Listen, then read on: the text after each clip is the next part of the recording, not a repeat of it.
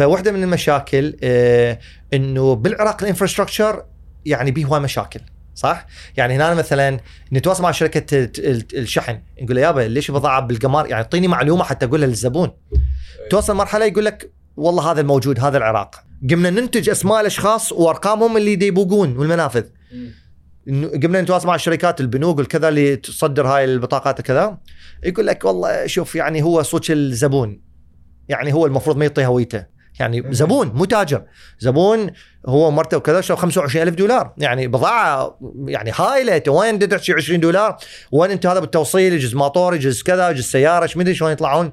وشايل بضاعة ب 25 ألف دولار. إي okay عزيزي ما هو التسوق الإلكتروني. إذا تسوي شحن جوي أكو أبعاد. أو مثلا بايسكل عندنا أكبر مشكلة بايسكل والتلفزيونات. هذا التلفزيون 100 دول 100 150 دولار. شنو شحنه؟ 700 دولار. سبع أضعاف. أنتم شحنكم غالي.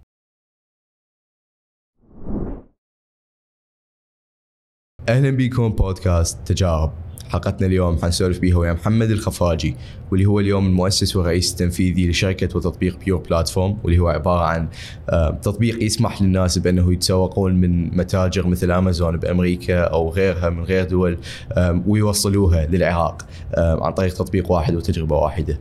راح نسولف عن آه، بداية اهتمام محمد بالبرمجة وعلوم حاسبات من عمر صغير ومن فترة هجرة عائلته لأمريكا شلون قرر أنه يتخصص بيها وبدراستها آم، شلون أخذ البكالوريوس بيها عمل بمختلف المؤسسات كمبرمج وبعدين كون اهتمام بالتكنولوجيا الصحية والتكنولوجيا الأحيائية اللي هي متمحورة حول دراسة الجينات، دراسة جسم الإنسان، الكشف عن الأمراض اللي بيه وشلون على اساسه قدر يأسس آم، شركتين آه، وشارك بتأسيسها اليوم بعدها تشتغل هي بأمريكا وحصدت تمويل يقارب 70 مليون دولار أو أكثر.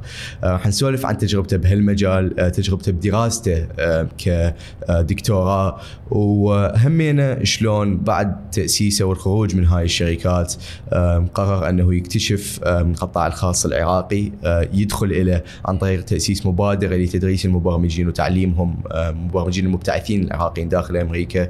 آم، شنو تعلم من هالشيء وهمينا شلون قرر أنه يطلع فكرة فد ابتكار أو منتج داخل العراق اللي هو بيور بلاتفورم اليوم فد منتج متعلق بالتجارة الإلكترونية والتسوق الإلكتروني وهمينا قطاع التوصيل واللوجستيات واللي راح نسولف بيه همينا مو قليل. آه، المشاكل اللي تعرض لها من يبدأ يبني هذا المشروع التحديات اللي يواجهها والنمو والمستقبل وين يشوفه آه، هيك شيء. أخيرا كون محمد هو CTO كشغل أساسي كان هوايه من حياته كونه مبرمج كونه مختص بعلوم الحاسبات. راح نسولف عن مفاهيم مثل الذكاء الاصطناعي راح نسولف عن مفاهيم مثل العالم الافتراضي ال metaverse ال VR وأخيرا آه، البلوك تشين آه، والتكنولوجيا اللامركزية أهميتها وشلون يشوف راح تكون جزء كبير آه، من حياتنا مستقبلا. راح نحكي عن شنو هي البلوك تشين شنو تطبيقاتها سواء كانت للبيتكوين والعملات الرقمية أو سواء غير تطبيقات آه، قد تكون مالية لوجستية وغيرها. آه، هواي حكي عن التكنولوجيا اليوم آه، راح نسوي. هواي حكي عن المفاهيم اللي نشوفها راح تاخذ حيز أكبر وأكبر من حياتنا. وهواي حكي عن مختلف التجارب اللي خاضها محمد بأخير كم سنة بحياته واللي هي فعلا متنوعة قد تكون بطبيعتها.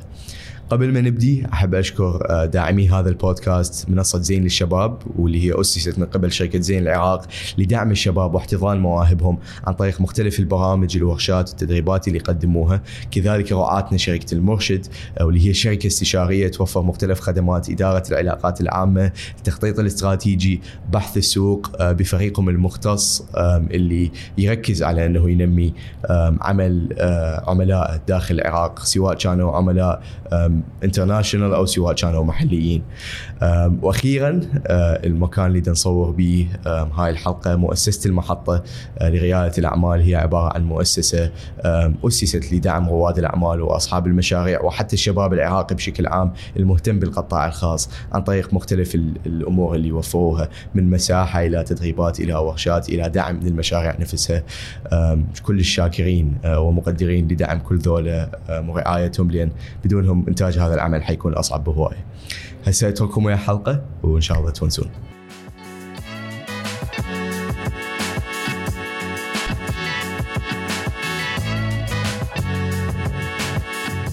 شلونك مو؟ زين أني كلش أشكرك على وقتك اليوم هسه كنا نحكي هيجي صدفة نحكي على كأس العالم زين دا أسألك انت يا فريق تشجع فقلت لي أنت مولود بألمانيا ولذلك أنت هذا الفريق الرئيسي اللي أي. تشجعه أه، ليش مولود بألمانيا؟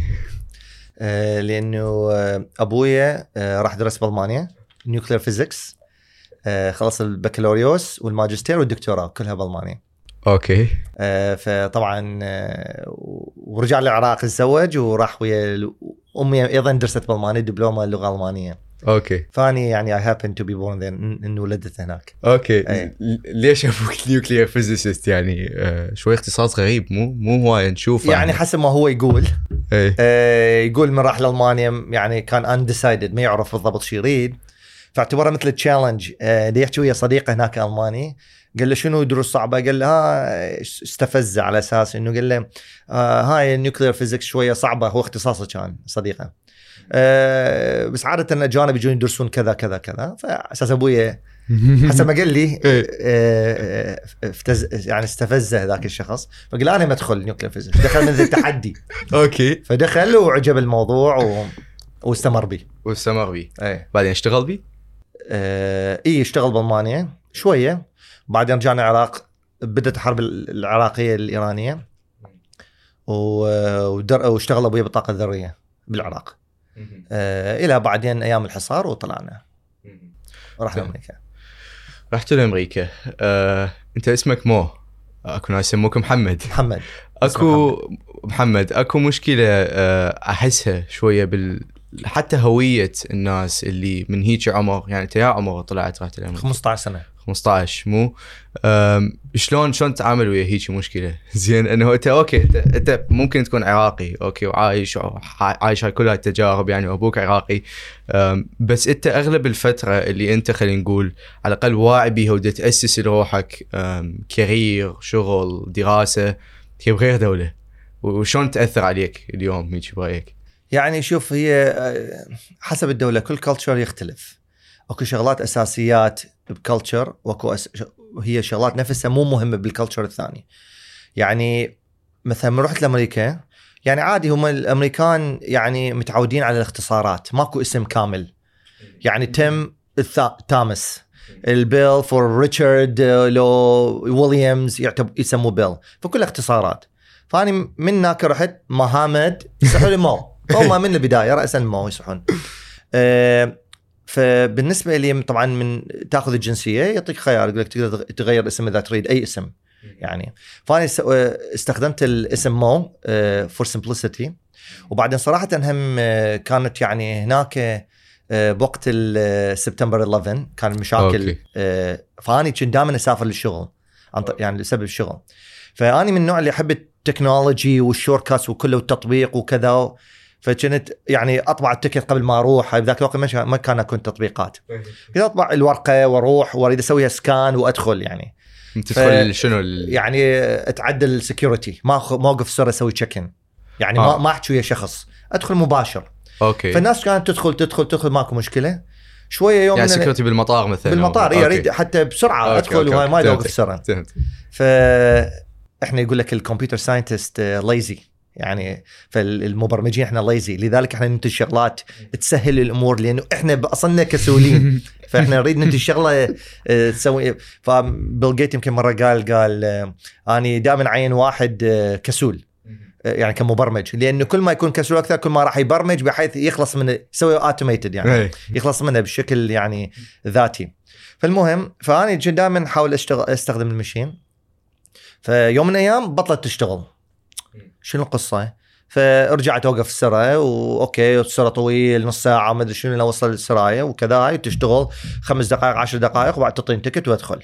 مرتين ثلاثة أربعة خمسة والناس تقول يعني okay بدأوا يخلون يعني profiling شوية يعني مثلا مثل يخلون أسماء عربية وكذا مدري شنو علشان. يعني على مود بالمطار إنه شوية يسوون تحقيق أكثر على الاسم وكذا هاي صارت آه، مثل آه، يعني كلام يت- يتداول يعني يعني- أنه الشخص اللي عنده اسم عربي يفوتوا بتحقيق زايد إيه طبعا هذا. كلام ناس تحشي يعني هذا مو شرط إنه قانون طلعوا هيك شيء. يعني هذا لأنه ممنوع بأمريكا profiling ممنوع تمييز بالاسم ممنوع بس هو بيه حقيقة شوية هو. بيه حقيقة بس قصدي انت ما يصير تقوله مم. يعني ممنوع أي- أي ما- أكيد. ما يصير يعني إذا شركة قالت أنا بدي أسوي لك آه، آه، دا دا افرق لأنه اسمك. أو الجنس أو العمر أو الكذا يجوز هو يفكر هيك شيء بس ما. يصير يقول. أكيد. يعني ممنوع. بعد. يقدر يرفع عليه قضية.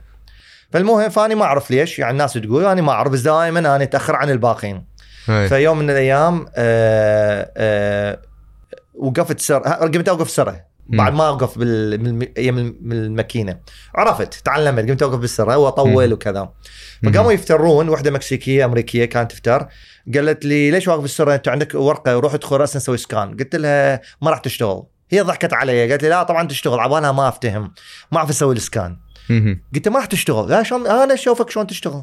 okay. قلت لها مو أنت حتطلعيني من الساعة صار لي نص ساعة واقف وصا- واصل للنص. قلت okay. لها okay نسوي deal أنا أنا وياك.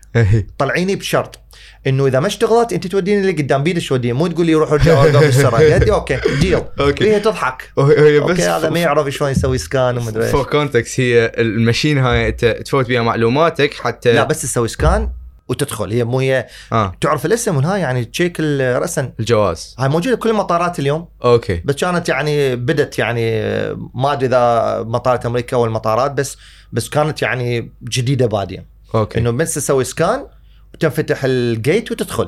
أو ال- ال gate مال security يسموها smart gate هاي عادة. بالمطار يسموها سمارت جيت أوكي أوكي فهمتك. حتى بدل ما يجي واحد ويشوف ال ال اي. ماكو داعي يقول لك اي رسن. أوكي. هاي موجودة يعني كل المطارات تقريبا. فهمتك. فالمهم آه ف وقفت أنا إياها قالت هيك تسوي وهذا مسح واي قلت okay okay. سوت ما اشتغلت. رجعت مسحتها ما أدري شنو سويت. قلت لها ها؟ قالت لي تعال وياي راحت. طبعا طبعا طبعا هيجي تقول ها؟ تقول because of your name wow. هي المفروض ما تقول هذا بسبب اسمك. بس هي بينك وبينها هي هيجي. لا طلعت عفوية يعني آه، قالتها هيجي slipped إحنا إيه. نقول slip of the tongue يعني إيه. بعد طلعت. okay أنا قلت okay بعد خلص. رحت عاد راسا وغيرت اسمي. من محمد إلى مو يعني رسميا آه سويته مو ليجولي next time جت المطار scan دخلت. بعد خلاص okay حلت المشكلة. حلت officially فمن ذاك الوقت أنا كذا. بس نرجع على السؤال. أني يعني شوف هي مرة هم مرة واحد بالإمارات سنة 2008 آه قال لي شنو مغيرون مغير اسمك؟ شنو أنت؟ ما تفتخر. بعربيتك؟ أو مدري شنو؟ أو كذا يعني هذا الحكي. قلت له ليش هو ال- الاسم يحدد قيمة فخرك بدولتك أو بعربيتك أو كذا؟ هو اسم. يعني شو العلاقة يعني إيه. ما له علاقة هو اسم إيه. وانت مو بالاسم انت سويت اسم وبعد خلاص انت حليت المشكلة آه، قصة شوية هي ضحك كلش. بس depressing إلى إلى إلى حد إلى حد ما يعني. بس growing up وانت تكبر وتعيش بأمريكا آه، شلون قلت؟ يعني أنت دائما عندك هذا الاهتمام كان بالتكنولوجيا؟ وحتى هم الناس يمكن كانوا يروحون السيره وانت تروح لهاي ال machine أي. وتسوي هاي الشغلات بس شو وقت قلت إنه okay هذا ممكن فعلا يكون career بالنسبة لي مو بس هيجي فد اهتمام خلينا نقول. آه سادس اعدادي okay اللي بأمريكا. آه إي. أنا طبعا طلعت من العراق كنت ثانوية كلية بغداد. ثالث متوسط طلعت. آه فدرست هناك بأمريكا واني كل تفكيري راح أصير nuclear physicist مثل أبويا. يعني آه فيزياء نووية. أعشق الفيزياء الكمية يسموها ال quantum physics أعشقها. دائما أقرأ إلى اليوم أنا أقرأ عليها وأعرف ومدري إيش. حتى من ستيفن هوكينج طلع كتابة مال آه، آه، دي يتكلم على يعني ال multi universe شلون multiverse يسموه شلون الكون يعني آه، تطور وشلون خلق وكذا وهالأشياء يعني نظريات فيزيائية يعني نظريات. آه، أنا مو اختصاصي فيزياء مو كل المعلومات أعرفها يعني. بس من كثر ما كنت أعشق هذا الشيء قررت إنه عزلت نفسي ثلاثة أشهر جبت الكتاب وقلت أنا حقرأه ولازم أفهم كل شيء بيه. ياهو ما ستيفن هوكينج؟ ستيفن هوكينج okay. فمن اقرا الكتاب آه، آه، كل ما أمشي أوصل إلى نظرية هي references أو يتكلم على نظرية معينة ما أعرف أني. مثلا super superposition مال quantum physics okay شغلات يعني متطورة. أنا ما أعرفها أنا computer scientist شو أسوي؟ أرجع أوقف أروح أنا كنت بال library قاعد. أروح Barnes and Nobles library بأمريكا. أروح أطلع كتاب آه، آه، مثل quantum physics for for dummies وأقرأ آه، وأقرأ على شنو superposition من أعرف ال concept أرجع أكمل الكتاب. أكو quantum physics for okay، كل شيء. for dummies هو هو for brand هو brand إيه، اسمه for إيه، dummies إيه، okay. اشتهر. فالمهم فأني آه، كنت أعشق فيزياء الفيزياء النووية. إلى اليوم آه، إلى سادس إعدادي. طبعا تدري أنت بالعراق وأيام الحصار وكذا ما كان أكو شغلات كمبيوتر. كان عندنا الصخر والكذا يعني من كنت أنا صغير. بس يعني ماكو برمجة basic وما أدري إيش. بس مو أشياء كبيرة. فرحنا آه، من رحت لأمريكا بعد سادس إعدادي. بديت أقرأ على الانترنت بديت أشوف الإنترنت واستخدمها وأدور وأقرأ وكذا. فعجبني نظام ال ال يعني ال- الكمبيوتر بصورة عامة. الشيء اللي حبيته كلش على ال computer science ال problem solving هذا اللي جذبني إليه. problem solving يعني حل المشاكل. يعني أنت كاختصاص computer scientist computer science يعني يعني مهندس حاسبات خلينا نقول. أو عالم حاسبات. عالم حاسبات. اكو فرق أي مو مو ال computer engineer. الاختصاص إنه أنت أصلا من أساسك أنت جاي تحل مشكلة. ممكن مشكلة في أي field ممكن تكون بالفيزياء ممكن تكون بالكيمياء بالرياضيات. انت لازم تعرف ال field ال domain أو المكان اللي تشتغل به وتحل المشكلة بطريقة ما. فأنا هذا كلش عجبني. أنا أحب يعني حل المشاكل ايجاد حلول وكذا. فعاد حولت سادس إعدادي وبعدين دخلت الجامعة. أعرف شرايد. دخلت راسا computer science. في هذا المجال. شلون كانت هاي التجربة؟ دراسة لهالشيء بدل من إنه أنت بس دعفس بيه أو تشتغل بيه. هو طبعا شوف هي الجامعة ما تحضرك انه تكون آه، آه، مبرمج أو إحنا نسميه software architect يعني كل الشغلات ال- التطبيقية بالعالم بال- بال- بالعالم الحقيقي أو ال real world إحنا نسميه. آه، ما حضرتني الدراسة إلها. ولو أنا رحت University of Chicago Urbana Champaign تعتبر من أحسن جامعات العالم. top five universities يمكن مجال ال computer science هذا المجال يعني عجبني أني من جانب ال ال ال يعني بالجامعة الشيء الزين به إنه يعلموك الأساسيات أو الثيوري. بس ما كان تركيزهم 100% على على الجانب التطبيقي أو العملي. فبس أنت يعني بال real world تحتاج الاثنين تقريبا. بس من طلعت أني من الجامعة شفت نفسي إنه ما أقدر يعني أوفر شيء أو أحل شيء ف يعني literally طلعت من أحسن جامعات بالعالم في هذا المجال وقدمت على شغل ما حصل شغل. وأمريكا تدري يعني low employment ماكو ناس وايد ما يشتغلون. بس أقدم أقدم ما حصل شغل. شنو القصة؟ لأنه ما عندي الخبرة أني مجال ال computer science. فذكر يعني very funny story إنه أتذكر أني سويت آه، آه، قمت عكست الآية. بدل ما أدور على الشغل اللي أني المجال اللي أعرفه أو البرمجة اللي اعرف تعلمتها بالجامعة قمت أدور أي شيء بالبرمجة. واقدم وانتظر. إذا قالوا لي okay عندك interview راس أروح أقرأ على هاي ال language فقدمت ذاك الوقت على شيء كان اسمها language يعني برمجة لغة برمجية اسمها Cold Fusion كانت كبيره بذاك الأيام. قديمة بذا- كانت سائدة بالويب بالإنترنت. فاني ذا- ذيك الأيام إجالي موافقة تعال قدم على الشغل. أنت خبير بال خبير بال Cold Fusion أنت تعرف Cold Fusion إيه خمس سنين خبرة ومدري إيش. okay. تعال interview كان يوم اربعاء وخميس تعال يوم ال Monday. okay. رحت Barnes Nobles جيب جيب الكتب مال Cold Fusion قعدت أقرأ. أقرأ والكمبيوتر يمي وشوية اطبق وشوية أقرأ شوية اطبق ومدري إيش. عاد رحت interview I I aced يعني نجحت بال interview ودخلت واشتغلت وبرمجت. من هناك بعد صار خلاص خبرة كلها تراكمت الخبره و وبعد استمريت بهذا المجال.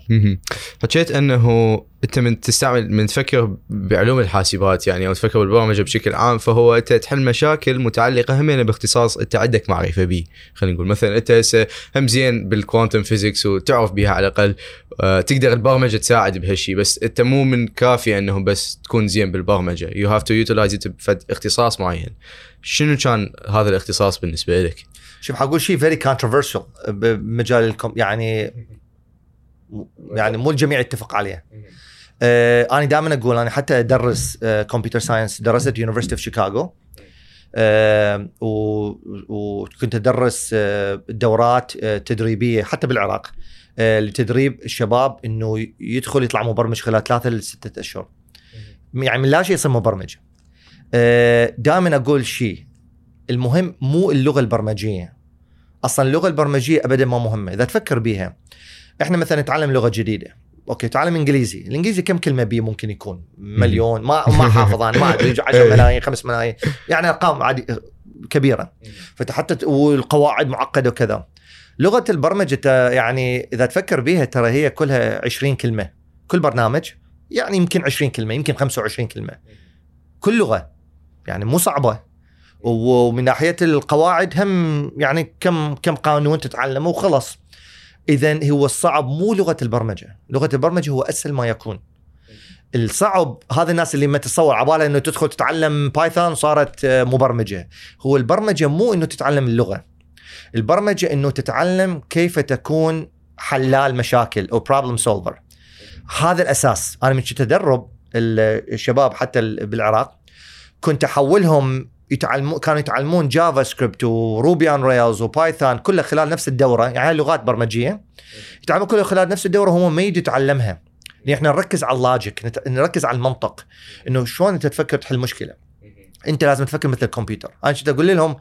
طبعا إحنا حتى بأمريكا الدروس اني ماكو شيء اسمه إنه تسوي أي شيء من ال- من الذاكره لا. جيب الكمبيوتر جيب الإنترنت. ودور. ما عندي مشكلة. أنا ما يهمني إذا البرنامج أنت تجيبه كله من الإنترنت copy paste ومدري إيش. أنا حاعطيك problem إذا أنت solved وأنت 99 من برنامجك copy paste أنا ما عندي مشكلة. أنا ما حاعطيك مشكلة. أنا شطارة يمي إنه أنا أعطيك مشكلة مو تجيب لها هي نفسها copy paste وخلصت خلص الحل. يعني بس تجيب أنت مقتطفات وتربطهم مع بعض وتسوي حل أوكي. يعني ما عندي مشكلة أنا أنت تاخذها من الإنترنت. لأن ماكو واحد مو شرط إنه كل واحد يخلق شيء من الحافظ. تمام؟ لذلك المبرمج الصحيح ممكن يبرمج بأي لغة حتى لو ما شايفها. بكل بساطة ها أنا أريد أسوي هذا ال logic أو هذا المنطق آه، بهاي اللغة المعينة Haskell مثلا لغة معينة لغة كمبيوتر. أوكي. أروح على جوجل. how do you write كيف تكتب؟ جملة مثلا if else يعني آه، جملة جملة شرط. أوكي. يطلع لي أسوي copy paste أغير ال- المنطق وانتهى الموضوع. ما أحتاج أني أعرف Haskell وحافظها. ف... وعندك أنت اليوم compilers وهاي البرامج اللي تسمح لك تكتب بيها البرنامج وهي تصلح لك أصلا. يعني أنت فالقوه هنا هي مو معرفتك للبرنامج. فالمبرمج الحقيقي هو المبرمج اللي يعرف المنطق ويحل ويطور قابليته على تطوير المنطق وحل المشكلة. مو إنه المبرمج اللي حافظ البرنامج على الح... على الغيب. فأني ممكن اليوم أني ولا لغة أقدر أكتبها كلها 100% أي برنامج أقدر أكتب لك by memory بس اعطيني أي لغة أقدر أكتب لك برنامج واعطيني كمبيوتر بصفة جوجل لأنه عندي ال logic أعرف. حتى من أشوف جملة غريبة أقرأ ليش هذا؟ ها هاي مثلا كذا هذا ال concept أنا أعرف ال concept فأني عندي ال logic وعندي المنطق فأقدر أحلل وأقدر أحل المشكلة. هذا الأساس لل- بال computer science آه فعلا هو من مهم كلش إنه بس تعرف شلون تحل مشاكل كبيرة أو على الأقل تكسرها إلى أجزاء وتبدي encounter واحدة بوحده آم، فما تحتاج تكون يعني تكون خبير بالموضوع اللي أنت تبرمج عليه. أنت المهم تعرف ال domain أو المشكلة هي الأساسية. طبعا اني آه، واحدة من الأشياء اللي آه، يعني دائما يعني ولو أنا منحاز جدا بس أقول من من من اشخاص ال- من أذكى الأشخاص بالعالم من جانب المهنة هو ال computer scientist. الحقيقي. ليش؟ لأنه أنت يعني ساني مثلا الشركات اللي أسستها واشتغلت بيها كلها مجالات مختلفة. health tech يعني مجال ال health آه، مجال الصحة مجال ال- ال fintech مجال ال- يعني ال finance أو البنوك مجال الكذا السيارات الصيانة ال shopping ال e-commerce هذين كلها مواضيع ما لهم علاقة بالكمبيوتر. يعني هذين مواضيع اقتصادية تسويقية marketing كذا ربطتهم بالكمبيوتر. فأنت ك computer scientist أنت لازم تصير خبير بهذا ال domain لازم تعرفه. تعرفه مرحلة جدا متقدمة. وبعدين تقدر تحله. أنت ما تقدر تحل شيء ما تعرفه. أنا دائما أقول يعني الشباب عندنا بالشركة يقول لي إحنا نقترح هيك شيء أقول لا أنت أول شيء قول لي شنو المشكلة؟ أول شيء اكتب المشكلة اعرف المشكلة وبعدين تلقى الحل. فاني مثلا شركات الهيلث تك اللي سويناها اشتغلنا بيها أه تقريبا وصلت مرحلة يعني مثل صرت طبيب من كثر ما تعلمت البروتوكولات الطبية وعرفت شنو تسوي وانشأت لغ- لغة خاصة بالطبيب وهكذا. فأنت لازم تتعمق بهذا ال domain. بينما أنت شوف المقابل مثلا كان عندي partner بالشركة هو طبيب هو متعمق بمجال الكمبيوتر مثل ما أنا تعمقت بمجال الطب. هم مو مو آه، يعني متقبلين للتعمق بشيء ثاني. فأنا أشوف إحنا اختصاصنا يعني حتى بال quantum computing وهالأشياء الأخرى ال- ال- ال- الكمبيوتر الكمي الآن اللي يطلع هاي إحنا تعمقنا مجال الفيزياء هاي مو اختصاصنا. أو اني مثلا أتذكر كنت أكره الأحياء. بيولوجي. اي كل أكثر شيء اكرهه هو الأحياء لاني بيحفظ.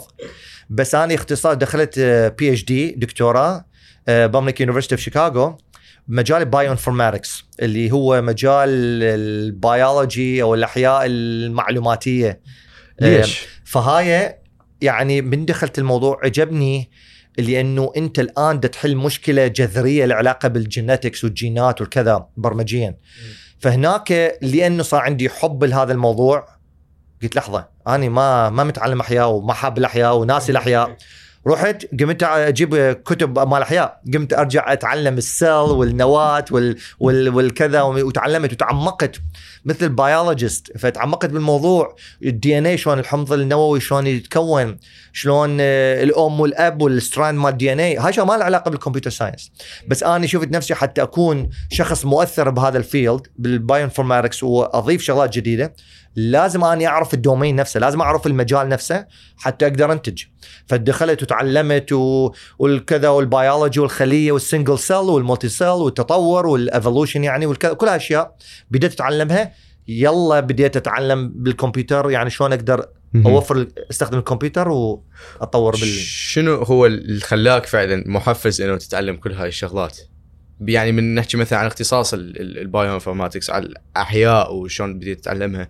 يعني هل أنت كنت بديت تشتغل بشركة مال مال health tech وعلى أساس هاي قلت أوكي أنا هسه أعرف أبرمج بس أريد أعرف فعلا شنو أنا أبرمج.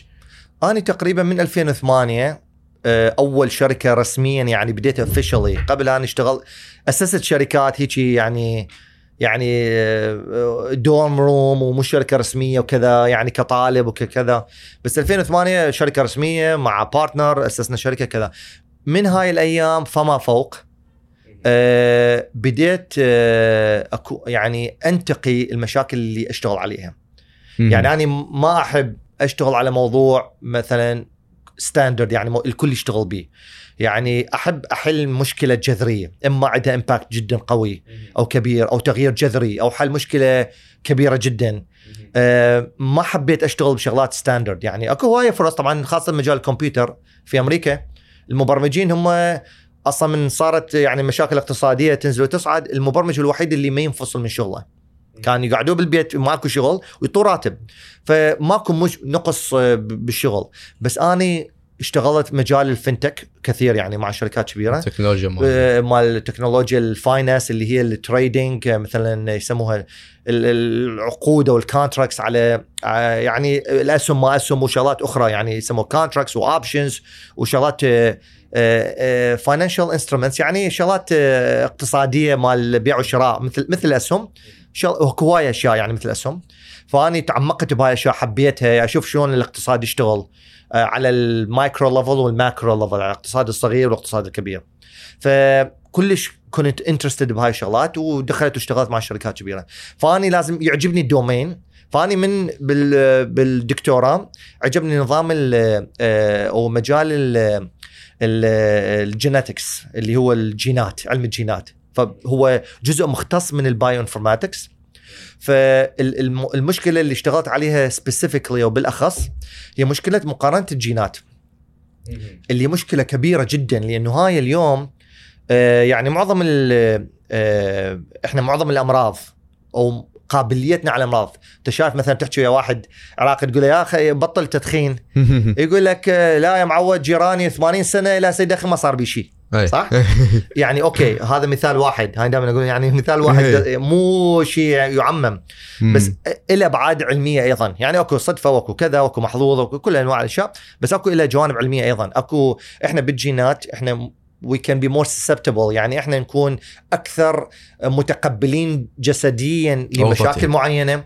أو لمحاربة هاي المشاكل يعني. مثلا أكو مثلا مجموعة آه، من اليهود آه، يسموهم Ashkenazi Jews إي. okay؟ يعني هم مجموعة فئة من الناس. هم هذولا يعني بال بالوراثة. هم صار من Poland أو من روسيا وكذا يعني مجموعة معينة. بالجينات هم ال- ال- المرأة من تولد عندها نسبة عالية جدا يمكن قريبه ل 50% إنه يصير عندها breast cancer احتمال. يعني. سرطان الثدي. okay؟ آه بينما المرأة العادية ممكن يكون under 1% أقل من 1% يعني هم فالنسبة جدا عالية. طبعا هاي الأرقام تتغير حسب ال research بس يعني نسبة عالية جدا. فهاي بالجينات يعني هاي لها علاقة بالجينات. طبعا أكو هم يعني هواية آه، مثلا باليمن أكو مجموعة آه، يصير بيهم شيء معين. ذاك اليوم سمعت ما أدري شنو بالضبط. يصير مرض قلب يعني قلب أو يجي شغلات. فأكو حسب الجينات ممكن يصير عندنا شغلات معينة. فاني عجبني هذا الموضوع. وردت آه، يعني اتعمق به واشوف. طبعا كل هاي الدراسات نابعة أو ناتجة عن آه، كيف تقارن الجينetics يعني تاخذ مثلا جينات ألف شخص وجينات ألف شخص بهم المرض وجينات ألف شخص ما بهم المرض وتقارن. مم. هذا طبعا مشكلة برمجية هائلة جدا يسموها difficult or complex computational problem. يعني مشكلة آه، بر يعني آه، حسابية معقدة جدا. ممكن تطول أسابيع بسوبر كمبيوتر أو ممكن سنوات ممكن أشهر حسب المشكلة إنه تطلع عندك sample يعني ألف شخص بيهم مرض وألف شخص ما بيهم مرض وطلع ال common ال- ال- الشغلات المو وتحاول تستنتج لأن إحنا الإنسان هو عبارة عن إحنا شلون جسم الإنسان يشتغل؟ إحنا عبارة عن DNA حامض آه، حمض نووي أو حامض نووي. ال DNA هو آه، آه، خلينا نقول يعني أحرف اعتبره أحرف okay؟ amino acid يسموهم أحرف. هاي الأحرف يجي حسب المكان اللي بيه هذا ال DNA إحنا طبعا نفس ال... نفس النسخة مال مال الحامض النووي موجود بكل الجسم هو نفس النسخة okay؟ نفس النسخة موجودة بكل مكان بالراس بال... بالإيد بالرجل بكل مكان. فأنت حسب ال tissue أو المكان الموجود به خلينا نقول أنا كلش حص- حبسطها. مثل مقص يجي يسموه mRNA okay؟ مثل مقص يجي يقص ال DNA من مكان معين لأنه ارتبط به مثل البازل اللي انه هذا اشتبك به وقصه وجر وسحبه من ال DNA هذا اللي سحبه راسا يكون شيء اسمه بروتين طبعا أكو هواي شغلات يسموها junk ال DNA تتكون شغلات ما مؤثرة بالجسم وتروح وتموت وما لها علاقة بالجسم. فالخليه متكونة هواي شغلات زايدة عن الجسم. يسموها junk DNA. يعني دي حمض نووي مالي. زبالة زبالة. زبالة. okay. فضلات. ما ما تأثر شيء. إحنا نتوقع ما تأثر شيء. ما ندري. بس نتصور ما تأثر شيء. بس أكو شغلات اللي تنتج تسوي بروتين. هذا البروتين آه، راسا ينتج حسب ال- الشكل مالته شلون يسوي fold okay حسب الشكل مالته راح ينتج يص- يص- يصير انزيم وينتج function بالجسم. ممكن ينتج آه، مثلا هو بعدين يصير آه، المسؤول على إنتاج الشعر. هو مسؤول على الشهية. هو مسؤول على إنه واحد يكبر يطول مثلا. عنده شهية ينام آه، اكتئاب what فكل بروتين يكون مسؤول على function بالجسم. هذا كله جاي يعني بهاي الطريقة. فحسب ال- ال tissue أو المكان اللي يتكون بهذا البروتين قد يكون زايد. مثلا بالمخ هو بس مسؤول داخل المخ بس مسؤول على الشعر. هذا يصير junk لأن ماكو ماكو عند المقص اللي يرتبط به وينتج شعر.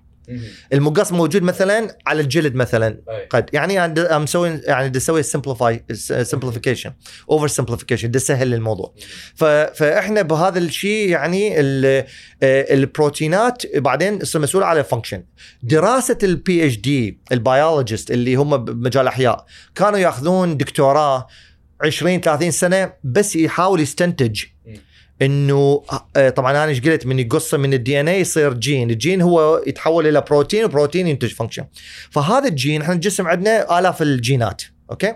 فهذا الجين إحنا ما ندري بالضبط هذا الجين شنو اللي ينتج عليه، أنت ما تقدر بكل نقطة بالجسم تطلع نفس الجين وت- وتراقبه وتشوف إيش يسوي بالجسم، صح؟ مرات مرات ما تعرف موجود مرات ما موجود مرات ينتج مرات ما ينتج. فهذا ال- اللي ياخذون دكتوراه بمجال الأحياء كانوا يدرسون 20 30 سنة على مود يطلع research يقول أنا راقبت هذا وتبعته وما أدري شنو وشفت إنه له علاقة أكو correlation أكو ربط بينه وبين إنتاج شعر مثلا. فهنا تعرف إنه هذا الجين يسموه human gene mapping أوكي. human gene mapping مم. يعني شنو يعني سويت خريطة لل- لل- للجين البشري أو فهرس يعني عرف اي exactly يعني إيه. عرفت إنه هذا جين ABC هذا اختصاصه ينتج شعر مثلا إيه. بالرأس ما إيه. مثلا هذا مكان ثاني ما مهم فبعدين منها تنتج عاد الأدوية فالأدوية مثلا دي يحل مشكلة الصلع مثلا أوكي إيه. صلع شوية اي فمثلا شو يسوي هذا؟ آه يقول لك أوكي أجي على ال ABC وال DEF هذول المسؤولين على الشعر أوكي شنو مشكلتهم؟ يراقبوهم. يقولون أوكي هذا بدا ينتج أقل بالعمر آه، أسباب أخرى وراثية ممكن هي طبعا آه، شيء وراثي. زين؟ آه، فعلى هذا الأساس يقول لك أوكي فاني أجي أعالج بس هذا الجين. شو يسوي مثلا؟ قد ممكن ينتج مقص ثاني يربط بهاي الأشياء اللي اللي هذا المقص يجي عليهم وهو يرتبط به أول شيء وبعدين من ينتج يموت مثلا. ما ما يخليه ينتج جين ويأثر على شيل الشعر أو كذا مثلا فهو يعني هذا الدواء. الدواء هو بس يربط به أو مثلا من تحل مشكلة الفيروس. شنو الفيروس؟ شلون يأذي الجسم؟ هو يجي يربطه آه، بجزء من الدي ان اي الحامض الحمض النووي وهذا جزء مهم مثلا آه، إنه أنت مثلا تعدل حرارة الجسم مثلا. فهذا يكون بدل ما يجي له مقص يجي الفيروس يشكل به من يشكل به الفيروس وبعدين يموت بالوسط؟ ما اجى هذا المقص الأصلي وأنتج الجين اللي يطلع البروتين اللي اللي ينظم الحرارة فلذلك الجسم مثلا تزداد حرارته أو كذا أو يصير عندك كذا. فالفيروس إحنا شلون انت كتله انت تجي أنت بدل ما تخليه يرتبط بالجسم بال DNA أنت تعطيه شيء يرتبط به. فيموت. يصير جنك يصير جنك زبالة بال- بال- بالخلية وبعدين يطلع فهي كلها مربوطة ببعض فأني I was very fascinated كلش عجبني هذا الموضوع. شو شو اكتشفت؟ اكتشفت إن المبرمجين جوي طلعوا كل ال- اللي بمجال الاحياء من الشغل. إيه،. هذول ال biologist اللي يسوي 20 30 سنة ياخذ دكتوراه على مود يعرف جين واحد شلون اختصاصه أو شو يسوي. المبرمج جوا سوى نظام بالسبعينات والثمانينات سوى برنامج قام يسوي مقارنة وقاموا ينتجوها بأسابيع. أوكي يعني انت بأسابيع انت صار سهل جدا. انت ما. تحتاج انت محملني مني وكذا دكتوراه لي سنين على مود. أنا أسوي برنامج. ما أحتاج أني يعني بهذا المجال فبس شنو ضغط على جماعة الأحياء؟ قاموا شنو؟ لازم ينتج شيء اكبر. قاموا شو يسوون؟ قاموا يركزون على إذا تسوي جينين أو ثلاثة ربط مع بعض. لأن آه. انت كل ما تصير combination combinatorial problem يعني أنت من تقول إنه أنت عندك 2000 جين كل. واحد شنو مسؤوليته؟ هاي سهلة. اي كل اثنين شنو مسؤوليتهم من أي. من من 2000 و 3000 4000 إذا تاخذ كل اثنين صار عندك آلاف الاحتماليات صح؟ وهاي computational problem معقدة. exactly فأنت من توصل لثلاثة تختار كل ثلاثة. أنت صار عندك انت برنامج بعد حتى ال super computer ما يقدر يحلها. فهنا دخل البيولوجي قال لك أوكي أنا أحلها وأنا اصور وأنا أقدر ما أدري شنو. زين الان إحنا نطلع إحنا نطلعهم من الشغل نسوي أم الثلاثة يطلعون هم اربعه فنظل إحنا نحل المشاكل. بهذا السباق exactly فأنا يعجبني هذا الشيء اللي إحنا we make things more efficient easy to solve فهنا قامت تطلع الأدوية قامت تصير إنتاجات يعني البشر طوروا بشكل كبير جدا من ناحية العلم لأنه البرمجه قامت تحل هاي ال bioinformatics problem وصلنا مرحلة أعطيك شيء جدا interesting university في شيكاغو طبعا هي number 1 بالعالم ك university آه آه يخرجون من أكثر number of Nobel Prize winners. تحية لميلتون باختصاص أكثر فريدمان. شيء أكثر شيء ها؟ تحية لميلتون فريدمان. آه إيه. هم أكثر شيء طبعا خريجين اقتصاد أكثر شيء أقوياء بهم. آه وهناك منشا الكيدو إحنا بعدين نمشي به أوكي. إيه، إيه، شيكاغو. بس المهم ف University of Chicago مربوطة بها جامعة. University of Chicago بالثمانينات كانت من أقوى ال research centers بالعالم في مجال ال cancer السرطان. آه، البحوث السرطان من أحسن الجامعات بالعالم ياخذون جوائز وكذا. بس University of Chicago Hospital المستشفى التابع University of Chicago من يجي يجون يداوون عندها اللي بيهم سرطان كانت من أسوأ المستشفيات اللي تداوي سرطان مم. شيء غريب جدا يعني انت. أنت من. أحسن الناس عندك بحوث بالسرطان وأنت من أسوأ الناس تعالج السرطان مو منطقي يعني شنو شنو الغريب الموضوع فبعدين اكتشفوا بالجينات والكذا أكو شيء اسمه stratification افكت اللي هو العامل الور... العامل الجيني اكتشفوا إنه مو كل واحد يتأثر بالسرطان نفس الشيء ومو كل واحد يعني يتعالج من السرطان بنفس الطريقة. كل واحد يختلف تمام؟ فاكتشفوا إنه معظم أكو بالعالم تقريبا في ال 11 أو 12 آه خلينا نقول خوارزمية لتقدير آه خطوطك للسرطان أو ما أدري شنو يعني دراسة حسب سواها جيناتك. مثل معادلة. فياخذون منك هو تفاصيل ياخذون جينات ياخذون أرقام ياخذون آه، كذا حتى ياخذون منك جينات يعني من جسم مثلا سرطان الثدي ياخذون 40 جين معين يسموه genetic panel هي يعني سرطان الثدي ياخذون 40 جين مختص بهذا الموضوع. وهذا combination منهم يعرفون إنه ياهو المسؤول على ال على ال على السرطان. فهم ياخذوها ويدخلون معادلة معقدة جدا ويطلعوك نتيجة. يقول لك okay أنت احتمال يصير بك سرطان 70% أو فانت لازم من هسه تاخذ اسبرين أو فد شي وكذا وتحل المشكلة. أو يقول لك إنه أنت عندك سرطان or what يعني. المهم فاكتشفوا إنه كل ال research اللي ينتج هذه المعادلات هو صاير على ناس بأوروبا Scandinavian يعني people بيض. يعني فجيناتهم تختلف عن الناس الباقين يعني. يعني عربي يعني إحنا ممكن ممكن الدواء له يطلع قاتل لنا مم. ممكن إحنا الخطر له يطلع okay إنه ما عنده مشكلة وهكذا مم. طلع اللي يجون University of Chicago هي صايره بال south side أو آه، جنوب شيكاغو اللي أكثر شيء African Americans اللي هم الأمريكان الافريقي أفريقان يسموهم فهناك من يروحون يداوون معظمهم يعني black Americans من يروح يتداوى طلع إنه اللي اكتشفوه بهذاك هناك على الأبيض طلع قاتل للأسود وممكن يموت يعني آه، بعدين اكتشفوا هذا الشيء فبدت تن- تنبع علوم جديدة في مجال الطب يسموه precise medicine اللي هو يعني ال- الطب الدقيق. يعني مو شرط الدواء ينطبق على جميل وعلى محمد نفس الشيء. لا أنا جيناتي تختلف عنك. يجوز يعني مثلا أنا الدواء الجزء مالتي لازم يختلف عنك. مو كل دواء يكون نفس الشيء. اليوم الادويه شلون تنتج؟ بالمعدل. معدل البشر ياخذون ألف واحد مشت على 80% 90% أوكي هذا يمشي على الكل. بس هذا. غلط يعني هذا رياضيات مو شرط يجوز يقتل واحد يجوز يقتل واحد يجوز مو أفكته بس هاي الأدوية الأمراض شوية متقدمة أكثر أتصور يعني إحنا إحنا لو بصورة. عامة حتى المناعة أنت لا تنسى إيش قلت أنا بالبداية ال DNA الحامض النووي هو يطلع الجينات والجينات تنتج بروتين بروتين function وال function هي كل شيء بالجسم من من المناعة إلى الهديك إلى لون الجلد إلى كل شيء فأنت الذكاء كل شيء كل شيء بالجسم هو عبارة عن function أو نتيجة ال- البروتين. فهنا أنت فكر بها يعني إذا كل شيء هو منبعه ال genes صح؟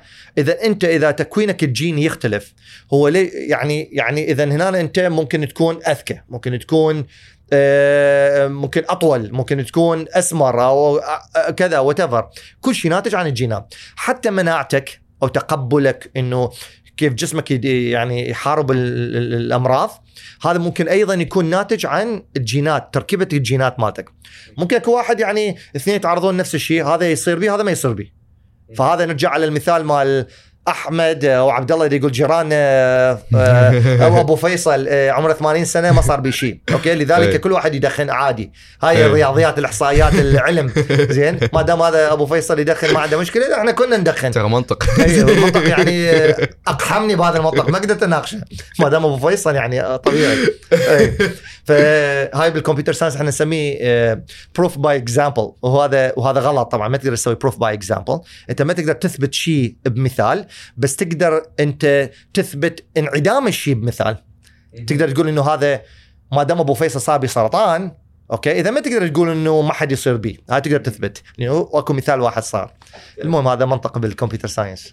إيش بديت تشتغل ب 2008 آه أنا ما بديت أشتغل 2008 بس أول شركة رسميا اسستها 2008 أنا أسست قبل شركتين بس هاي هيجي. مهم. شغلات هيجي آه عن شنو كانت؟ يعني شنو كان شغلها؟ 2008 م- شركة مات سي بي يو آه، ذك- آه، طبيب افتراضي باستخدام الذكاء الاصطناعي okay.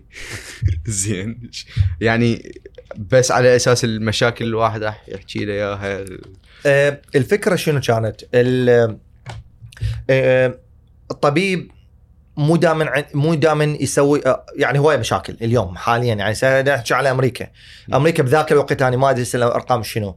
300 ألف واحد أمريكي يموت بالسنة من أغلاط طب administrative مو طبية. يعني مو عملية ويموت لا. إيه. آه، وإنما أغلاط. أغلاط آه، تدوينية. مثلا ما كتبوا إنه هذا حساس عنده حساسية من هذا الموضوع وانطوه ومات. يعني أغلاط administrative يعني ما ادري اي المهم. إدارية. إدارية. اغلاط اداريه.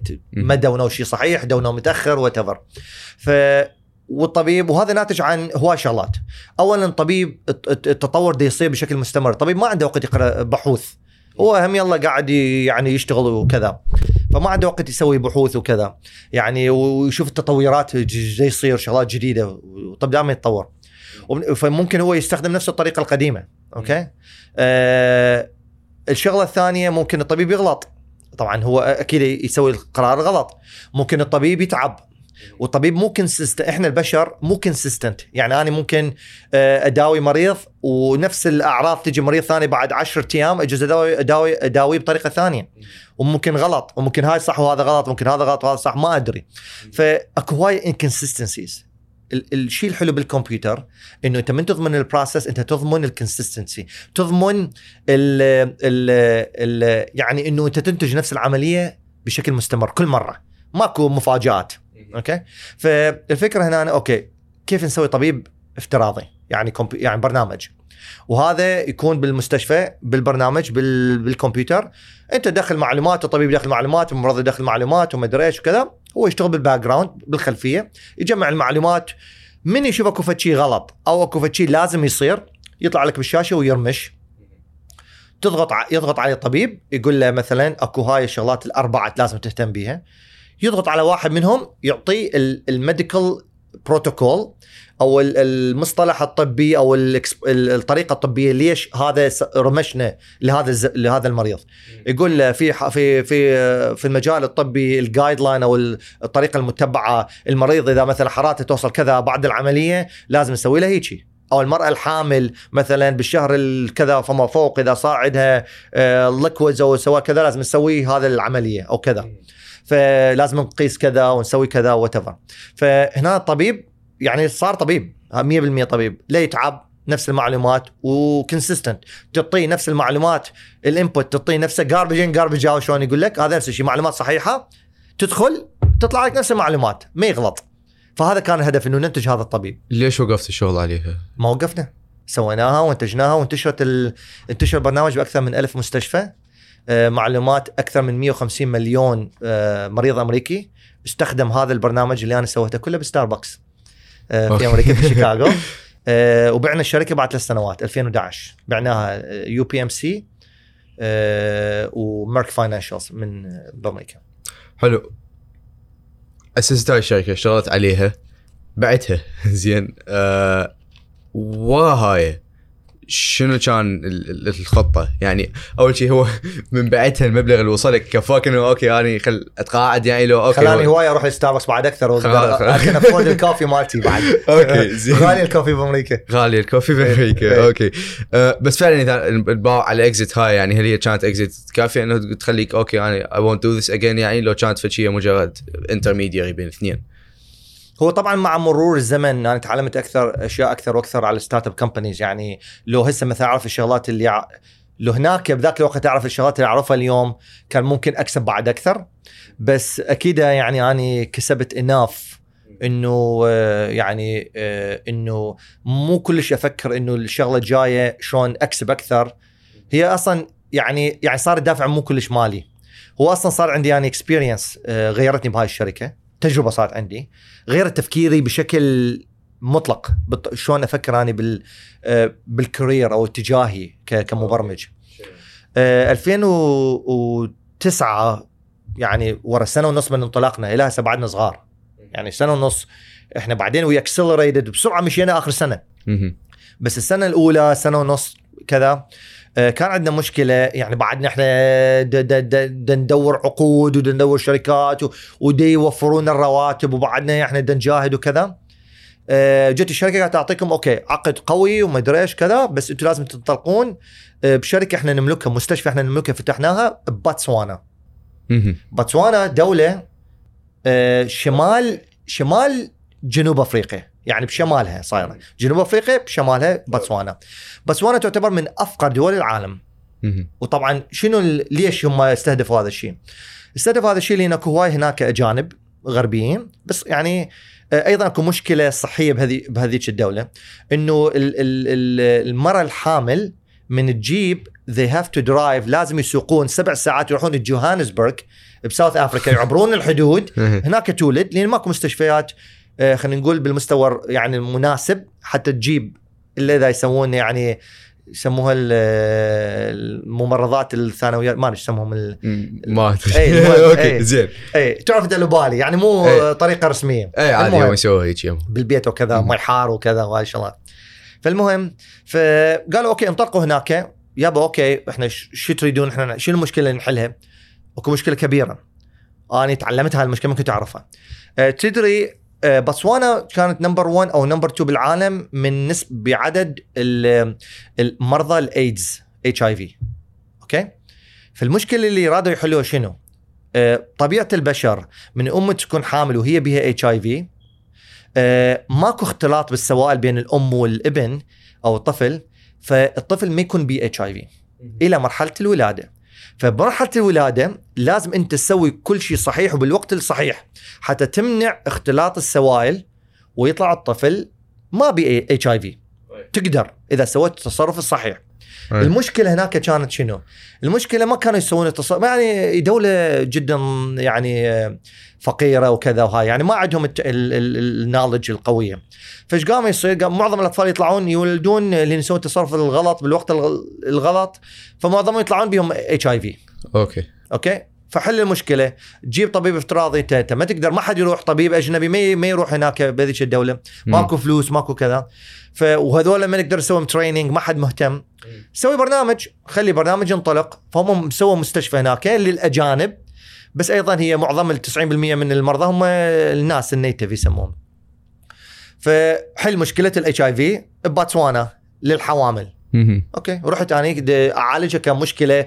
رياضيات و computer science ما فكرت بالأبعاد إنه كيف شلون هذا حيخليني أفكر بالمشكلة وكذا. رحت بقيت بسوانا تقريبا شهر. طبعا حتى نطلق البرنامج. سوينا بروتوكول إنه يتعلم إنه شلون يقول للممرضه أو للدكتور إنه هسه سوي هيك ويا هاي الممرضة آه، لهذه المريضة حتى ما تصير آه، ما يختلط السوائل وكذا حسب ال symptoms أو الأعراض والكذا فالمهم فاني ما سويت البرنامج وانطلقنا بنجاح وكذا. ورا ست شهور اجى ال report ما كنت أدري يعني. اجى ال report نتائج. بسبب البرنامج هذا اللي أطلقناه هناك منع 70% من حالات انتقال لل HIV من الأم الحامل للطفل. 70% يعني من كل بالدولة. 10 اطفال كان المفروض يعني ويعني كلهم يصير بهم اتش اي في يعني بسبب ال- النظام الصحي. سبعة منهم البرنامج منعهم. يعني أكيد أكو حالات شاذة مثلا هذه الممرضة مثلا ما اتبعت الطريقة الصح وما اتبعت البرنامج وكذا. لأن إحنا بس برنامج إحنا ما عندنا طبيب هناك يرشدهم برنامج يعني لازم تتبع البرنامج إذا ما اتبعته وما شفته وكذا ف 70% يعني أنت imagine 70% من الأطفال اللي ولدوا كان المفروض يكون بهم HIV ويموتون يجوز ورا 10 سنين. الآن عايشين بسبب مم. برنامج. أنا من شفت ال report وطبعا وال software انقذ 50% من حالات الأطفال اللي كان المفروض يموتون. يعني من every two people two kids المفروض يموتون واحد انقذ البرنامج. أنا فكرت لحظة شنو؟ يعني فشي يختلف. إحنا تدري بنسوي startup company تفكر okay أنا شلون أحصل فلوس؟ شلون أصير كذا؟ شلون أجيب سيارة؟ أجيب طيارة؟ أجيب boat yacht؟ وكل هالاشياء بس ما تفكر بال بال بال potential impact اللي أنت تسويه. على ال society على على أشخاص وعلى كذا. فمن شفت ال report أنا هذا البرنامج اللي أنا قعدت بستاربكس أسويه وما مهتم. okay برنامج هو ومدري إيش و startup company شو كنت نسوي العقد وشو كنت نربح فلوس وشو كنت كذا. فهذا كلش غير طريقة تفكيري بال career مالتي. فبعد هذا الشيء قمت أركز أو أفكر بالأشياء اللي have bigger impact أو impact كبير. مجال health tech أو حتى fintech تغيير يعني lives أو تغيير أشياء يعني جوهرية. فهذا اللي اللي عدل الطريق مالتي آه، أو أو أو حدد طريقي بال- بال career. اشتغلت بعدين وراها على startup مختص شنو نقول بالسرطان؟ آه، آه، مو راسا وراها بس بعدين اشتغلت آه، أسست شركة اسمها CancerIQ. تتذكر ال ال دعش خوارزمية اللي قلنا عليها العالمية اللي ال report ات اللي سووها؟ ما حتى تعرف إنه احتمالية إصابة شخص احتمال إصابة شخص بالسرطان بالسرطان. المشكلة إنه قلنا حسب الجينات احتمال واحد ينطبق عليك صح؟ أفضل من واحد ثاني. زين بس احتمال ال genetic counselor أو الطبيب المختص بال- بال- بال- بالسرطان يجوز يسوي ال- ال- الخوارزمية اللي هو يعرفها مو شرط اللي تنطبق على جيناتك أنت. فيجوز اللي سواه هو يجوز تقول أنت ما شاء الله بس تحتاج هيجي ويطلع بعدين بك سرطان وتروح والله شو أسوي لك أنا يعني. هذا اللي أعرفه فهنا سوى وهذا طبعا وهذا طب السرطان ترى بالعالم كله. وكله تعزر وكل طبيب يعطيك آه، وصفة تختلف ترى. يعني ماكو شيء standard إنه الكل أكو guidelines تحاول توحد العمليات بس ماكو كله يسموه يعني rule of thumb كله حسب طبيبه وش يفكر آه، فإحنا إيش قلنا؟ قلنا okay ليش إحنا ما نجيب كل الخوارزميات؟ لأنه أنت احتمال كبير إنه جيناتك هذين يختلفن ال- الخوارزميات سووها على different people فاحتمال إنه أنت تكون average على الأقل تكون average فإذا أنا أسويك اعطي نتيجة كل الخوارزميات عليك أنت. ممكن هذا اللي هو يعرف الطبيب ممكن يقول لا ما بي شيء بس يجوز خمسة منهم يعطون آه، إنذار. فممكن أنت كاستنتاج تقول لا سوي شيء ثاني يعني تحذير يسوي MRI سوي شيء ثاني على مود أعرف إنه أكتشف إنه أكو شغلات ممكن يعني آه، أهتم بها وكذا. فاحنا كنا النظام الأول بالعالم كان CancerIQ آه اللي اللي يطلع يطلع نتائج كل هاي ال- الخوارزميات في مكان واحد. وراسا ماكو داعي تنتظر ثلاث أربع أيام إلى أن هذا ال genetic counselor يحسب رياضيات وما أدري شنو كذا والله أعلم إذا مرات يختصر لأنه ما عنده وقت. زين ما تدري يعني تقريبا نقول 90% هذا شكله هيك كذا. ما تدري انت يعني مو شغلات مضبوطة يعني صعبة العمليات. فإحنا سوينا كلها برنامج. ناخذ المعلومات input نضيف هنا يطلع لك ال score. مو بس هاي باستخدام خوارزميات ذكاء اصطناعي حسب النتائج اللي تجينا إحنا من ال clinics تجينا مثل feedback زين؟ عرفنا إحنا شنو النتيجة. فإحنا ربطنا عالم ال research عالم ال research عالم جدا غني من ناحية الاستثمارات بأمريكا. يستثمرون عشرات المليارات الدولا- دولارات على مود دراسة السرطان وشلون تداوي وكذا. بس مثلا بال clinics اكو اكو disconnect اكو مختلف. يعني هذا ما يعرفوا بهذا. ما ما- ماكو ربط بيناتهم. فإحنا جبنا عالم ال research. خلال هذا ال- البرنامج آه، قمنا نستنتج وناخذ ال feedback ونرجع أيضا عالم ال research. فصلنا و- آه، يعني وصل بين الاثنين. خلال تقريبا ثلاثة أشهر أخذنا جائزة في أمريكا. آه، سوينا دعوة للبيت الأبيض التقينا بأوباما. صرنا أكبر شركة has potential has potential يعني في مجال ال healthcare إنه نسوي تغيير كبير وكذا. والآن موجودة الشركة وأنا still partner والشركة الآن جابت يعني يعني يمكن ثلاث أربع جولات استثمار وموجودة في العديد من عيادات ال- اللي يسموها ال- ال- ال oncology يعني العلاقة بشغلات السرطان. فهذا هذا الموضوع ساعدني بال- بالدراسة اللي أنا درستها بالجينات وكذا. فقمنا ندخل هواي شغلات شلون تربط ال research وتجيب هاي ال- الشغلات اللي تصير بال research مقارنة الجينات وكذا وشلون تجيب الأرض الواقع. الطبيب يستفاد منه وجبت له آخر صيحات ال research بدون ما هو يروح يدرسها وبنفس الوقت تأخذ ال feedback إنه هذا طلع به سرطان تأخذ ال feedback. إحنا إيش قلنا عليه قبل ست أشهر؟ إحنا قلنا هيك إحنا غلط. أو صح تجيب ال feedback لل researcher. يقول لك ها ليش؟ يجوز مثلا يرجع يقول بالله خلينا نسوي له دراسة DNA ونفتهم ليش شو هذا يختلف عن اللي إحنا تصورناه فهذا صار حلقة الوصل بين الاثنين هذا شيء جدا مهم. فهمتك. اشتغلت هسه على حالات HIV اشتغلت على السرطان وغيرها من المشاكل اللي تتعلق بال health tech والتكنولوجيا الصحية نسميها. أثر كلش كبير. أكيد لها هاي خارج بس الفلوس وخارج بس الربح اللي تحققه شركة بس الأثر الإنساني موجود. شنو خلاك تقول okay أنا خلي اعوف هذا المجال أحول إلى شيء له علاقة بالتجاره الالكترونيه زين. لا تحل حياة عالم يعني ولا تنقذ 70% يعني من الجهال و... وتهمينا يعني كان عندك مكان. سمعه شركتنا من هسه بعد okay، بعد راسا بس تجارة إلكترونية اثبت لي وكذا. سمعته. يا الله. فعلا بس هو بس هو فعلا يعني اذا إيه. إذا نبغى على ال impact فأنت ما تنقذ حياة. يجوز تنقذ حياة بس بشكل شوية من كل واحد بس على scale أكبر أكيد. أي نعم. بس آه، اي ماكو شخص كان حيموت ومعاش يعني من وراء. الشيء تشتغل عليه. يعني انت إذا ما حصلت الآيفون أنت ما يصير بك شوي يجيك ضغط أو شيء؟ أنا طبعا أموت. شوف. اذا إذا أكو بدافع إنساني. واقصد أنه أنت أصلا كان عندك مكان بهاي الشركة health tech ليش طلعت من هي هذا القطاع؟ شوف هي من جانب ال startup companies أنت توصل مرحلة يعني بعد أنت كشخص ي dilute dilute يعني شلون أنت تخلي. مثلا ملح بالمي و... وراسا يموع وينتشر وكذا. إيه يتخفف, يتخفف. يعني تاثيره أي. فأنت ب startup company at some point وقت معين أنت ي dilute شنو يعني dilute؟ يعني يدا... الأفكار والكذا أنت مو مثل ما كنت أنت بالبداية أنتوا الاثنين اللي تقررون ثلاثة تقررون. انت صار اكو فريق يسموه مبرمجين فريق آه، كادر عمل marketing فريق كذا يعني مثلا هذين الشركات جزءاني بالبداية أساهم حتى بال... بالنظرة ال marketing شلون نسميها الشعار مالتنا والكذا بس بعدين بالأخير انت عندك فرق مختصين بهذه الأشياء. فانت توصل مرحلة تشعر إنه أنت مثلا تعطي استراتيجيات و vision وكذا. بس okay. بس هذا مو التأثير ال ال ال ال القوي جدا. فتوصل مرحلة تقول okay. خلي أني أ- أسوي مشكلة ثانية ما دام أني عندي القدرة. خلي أحل مشكلة ثانية. interesting خلي I try to do something else. أسوي شيء ثاني. فهذا الدافع اللي عندي. إنه okay. سويت. اللي علي هنا. أنا وصلنا مرحلة شوية ثابتة من الابتكارات وال innovation.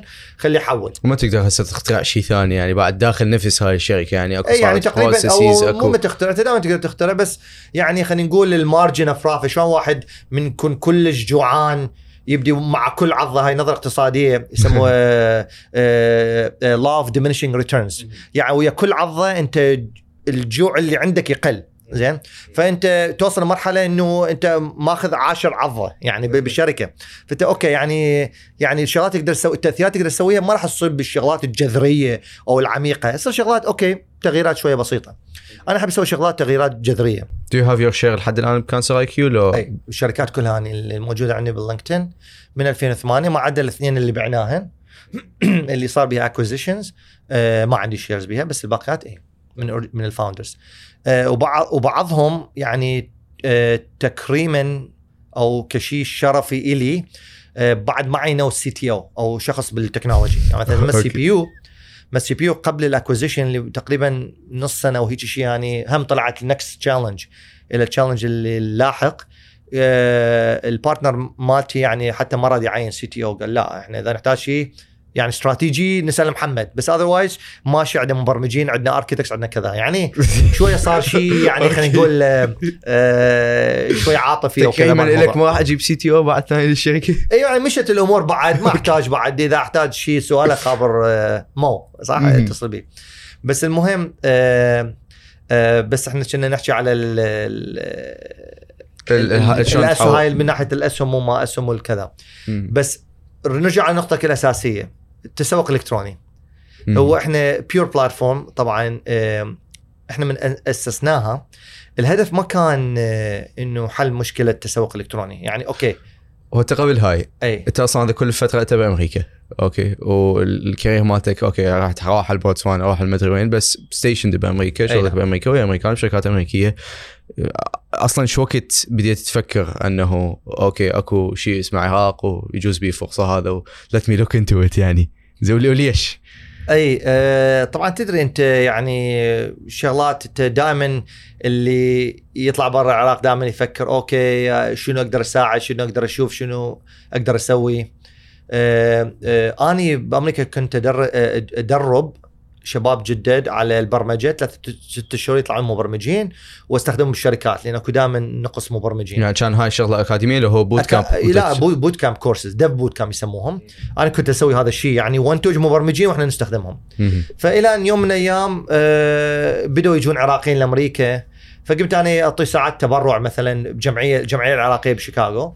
ساعات تبرع إنه مثلا احكي لهم على على أمريكا وال transition مال ال career إنه شلون يندمج بال يعني وين ممكن يروح يعني ويدرس وكذا يعني جاي هو يجوز مثلا بالثلاثينات أو بالأربعينات وما يعرف يعني مو بالجامعة والجامعة تاخذه مم. لا هو بعد متخرج وكذا شو شو أقدر أسوي مم. يعني فبديت عاد من هناك كم واحد جالي أه محمد أقدر وياك اني شوية اتعلم وكذا حتى لو ببلاش حتى لو كذا حتى لو كذا قمت أدخلهم بالدورات هذه.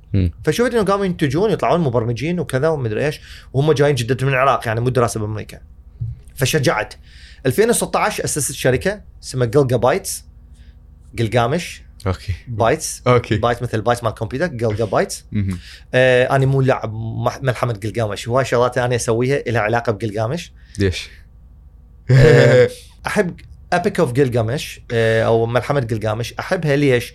لأنه هي رسميا تعتبر أول ملحمة مدونة بالتاريخ أو. أول قصة مدونة يعني جزء أكيد قبل أكو قصص بس إحنا ما حد يعرفن. بس هي معتبر تعتبر مدونة وإذا تقرأ ملحمة قلقامش بيها قصص هواية يعني فيضانات وقصص وبيها moral of the story يعني هدف القصة. يعني كل الاشياء اللي إحنا ناخذها for granted يعني okay اي moral of the story اي okay أعرف شنو الهدف أعرف ال climax مال ال story وبعدين إيه، أعرف هاي الأشياء كلها. اي إيه. التضخيم ما أدري شنو القصة ال climax آه، ما ال climax- اعرف فيها النقطة أعلى شيء شيء يعني بالقصة، وبعدين أكبر الدراما وبعدين تبدي إيه. تنحل الأمور وكذا. فهاي الأساسيات موجودة اليوم ناخذها for granted okay موجودة. بس بس أنت قبل ما كان أكو مقلد. يعني هم ما قلدوا هم. كانوا الأولى. يعني هي طبعا سمبالك يعني إيه. أكيد أكو قبلهم إيه. بس سمبالك إن هم كانوا ال origin الأول. اليوم إذا تسوي على الآلهة قصة على الآلهة آه okay. سوى قصة على إله الحب إله البحر إله الشمس إله المدري شنو okay. قصة. يعني okay مو شيء خرافي أو يعني شيء غريب أنت مسويه. أو فيضانات أو قصة من مدري إيش. فقلقامش هو ال OG storyteller أعتبره أني ال innovative okay؟ الأول اللي بعدين الكل قام يسوي مثله. زين مم. القصص مثله. تعلمت أني ال- الالهه قاموا يسوون بعدين الإغريق والمدري شنو كذا. يعني هو بدأ أو هم. بدوا السومريين بذيك الأيام. فأني لأنه بالتكنولوجيا إحنا نسويها دائما نكون نحاول نكون innovative إحنا الأول في هذا المجال بدنا نشتغل به. حبيت إنه هي تكون هاي شيء جوهري ومن العلاقة بالعراق. حضاره السومريه شنو. هو الشغل كانت شو تسوي؟ الشغل؟ بالشركة بجلجا بايتس آه جلجا بايتس. أنا مؤسستها إيه. انه إنه بدينا okay جربنا كم عراقي بأمريكا وقام الأمور تمشي زين. فأنا فكرت زين okay ليش إحنا من أنا بدل ما أسوي outsourcing شركات هندية ما عندي شركات بأمريكا ونحتاج مبرمجين دائما. فبدنا نسوي مثلا outsourcing بالهند أو دول أخرى مم. ليش ما ادرب أنا عراقيين. وأنا أسوي outsourcing من من موظفين من عراقيين للش- للشركات الامريكيه. ف 2016 بدينا إحنا هذا الشيء. يمكن إحنا يمكن أول شركة أنا أقول صدرنا التكنولوجيا خارج العراق هو إحنا هو كل شغلك بال health tech 2016 يعني هذا إيه. هذا اي ما له علاقة هذا ببيور ولا إيه. أشياء بالبداية ومن أمريكا وما جاء العراق كله. اونلاين سويت recruiting some smart kids students يعني أطف... آه، شباب متخرجين من جامعة أو طلاب جامعة وكانوا إيه يعني الأذكياء الكذا.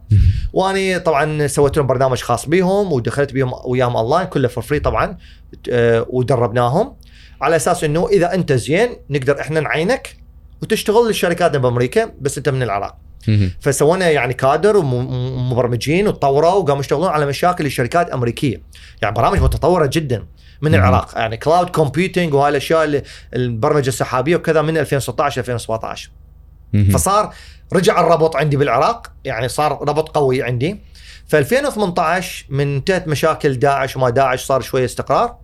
أنا قلت okay واني entrepreneur أدور حل مشاكل كذا رحت على book dot com okay بالعراق فندق طيارة مدري شنو حجزت. أنا ما عندي يعني هواي ناس بال... ما أعرف أي واحد بالعراق. راسا هيجي اي booked flight والفندق وجيت مهم. جيت قعدت بالفندق وما عندي أي واحد بس هذول ال- ال- اللي أعرفهم المبرمجين اللي قاموا يشتغلون خلال الشركة. قمت أدور يعني أنا أشوف آه، صرت متعطش لحل المشاكل الموجودة لأن هواي مشاكل كان أكو يعني بالسوق. ماكو تطبيقات وهسه داخل كريم بالعراق وكذا. فقمت أني أشوف شنو المشاكل اللي ممكن نحلها إحنا. عاد بعدين أنا شوية شوية جيت إلى يعني بيور بلاتفورم بعدين استنتجت إنه أكو مشكلة إحنا نقدر نحلها واللي طلعت هي مشكلة مو بس بالعراق وإنها مشكلة بالعالم كله موجودة. أه و2019 أسست بيور بلاتفورم كل الكادر اللي أنا دربتهم واشتغلوا خلال من 2016 تحولوا وصاروا مبرمجين ببيور بلاتفورم فهم نفسهم اللي إحنا دربناهم. بوقتها من تفكر إنه okay خلي ادرب عراقيين هاي 2016 تطالع من كم startup شدت الشغل عليها بس هم انت تشتغل خلينا نقول بشركه اي هذا معينة. كان على الجانب يعني شيء جانبي. شيء شيء جانبي فهمتك. وهل هذا هيك purely للونسة؟ انت هي حصلت يعني كل الفلوس اللي تريده كل ال impact اللي تريده تسوي فد شيء انه تشوف أنه راح تحصل gratification إنساني من خلاله. لو هو فعلا كان أكو هدف فعلي ملموس تقدر تقدر تسويه بحيث مثلا أنه تدور على موارد بشرية للمبرمجين فهي كانت هاي سبيل أنه تحصلهم. هو طبعا الهدف الأكبر هو أنت تريد موارد بشرية.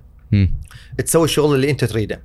بشوف أكو قاعدة حتى فعل الخير إذا تريد تسوي شيء charity أو شيء good إذا هذا الشيء مو sustainable مستمر أكيد ما راح يفيد يعني شلون. يقول لك آه، مثل أمريكا يقول لك don't don't teach me how to hunt مم. but يعني don't لا- لا- don't لا- give me fish لا تعلمني صيد لا السمك تعلمني صيد آه، السمك. ما أدري بالعكس لا, لا, بالعكس. لا تعطيني سمكه علمني شلون أصيد المهم زين okay المهم.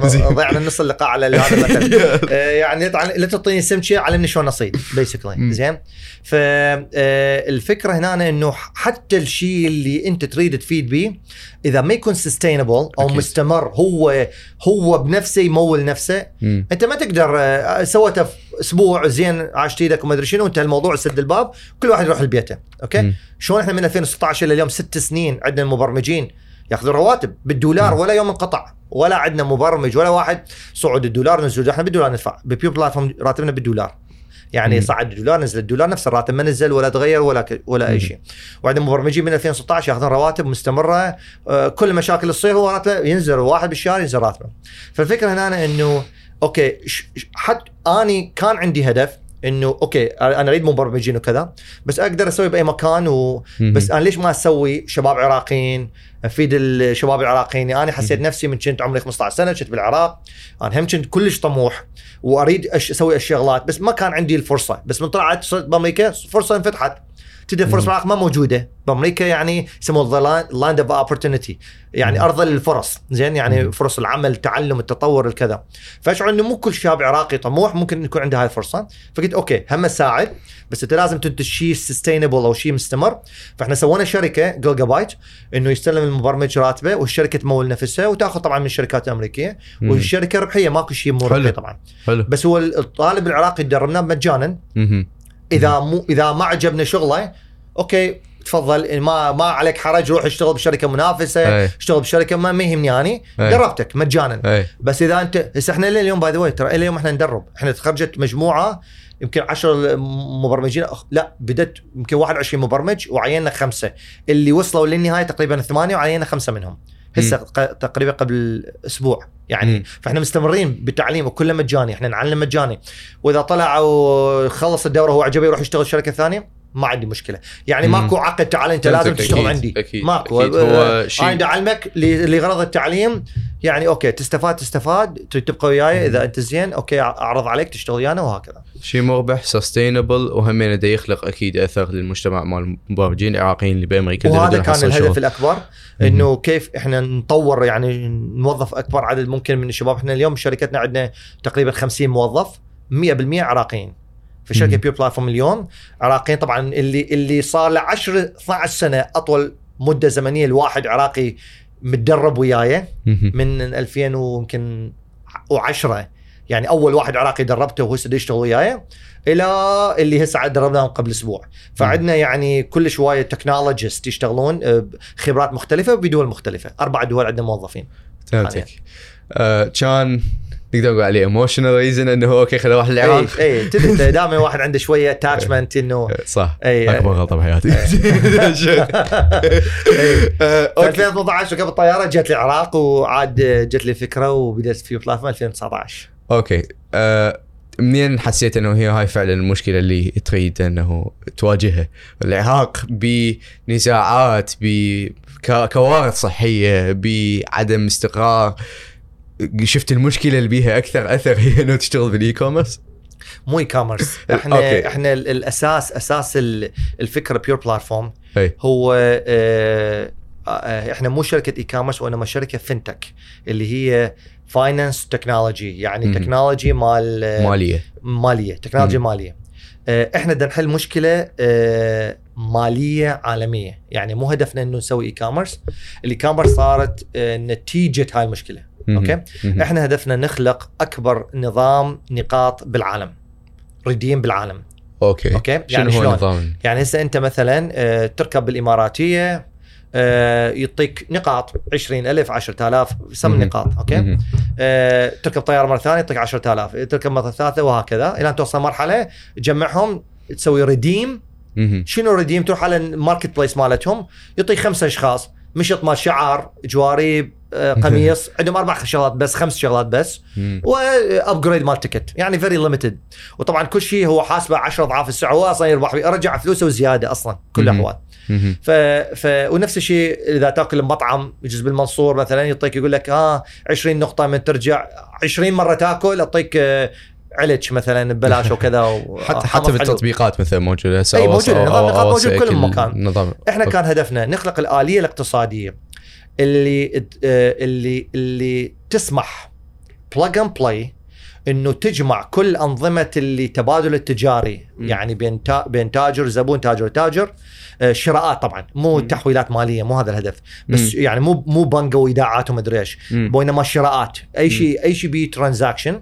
بين تاجر وزبون زبون وزبون تاجر وتاجر أي عملية تجارية تصير إنه إحنا نكون platform of choice أو الخيار المنصة الخيار وبحيث إحنا نقدر نسوي آه، نخلي النقاط مالتنا من إحنا نكون نظام اقتصادي متكامل النقاط تكون آه، تقدر أنت تسوي لها redeem بأي محل. أوكي أنا اشتري مثلا شغلة من محل أبو أحمد للتيشيرتات يعطيني ألف نقطة على أساس الشراء اللي سويته.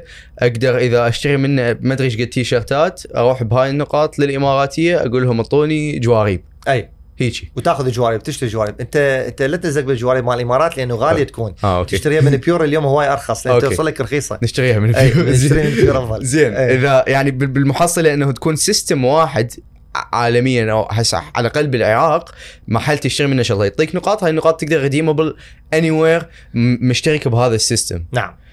أول شيء شلون تفهم أهل المحلات بهالشيء؟ ما تحتاج.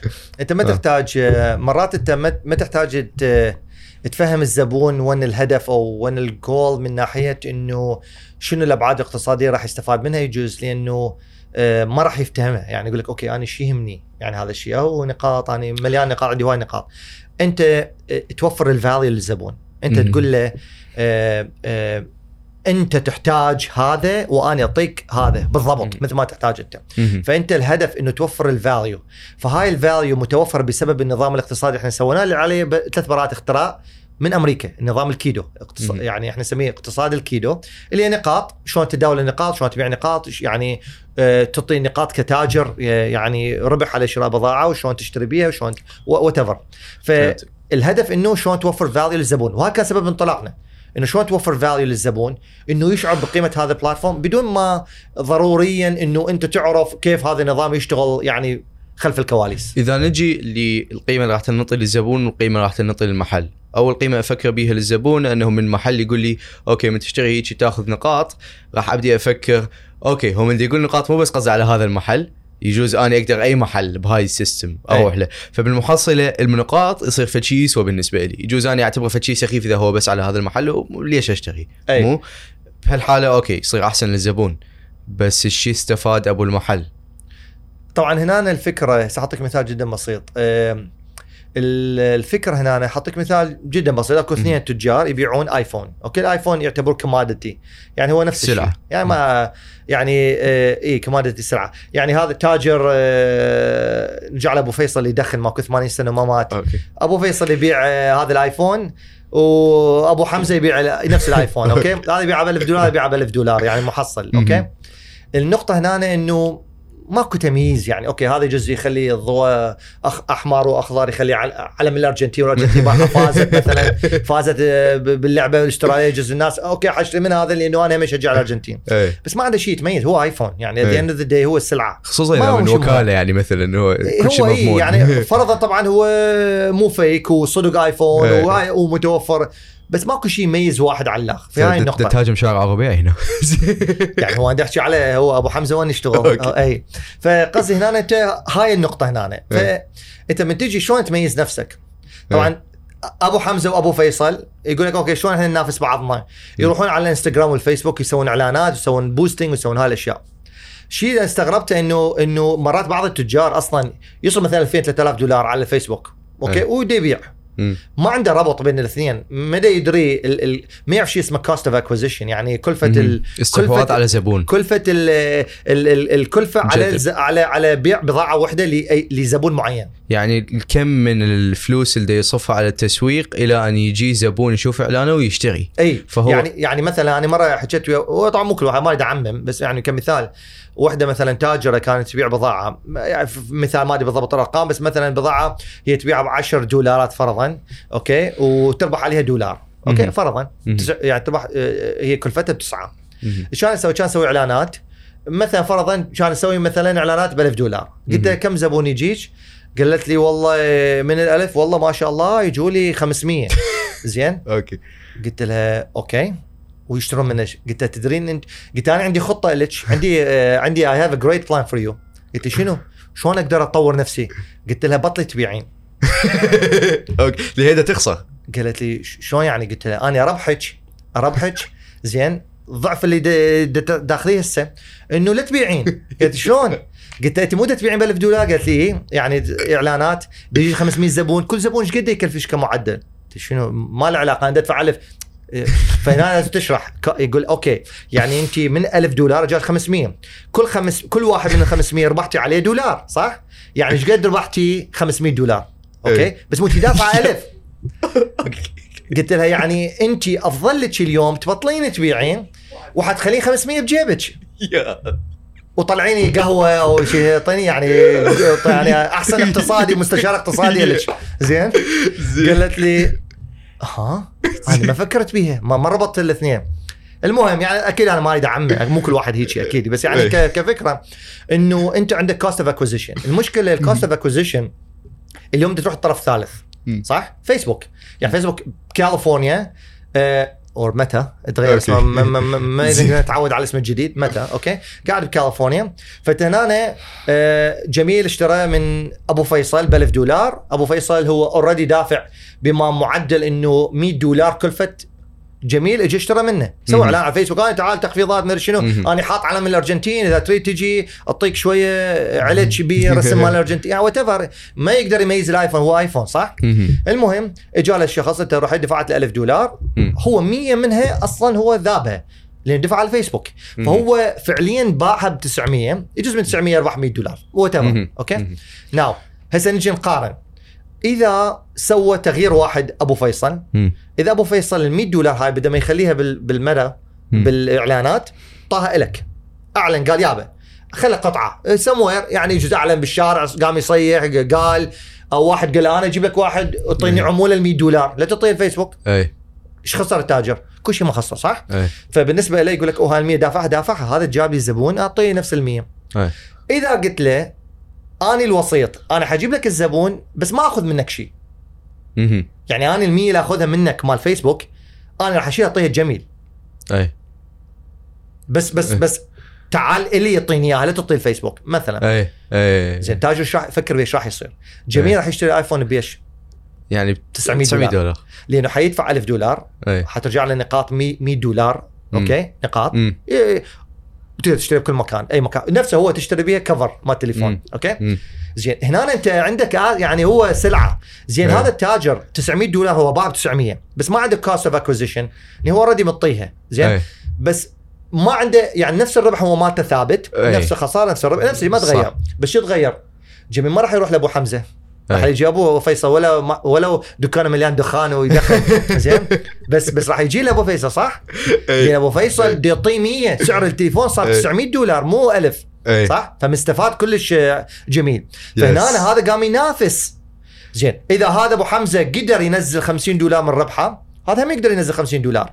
بس هذا هنا إيش راح يعطي جميل يعطي 150 هذا أي. حيعطي بس 50 اي فهذا ما راح هذا مستحيل أبو حمزة مستحيل ينافس أبو أبو فيصل. فيصل. مستحيل. ما يقدر إلا بحالة واحدة. إذا باعها بخسارة.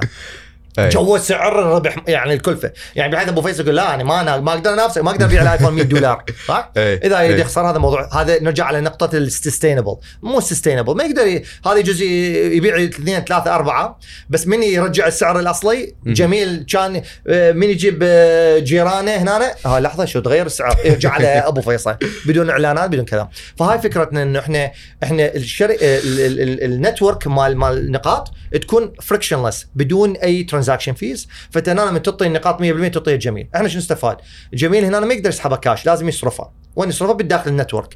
إحنا شو نقول للجميل؟ أنت من تأخذ النقاط مم. okay؟ من ترجع تشتري بيها؟ إحنا كان. يعني شعارنا بالسوق المحلي ويانا تشتري ببلاش. ليش مم. ويانا تشتري ببلاش؟ شلون. منو يشتري ببلاش. كلش سهله أنت بتاخذ ال 100 نقطه okay؟ اخذتها تحصيل حاصل أنت كل شيء ما سويت. أنت لا لبست غير قميص لا اضطريت تشجع تشجع الأرجنتين لا اضطريت. تسوي أي شيء لا تدخن صح؟ كل شيء ما سويت. انت أنت سواء بيور موجودة أو مو موجودة تشتري تشتري بكل الأحوال. هو تشتري وتدفع نفس المبلغ.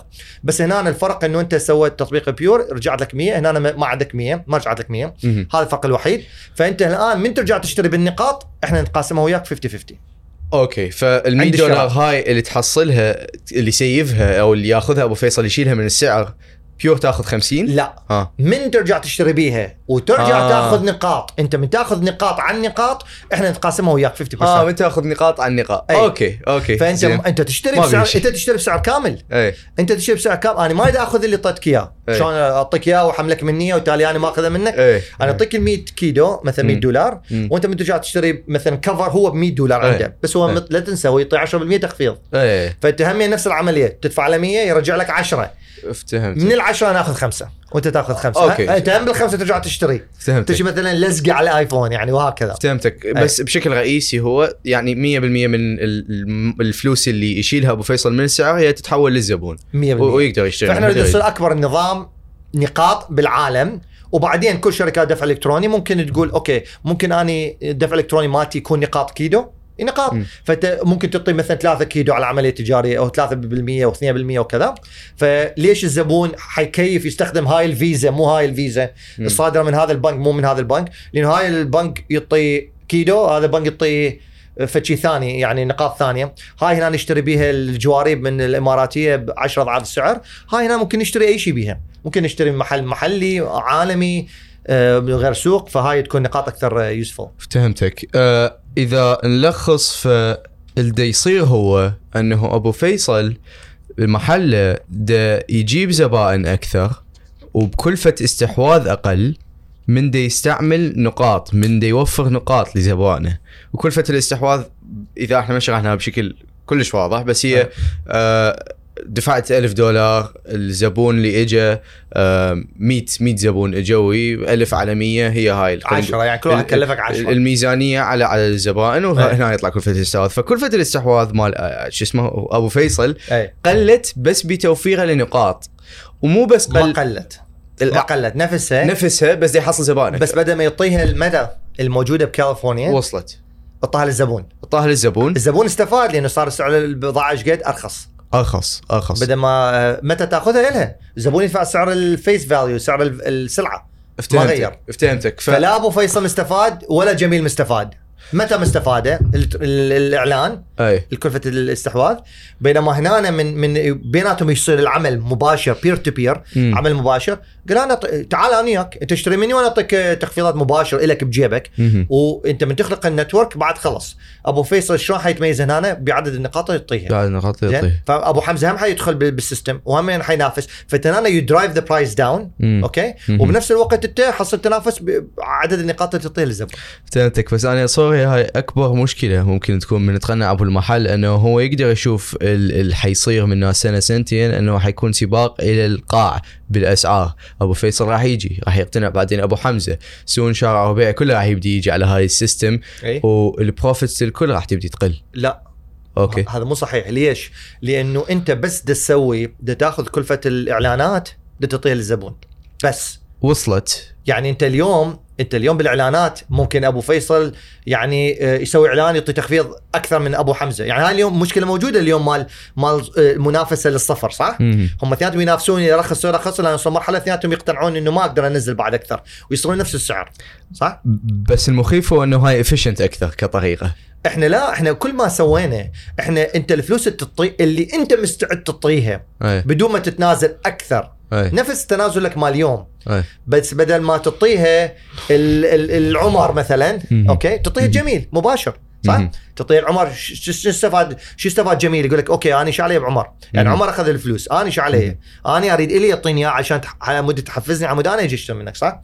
فاني فهنا طلعنا الطرف الثالث okay. هاي النقطة بس ولا أنت okay. إذا اذا أكو منافسة لل- للصفر بين أي. الاثنين هاي موجودة اليوم يعني ما ما, ما ندخل بيها إحنا أي. يعني هاي تابع للتاجر هو يقرر إيش قد الأسعار فهمتك فهمتك فنقدر نعتبر Pure Platform على الأقل من بدت كمنصة توفر طريقة efficient أكثر بدون طرف ثالث بدون طرف ثالث للتجار على ال- الحصول على زبائن قد يكونون أكثر أو التوسعة إلى channel جديدة لتسويقهم بنفس كلفة الاستحواذ نف...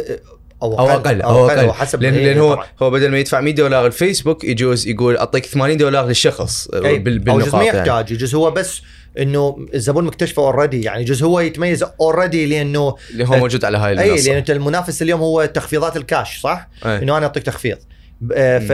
فانت بالكيلو راح تتميز لأنه انت يعني ما راح ننافس سوق الكاش ما نقدر صح مم. لأنه انت إذا كل واحد حتى أبو جقاير زين مم. أبو فيصل دائما يشتري من أبو جقاير صح؟ مم. اللي قاعد بالركن يعني هذا ما راح يشتغل بالكيلو صح؟ مم. هذا أكثر شيء تخفيضاته بالكاش مهم. فأنت ما راح تقدر تنافس سوق الكاش اللي هو أكبر سوق فأنت راح تتميز فهنا الناس راح تقدر تتميز والتجار يتميزون بمجرد إنه يعطي نقاط بالكيلو يقول okay أنا أعطي أرباح يعني أعطيك اني تحفيز أعطيك نقاط حتى مرتين ثلاثة تشتري بيها بطاقة تليفون تشتري بيها كذا وهكذا. فهمتك. فإحنا نريد نسوي منصة تجارية أي. بين أي طرفين يسوون transaction بيناتهم. تاجر وزبون زبون وتاجر زبون وزبون تاجر وتاجر. يعني B to B B to C يسموه. B to B C يعني مهم. B to B to C وهكذا يعني هذا الهدف. فمن ضمن الأسواق العالمية إنه التاجر أو الزبون ممكن يشتري من الأسواق العالمية بشكل مباشر. okay. how did that turn out هسه بديت يا سنة. إحنا ال- الشركة بدأت 2019 بس التطبيق انطلق بشهر تقريبا منتصف الثاني 2020 مهم. و آه، شنو هل هل كان أكو range كافي باساسك من المحلات المتواجدة؟ يعني بحيث كان اكو زبائن مستعدين انه يجربون هالشيء انه يشوفون اكو هذا okay local marketplace اكو هواي محلات هواي تجار فخلينا نجرب. لو كان اكو مشكلة بأنه تقنع المحلات بيجي وأنا هم تقنع الزبائن. شوف هي هي شغلة إنه إحنا تركيزنا على 3 markets. الأساسيات بأي دولة. السوق المحلي إنه أنت تبيع يعني أكو شركات بالعراق تبيع بضاعة محلية. يعني أي تاجر ممكن مثل Shopify يسوي متجر داخل التطبيق ويبيع.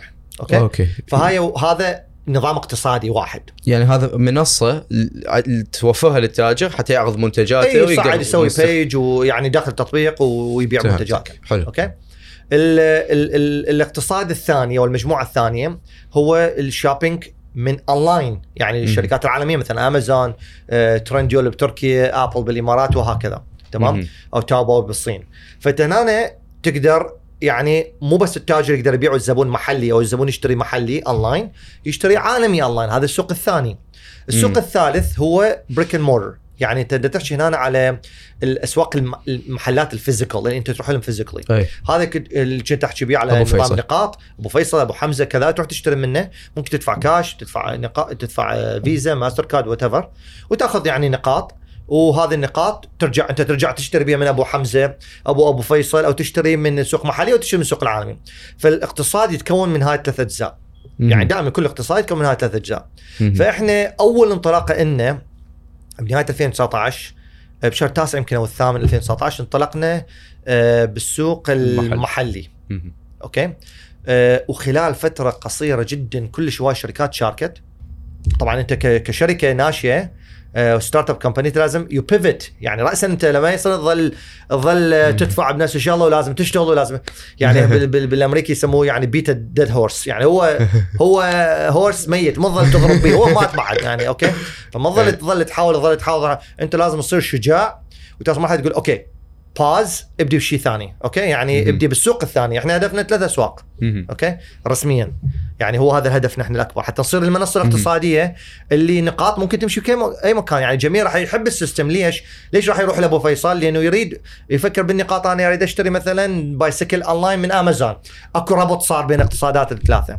فهمتك. بس همينة إيش قد ما هي ممكن تكون مرتبطة بس هي قمزه ك business model. انت بديت ب business model انه إحنا راح نكون منصة تربط كل ال businesses والمتاجر بالعراق حتى تتبادل النقاط هاي. أي. دا تفكر هسه وبديت تشتغل على انه تسوي شيء تطبيق أو منصه أقدر افوت من خلالها الامازون أروح للمنتج اللي اريده اضيفه لل cart أو أسوي له buy now ادخل تفاصيلي مال الدفع واشتريه وبيور بلاتفورم هي كمنصة أو شركة تتحمل عملية النقل من أمازون إلى بيتي أي نعم. بالعراق. أي نعم. شلون طلعت هاي الفكرة أصلا؟ اللي هي شوية أبعد من فكرة النقاط. وش وقت عرفت إنه أوكي؟ هو وانت حتى تخلي النقاط valuable أو مهمة أو الزبون يريد النقاط. هسه انت مثلا ليش المطعم مثلا في كرادة ومكان يقول لك أعطيك 20 نقطة بس كل ما تجي أعطيك 20 مم. وتتباع القائمة تقول 10000 نقطة يلا تقدر تأخذ لك بقلاوة حلويات يقول لك هو أنا لازم 400 مرة أجي آكل يلا أحصل لي شغلة. شلون يخلي الزبون يشجع؟ يعني أنت اذا إذا تأكل وجبة وتأخذ نقاط والنقاط هي أصلا نص الوجبة. أو فشي إيه. تقدر تطلع أنت تاخذ. بيه مثلا بطاقة تليفون مال تغطيك شهر إيه. أنت حتقوم تجي تاكل هنا بهذا المطعم إيه. فأنت إذا النقاط تكون valuable تقدر تستخدمها أنت هنا حيصير عندك قوة حيصير عندك آه، يعني آه، انجذاب لهذه المنصة مهم. فأنت حتى تخلي أكو value لازم أنت عندك redeem network كبيرة جدا تغطي as مم. much as possible لذلك من تقول e-commerce أنا أقول fintech لأنه إحنا الأساس هو إذا تنظر لها من منظور ال ال ال ال النقاط مم. الباقي كله applications يعني أوكي جهات مختلفة بس إذا تنظر لها من نظام امازون أوكي إنه صار عندك تفرع لشيء ثاني. فإحنا الفكرة الت- التركيز على هذه الأشياء الثلاثة إنه المنصة مشتركة إنه أنت هي the end of the day بنهاية اليوم أنت عندك 100 كي كيف تستخدمها؟ ممكن أنت. تروح تاخذ بطاقة بالسينما، ممكن أنت تشتري من بقلاوة من مطعم، ممكن تشتري اونلاين، ممكن تسوي وهكذا. وصلت بس هل معقول إنه أنت فتحت كل هذا ال- الذراع الثاني لل business بس على مود توفر redeeming channel يعني لل- للزبون لو هو كانت من البدايه طبعا وكلش ناجح هذا الشيء. أوكي. كلش ناجح. بس يعني كمية الجهد الفايت بالموضوع يعني إنه تفتح شر... تقريبا شركة منفصلة أكيد أنت ما تشوفها منفصلة بس هي عمليات منفصلة تشتغل شغل, شركة نقل بالمحصلة زين وبشكل اعقد أكيد شركة نقل بيها تكنولوجيا وبيها fintech وغيرها بس essentially دا تأخذ المنتج اللي يطلبه الزبون العراقي من أمازون دا توصل بيته ببغداد. يعني هل هل فتحت هذا بس حتى الزبون يقدر يدفع بالكيلوز لو هو فعلا أنت شفتها وحدة هاي هي فرصة زينة إلك لا مو وحدها. matter of fact أنا ما أعتبر ال e-commerce فرصة كبيرة. مو مثل بحجم ال fintech. ال fintech أكبر.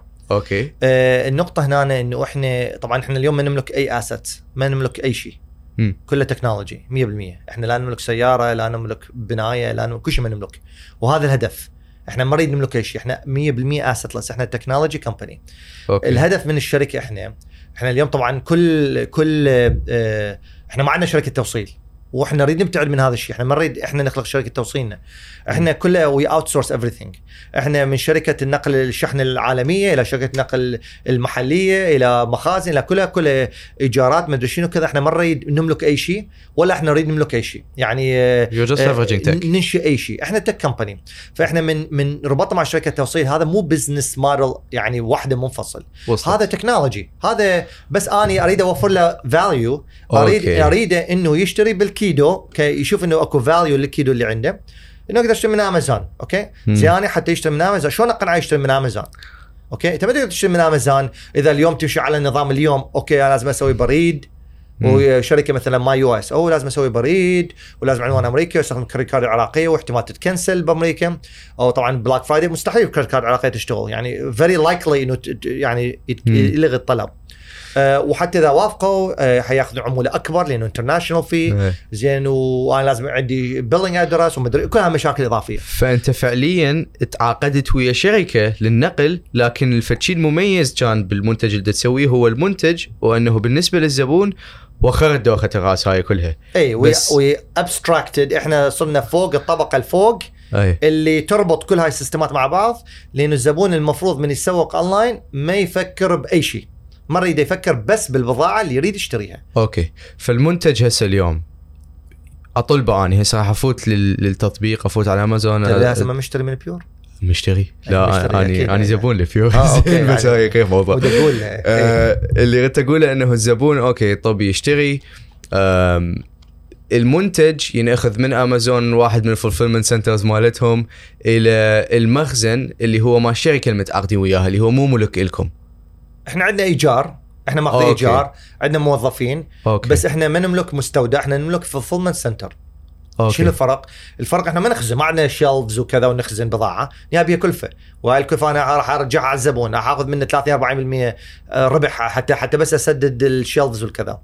إحنا. شو نسوي؟ fulfillment center، تجي البضاعة اليوم نسوي scan نقارن البضاعة. عندنا موظف في أمريكا،. آه إحنا يمكن الشركة الوحيدة اللي عندها مكانها الخاص بأمريكا، موظفيه الخاصين، مم. يعني ممكن الشركات تستخدم يعني MyUS، يمكن مم. كل الشركات تستخدم MyUS. آه، يعني بريد بس إحنا مثلا إحنا عندنا fulfillment center مالتنا تجي البضاعه يسوي لها scan تطلع التخصيصات يقارن تخصيصات مطابقة يخليها بالصندوق مالته يطبع ال label يلزقها على البضاعة يخليها. بالصندوق تروح العراق ثاني يوم okay مم. إذا ما طابقه يشمرها بصندوق ال return إحنا بنهاية اليوم راسا نسوي return بالجملة للشركات إذا ما مطابقه إحنا نطابق البضاعة قبل ما تجي يمكن إحنا الشركة الوحيدة اللي actually تطابق البضاعة قبل ما تطلع من من أمريكا أو من المخازن العالمية تجي العراق. فهاي البضاعة إحنا بنخزن شيء يعني بضاعة. راسا تطلع إيه طبعا مم. ممكن أيام عطل weekend مدري شنو بس هاي temporary يعني لذلك إحنا ما نحتاج مساحات واسعة جدا أو warehouses أو shelves أو هاي الأشياء. فإحنا يعني إيجار بس وعندنا موظفين خاصين بس ما نملك shelves ومدري إيش واش يعني ما عندنا. اسس ما عندنا اثاث ما عندنا هاي الأشياء الكبيره. شغلات يعني كمبيوتر مدري شنو كذا يعني شغلات بسيطة جدا يعني. حلو حلو. ف الشطاره اللي بالشغل اللي تسووه هو التجربة للمستخدم اللي تصير بالمحصلة. ال experience ال experience اللي يحصلها. ومن أحكي يا جماعتي okay نوصي من أمريكا. هواية منهم يقولون Pure Platform بس لبساطة هالتطبيق. أنه دي يوخر هواية من الدوخة اللي براس الشخص أنه okay أنا لازم هسه إذا أكو شركه forwarding مثلا MyUS يعني ولا ارامكس يعني على إنه راس بس آه نحكي ويا ارامكس by the way يعني ال regional headquarters. ويعرفون بالمشكلة الأساسية ودنا نحكي وياهم يعني على partnership وهاي الأشياء الأخرى ف حلو فات okay. أقدر أحكي عنهم يعني مثل إحنا صديق أو اصدقاء okay. إحنا يعني. عادي نقدر نحكي. عليهم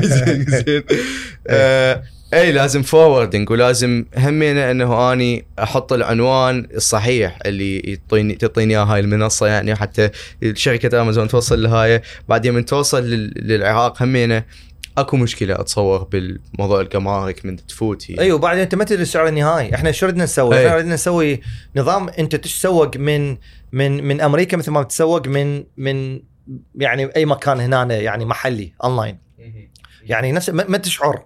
يعني نمحي الجغرافيا okay؟ ما تشعر اكو فرق تشتري من الصين تشتري من تركيا تشتري من من الإمارات تشتري من أفريقيا تشتري من إندونيسيا. إحنا نشتغل على أسواق نوسع المنصة بشكل كبير. آه هذه السنة 2023 فتقدر تشتري من كل الأسواق كلها simultaneously بنفس الوقت.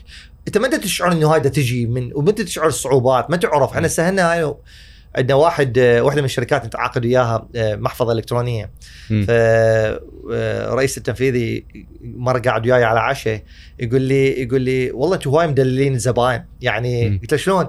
يقول لي يعني قبل إحنا من الناس تتسوق تشتري وتقول لك انساه شو مم. ما يدقون علي الباب آه، أفتح الباب وأخذها ها إي ذكرني ها إي والله إيش قد كان السعر كذا والجمرك كذا وتعطي هسه مثلا الزبون ممكن على ال social media يقول له شنو شو بضاعتي بسنسناتي ساعتين هي معادله ساعة وتطلع أو مثلا م- دخلت بالبحرين شو صار لها يومين؟ مو كان يومين؟ يعني okay إحنا يعني إحنا صرنا فتحنا ال- ال- الباب فتحنا الكوا... خلف الكواليس والزبون قام يشوف قام يطلع كله technology ويشوف التحركات وكذا قام يستفسر ليش بالجمارك بالضبط يقول لك بالجمارك صار له 10 أيام. ليش صار له خمس أيام؟ ليش صار له كذا فبدأ يعني صار هنا الثقافه تختلف من ناحية التسوق الإلكتروني. فهذا الشيء إحنا وفرناه آه وكان صعب لأنه حتى MyUS كان إحنا بالبداية استخدمنا MyUS أول كم شهر. أول أربع أشهر إحنا استخدمنا MyUS بس صارت challenges بيها كبيرة جدا. MyUS هي منصة أقدر من خلالها إنه هم عندهم مخزن يعني بأمريكا فاني أفتح مثلا أمازون أسوي حساب إلي باسمي بس اللي يصير إنه العنوان مالتي اغيره للمخزن مال MyUS يعني فحسب إذا وافقوا حسب البائع ممكن حسب البائع يجوز. حتى أمازون يجوز بائع ير- يرفض يقول لك لأن يعرف هذا يسموه forwarder يعرف إنه هذا Forwarder. عنوان لل مو لأنه ممنوع يشحنه خارج أمريكا أي. لأنه بي liability يعني مثلا يجوز شيء ينأكله ب expiration date يقول لك أي. هذا حيجي من العراق يسوي لي lawsuit يجي علي يعني قضية قانونية ومدري شنو أنا ما أريد هاي الهوسة فهمتك فمو كل شيء يشحن هذا الم- الصندوق. وصلت بس هو بشكل عام هو forwarder يعني شخص بس يوصل هو وسيط بين الاثنين بينك وبين امازون فانت يعني تشحن إلى إله. امازون يعني كأنه هذا بيتك بأمريكا. فهمتك أي. وبعدين هم يلزمون عملية توصيلة من مخزنهم إلى إلى بغداد. أي. بس أكو مشاكل بهاي العملية. okay كنت هاي رجعنا أي. أي. أي. بدك تحكي شغلة وأنا قاطعتك very rudely أي. آسف. لا لا لا okay.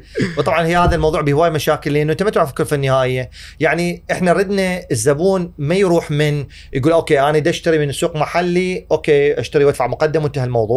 مهم. و by the مو مشكلة عراقية هاي حتى بأمريكا بكل العالم بس أنا بأمريكا ما أقدر أشتري من المكسيك زين. وكنت جاي يستغلون هذا الشيء ويجيبون شيء كلش رخيص ويبيعوه غالي. وهذا ال labor unfair labor يسموها. مشاكل العمال العالميين ياخذه رخيص ويبيعه غالي.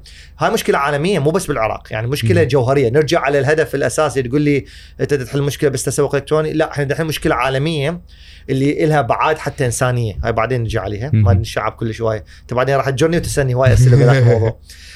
بس بي جانب حتى جانب انساني بعدين أقول لك عليه. فالفكرة هنا إنه أنت آه، تريد الزبون من يشتري من شركة محلية داخل العراق أو شركة عالمية من الصين أو من الهند ما يشعر إنه هو أكو فرق هذا الصين وهذا. العراق. الفرق فقط في مدة التوصيل والكلفة بس. يعني أكو أكو شحن قمرق ومدري إيش حنعطيك التفاصيل بس أنت إذا ما يهمك. okay الكلفه. الإضافية 20 دولار 30 دولار. مالك okay تمام تمام. بس هذا وصلتك باب البيت. هذا يختلف عن النظام اليوم. اليوم انت من تشتري من سوق محلي انت سوق محلي okay. بس من تشتري سوق عالمي لازم تغير ال mentality مالتك. لذلك اكو 15 شخص يعتمدون على مصطفى. مصطفى هذا خبير التسوق الإلكتروني صح؟ page هذا مص- بس مصطفى. هو مصطفى تريد حذاء اديداس روح على مصطفى. فعندك 15 واحد صديقه. يا يا معود مصطفى استعجل لي عندي تخفيضات Black Friday حدز لك فلوس ححول لك رصيد مدري شنو كذا اشتري لي. طبعا مصطفى راح يشتغل يعني بس هو الوحيد. آه عمولتي إيش مدري يعني 5% 10% الشحن طبعا الإكسبرس بالعراق 20 دولار فما فوق 25 دولار غالي إكسبرس. طبعا لا تغرك الأسعار الموجودة اليوم إذا ممكن مثلا شركة تعلن مبلغ معين. اسال هذا اكسبرس لو كارجو لأن كارجو ممكن يطول مدة طويلة. مم. فالإكسبرس اللي هو السريع أسرع طريقة شحن. اللي هو على الطيارة يعني؟ هو كله طيارة. بس أوكي. أكو إكسبرس واكو كارجو الفرق شنو؟ ما يو إس هواي تستخدم كارجو يعني أوكي حسب اللي أنت تريد. طبعا تقدر تسوي إكسبرس. بس إكسبرس جدا أغلى. ما يو إس تروح على ال website معروف هذه المعلومات. أوكي. روح على ما يو إس قدر كلفة الشحن. قول له مثلا واحد كيلو. أوكي؟ اكتب له واحد كيلو أو واحد باوند واحد باوند لأن النظام باوند أوكي؟ واحد باوند قول له إيش قد يكلف؟ اكتب له اكسبرس راح يقول لك 30 دولار 35 دولار. فأي شركة تعتمد على هذا النظام مستحيل تقدر إذا تبيع ال cup 7 دولار 8 دولار. مو منطقية لأنه أنت السعر هو أغلى من هذا. فيستخدمون نظام الكارجو مثلا. الكا- الكارجو شنو؟ هو هم طيارة بس الطيارة إنه من تجيك البضاعة تنتظر إلى أن ينترس ال- ال- المساحة اللي هم حاجزيها بالطيارة. مهم. يعني هو يدفع مث- مثلا 20000 دولار هاي الشركة مثلا فدكس أو دي إتش إل تدفع 20000 دولار هاي مساحة. مهم. إذا ما تملي ما تطلع؟ لأن ما مم. تسوى؟ هو لازم يسوي maximize ال profit هذا طول عنده شهرين طول عنده شهرين طول عنده شهر. فهذا it's not predictable ما عنده توقع بها اكسبرس لا يطلع راسا. يجي اليوم يطلع باكر. ماكو هذا الموضوع. فإحنا بالنسبة لنا إحنا كله اكسبرس هاي الفكرة.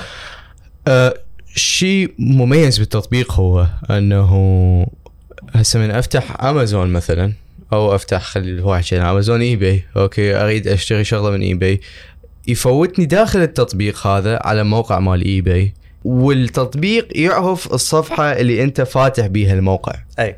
أوكي؟ ال- ال- الصفحة مال ال product. أوكي؟ فعلى اساسها التطبيق هذا يعرف إنه أنت هسه اليوم بدك تفتح في صفحة مال ايفون 11 أوكي؟ وهذا هم يطلع منه يسوي scraping خلينا نقول لتفاصيل الوزن مالته والأحجام مالته تفاصيله بحيث هو راسا من تضيف رسالة التسوق مال التطبيق يطلع لك السعر مالته. نعم. لأن حرفيا هو بس يحسب يعني الدايمنشنز مالته والوزن مالته وش قد راح يكلف بالنقل مالته. فشي يميز هذا بس همينه آه، من يطلع لك كلفة كل شيء يتطلب آه، مستوى من ال- التكنولوجيا الداخلة والمبرمجين اللي يشتغلون على هاي الشيء كلش عالية. وكل موقع أتصور له تغييرات تصير يعني بشكل شهري يومي سنوي صح صح. زين. لازم دائما المبرمجين يشيكون إنه أوكي تطبيقنا دا يتواصل ويا هذا الموقع بشكل صحيح بحيث كل product page يفتحها الزبون دا نعرف بالضبط هو يا product وش قد راح يكلف وتفاصيله كلها هاي. صح. شلون تتأسس فريق برمجي؟ Specially أنت هسه شركه عراقية.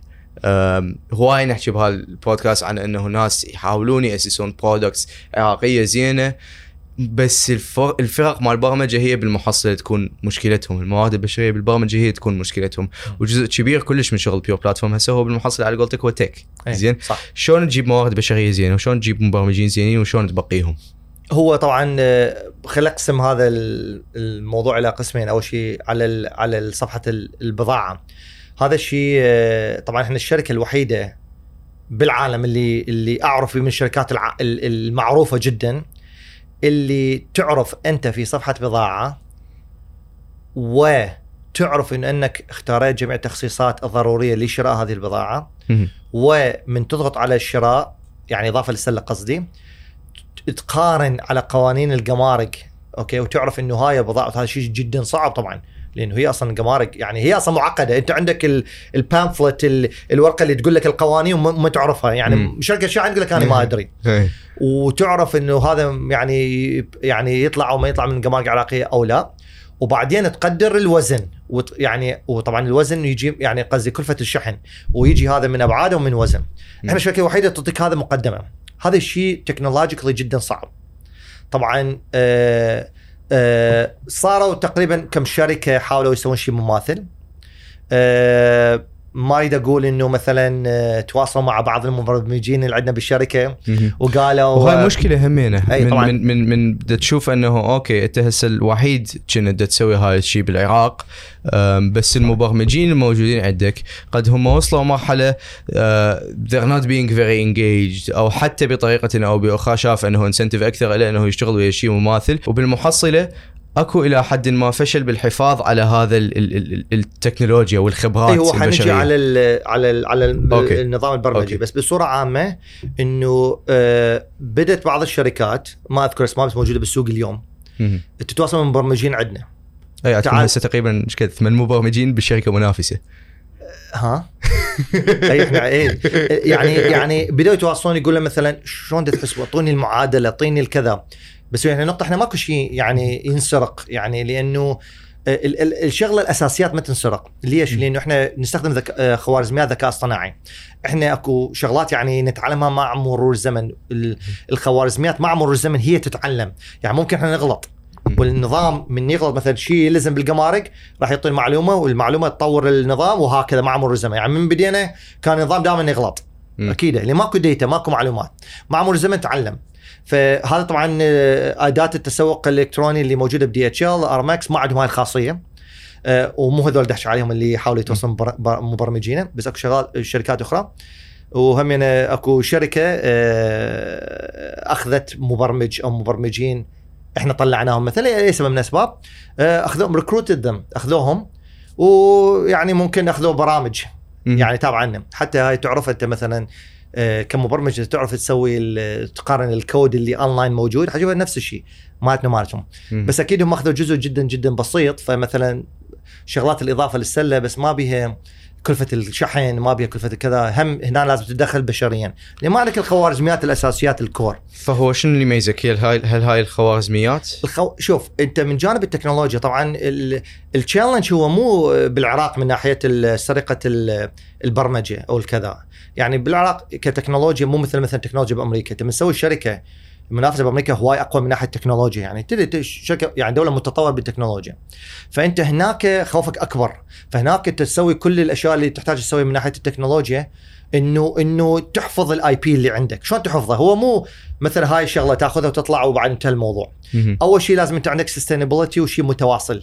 ثانيا أنت لازم عندك آه، آه، برمجيات يعني عندك roles و access عندنا مبرمجين هواية. مو كل واحد عنده access لكل شيء داخل يعني الشركة. وحتى أنت إذا وصلت لمرحلة فرضا مثل ما صار مثل مبرمج هو عن- عن- عنده البرنامج بالكمبيوتر أخذه وطلع مثلا. وراح هناك وسوى يعني آه، شيء مشابه وغير اللون وما إيش. يعني okay بس هذا حيبقى حيجمد على مستوى قبل تسعة أشهر قبل سنة قبل سنتين. ماكو تطور لأنه أنت هنا أنت هنا تسوي أنت بدك تخلق مو بس الكود أنت بدك تخلق ال engine اللي بدك تخلق الكود. وهذا شيء صعب هنا أنت تميزك. أنت اللي يميزك مثل مثلا آه، عندك أنت تسلا وكذا يعني السيارة تنتج بالشارع تصير وتجي دولة منافسة تفسخ السيارة وتشوف التكنولوجيا يعني مو شيء سري صح؟ تقدر تفسخ ال technology بس القوة مو بالتكنولوجيا طلعتها بس وهاي. وإنما ال system ال engine أو ال engine يعني المحرك المستمر اللي اللي ينتج الأفكار وينتج الكذا. هذا موجود عندك. فهذا كله كله ضروري. فمو واحد ما راح يأثر بشكل جذري أو كبير على الشركة. وهاي okay. الخاصية اللي الشركات بامريكا تتميز اللي تحاول تسويها وتخلقها حتى يصير الذهاب من شركة لشركة أقل تاثيرا عليها. فهمتك. طبعا ما جاوبنا الجواب الثاني على المبرمجين والعراقيين والكذا. يلا اي ال- ال- من ناحية المبرمجين العراقيين طبعا آه، إحنا بدينا بجيجا بايت وقبلها بدينا آه، دربنا بعض العراقيين اللي بأمريكا. واشتغلوا ويانا بشركات أمريكية من قبل عشر سنين فعندنا مبرمجين الآن صاروا architects senior architects يعني مصممين بر- برمجيات في أمريكا ورواتب عالية وخبرة عالية وكذا. فهذول الآن جزء من بيور بلاتفورم فأنت من تتكلم على عراقيين يعني ممكن إحنا دربنا إحنا دربنا كل مبرمج عندنا بالشركة 100% مهم. ما اجى مبرمج هو مبرمج واستمر مبرمج. إحنا. كل كل واحد مره في مرحلة تدريب. فأنت ممكن عندك هذا ال- ال- المصمم اجى واشتغل 10 سنين كسب خبرة والآن يشتغل ببيور بلاتفورم صح هو صح عراقي. بس بنفس الوقت هو اكتسب خبرة في دولة أمريكية في في أمريكا يعني وتكنولوجيا جدا حديثة ومتطورة. وطبعا 2016 إحنا بدينا مبرمجين وكذا واشتغلوا على تك تك آه شركات يعني صحية وفنتك ومدري إيش وكذا فتعلموا وت ونظروا إلى تطبيقات عالمية يعني مو بس شغلات يعني محلية وكذا. فاللي يشتغلون ببيور بلاتفورم مو حصيلة آه أشخاص إحنا دربناهم بس ثلاث اشهر بس عندنا أشخاص اليوم أساسيين بالشركة دربناهم قبل سنة قبل سنتين وتطوروا وكبروا وإحنا دائما عندنا دورات تطويرية داخل الشركة كلها للمبرمجين ويضطرون أكثر وأكثر كل واحد حسب تعطشه للتطور. أنا أنا اريد أسأل هو ليش أصلا ان هاوس هذا كل الشغل ده يصير. وهل من الواقع إنه ينطي الأيجنسي فد يوم هذا شغل البرمجة وشغل التكنولوجيا؟ هو انت آه، طبعا آه، الهدف أكيد كش- كشركة هو مو الهدف إنه إحنا مثل ما قلنا حتى لو كان خيري أي. وتساعد الشباب العراقيين لازم يكون sustainable. إذا sustainability جت من إنه أنت تسوي outsourcing. نظريا مم. أنت ما يصير توقف أمام التطور. صح. نظريا. صح. مو معنى إنه إحنا خطتنا اليوم نطلع المبرمجين ونسوي out بس هي أنت مو شيء يعني خيالي إنه أنت تعتمد على فريق in-house يعني جدا كلش possible. ومو شيء يعني out of the ordinary أو شيء غريب كلش إنه أنت تسوي hybrid يعني أنت إذا تريد تطور الشركة لازم تتطور حتى إنه إذا اضطريت تسوي out فهذا مفتوح المجال. يعني مو إحنا عندنا فد فالدين ضد هذا الشيء يعني إنه لازم أنت هيك يعني it's not يقول لك it's not, إيه، it's not written in the Bible يعني. فهمتك فهمت. هسه مبدئيا آه، إيش قد من المردود المالي دي يجي للبيور بلاتفورم هو يجي من موضوع الأسواق العالمية وإيش قد من شغلة الأسواق المحلية و system ال points هذا؟ لا انت انت كل المشاهدين لازم يساين an NDA اي okay زين. يعني آه، بس لا، لا، أنا أنا, آه، أنا تخيلي زين إذا ما تحكي لي أنا راح أقول لك إنه أنا أتخيل إنه 80% أو أكثر من ال profit هي فعلا تجيكم من موضوع الأسواق العالمية. هو إحنا حاليا عندنا بس الأسواق العالمية. إحنا حاليا في صدد يعني انطلاق ال other two market بس صارت تأخيرات آه، بال physical market يعني. إحنا أول شيء أطلقنا السوق المحلي اونلاين آه،. فترة آه، قبل يمكن وصراحة آه، صار الإقبال عليه أكثر مما إحنا صورنا التوسع السريع في مجال معين sometimes مو دائما يكون شيء مرغوب. يعني آه، لازم التوسع المسيطر عليك هذا أفضل من توسع يعني مو شرط إنه أنا يجي لي مليون أحسن من ما يجي لي 10 لا مو شرط يجوز 15 أفضل من مليون. حسب قوة توسعك أو سرعة توسعك. كمحلات تقول كمحلات. فإحنا إيش سوينا؟ من أطلقنا السوق المحلي صار عليه رغبة أكثر مما توقعنا إحنا صراحة قام يجونا 50 أو 60 شركة يسجلون باليوم. إحنا نسوي due diligence على الشركة اللي إحنا ما نريد أي واحد يدخل جميل يقول اني أبيع قمصان وهو لا له علاقة بالقمصان ولا ال style مالته زينة مال قمصان زين. ويقول لك آه، آه، أنا مو تعليقا على القميص اللي لابسه انت بس بس لا تعليقاً. أنت، إيه. okay. لا تعليقا pun intended يقولون إيه. آه، فلازم نسوي due diligence due. diligence تدري بالعراق شوية صعبة بأمريكا سهله اعطي رقم تعرف إنه هذا تاجر okay أو حتى لو بالبيت عنده رقم يقدر يسوي إنه تاجر ببساطة بالعراق ما تقدر تعرف انت. جزء تاجر كبير جدا ما مسجل. وجزء مسجل هو مو تاجر ما تدري. فهذا challenge فإحنا اعتمدنا نظام ال- نسوي ال verification على ال social media يعني إذا هو تاجر إذا إذا يبيع يعني على ال social مبين هذا يعني الانستغرام مو سواها اليوم على مود يسجل. مبين يبيع وناس تتواصل وياه كذا okay. يعني أكو طريقة نسوي verification بالتطبيق ويعطي رقم سري ومدري إيش. okay نوافق عليه فصار ال volume جدا عالي فما قدرنا إحنا نسوي verification بالشكل السريع أو نوافق على الحسابات بشكل سريع فوقفنا التسجيل. okay. من وقفنا التسجيل يعني وقفنا السوق المحلي فقلنا okay خلي إحنا ك startup company لازم تكون شجاع. لازم تكون مرات أنت توقف. ما يصير ها لا خلي مو ما يصير مو أني أنت مرات أي استنزاف أي كذا توقف تقول okay أرجع له خلي هذا صفحة خلي اركز هنا لازم تكون يعني جدا focused وجدا تطور مو تريد كل شيء يعني وهوسة. فانت هنا رأس- وقفنا we pause السوق المحلي. ركزنا على العالمي ومشيناه مشيناه استقرت الأمور كل شيء تمام. هسه إحنا يعني بصدد إطلاق السوق المحلي آه، قريبا جدا. عندنا هسه أكثر من 1500 بضاعة آه، متوفر من تجار مختلفين وتكون مباشرا تروح من التاجر للزبون بشكل مباشر. آه، هل يعني عدا ذلك هو شنو ما دام أنتم عندكم هسه اليوم انفراستراكشر للتوصيل أو على الأقل متعاملين ويا ناس التوصيل هل توفرون التوصيل للتاجر هذا لو هو من يمه يسوي؟ إحنا تاجر آه، بس يسوي حساب والباقي كله علينا. okay. تيجي شركة توصيل تستلم البضاعه تطلع كلها بنظام تكنولوجي 100% ما يتطلب ولا موظف من شركة بيور how did you scale يعني شلون بديت أنه أكيد بهيج شيء أكو economies of scale أكو أنه من توصل كمية معينة أكو option ينفتح لك بغير طريقة من التوصيل تكنولوجيا ما أدري يرخص عليك الشغل. إيش وقت صار هذا ال scaling وشلون؟ لو ماكو نقطة معينة تشوف. آه يعني من ناحية عقودنا مع الشركات الأخرى؟ مثلا. آه صراحة ماكو شيء رخص مع مرور الزمن آه أني بس حكيت قصة اقتنعوا بيها من أول يوم إنه حنصير وحنصير وحنصير واقتنعوا وسوينا عقد وعقد كان جدا آه زين واستمرنا على هذا الشيء. آه ما وصلنا مرحلة اليوم نقول نسوي رينيغوشيشن مم. إحنا بعدنا. صح إحنا كبرنا كلش وعندنا 50 موظف كذا بس يعني تركيزاتنا على شغلات معينة ما. نقدر نشتت هواية وكذا فما وصلنا مرحلة إنه نرجع بعد نضغط على شركات الشحن شركات التوصيل تعال أعطوني بعد مبلغ أقل وما أدري إيش وكذا وما تسوى يعني مم. يعني تأخذ 100 دو- دينار إضافي على الش... على التوصيل تأخذ كذا على, فمو هذا المستوى فلذلك إحنا ما فكل شيء اللي حصلناه هو بناء عن قصة حكيناها بالبداية شوف التطبيق هيك حنصير هيك حنسوي وهذا اقتنعوا بال... بالشركات ووقعنا العقد وهذا الشيء مم. من ناحية التكنولوجيا إحنا طبعا آه، آه،. مرينا بثلاثة Black Fridays يمكن تقريبا. آه، أول وحدة جدا تدمرنا طبعا. ما كنا متوقعين حجم الطلبات اللي صارت بيوم واحد. بحيث كنا دخلنا نشتري. يعني حتى الفريق الشراء إحنا عندنا فريق شراء. كنا دخلنا يعني اول أول واحد أول انطلقنا. يعني كان عدد جدا هائل ما قدرنا نشتري يعني كنا بنفس الوقت فاضطرينا نجيب موظفين إضافيين وحتى فريق الدعم التقني أتذكر سويناه في في اثنين. كانوا بوقتها أربعة مم. ثمانيه وهيك شيء.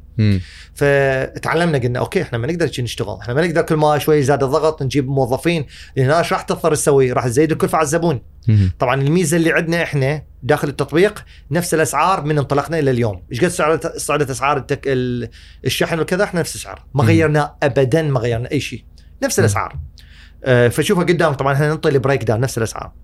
فالفكرة إنه okay شلون إحنا نسوي automation حتى نبتعد عن الكلفه فسوينا automation على هواي من الشغلات مثلا التتبع.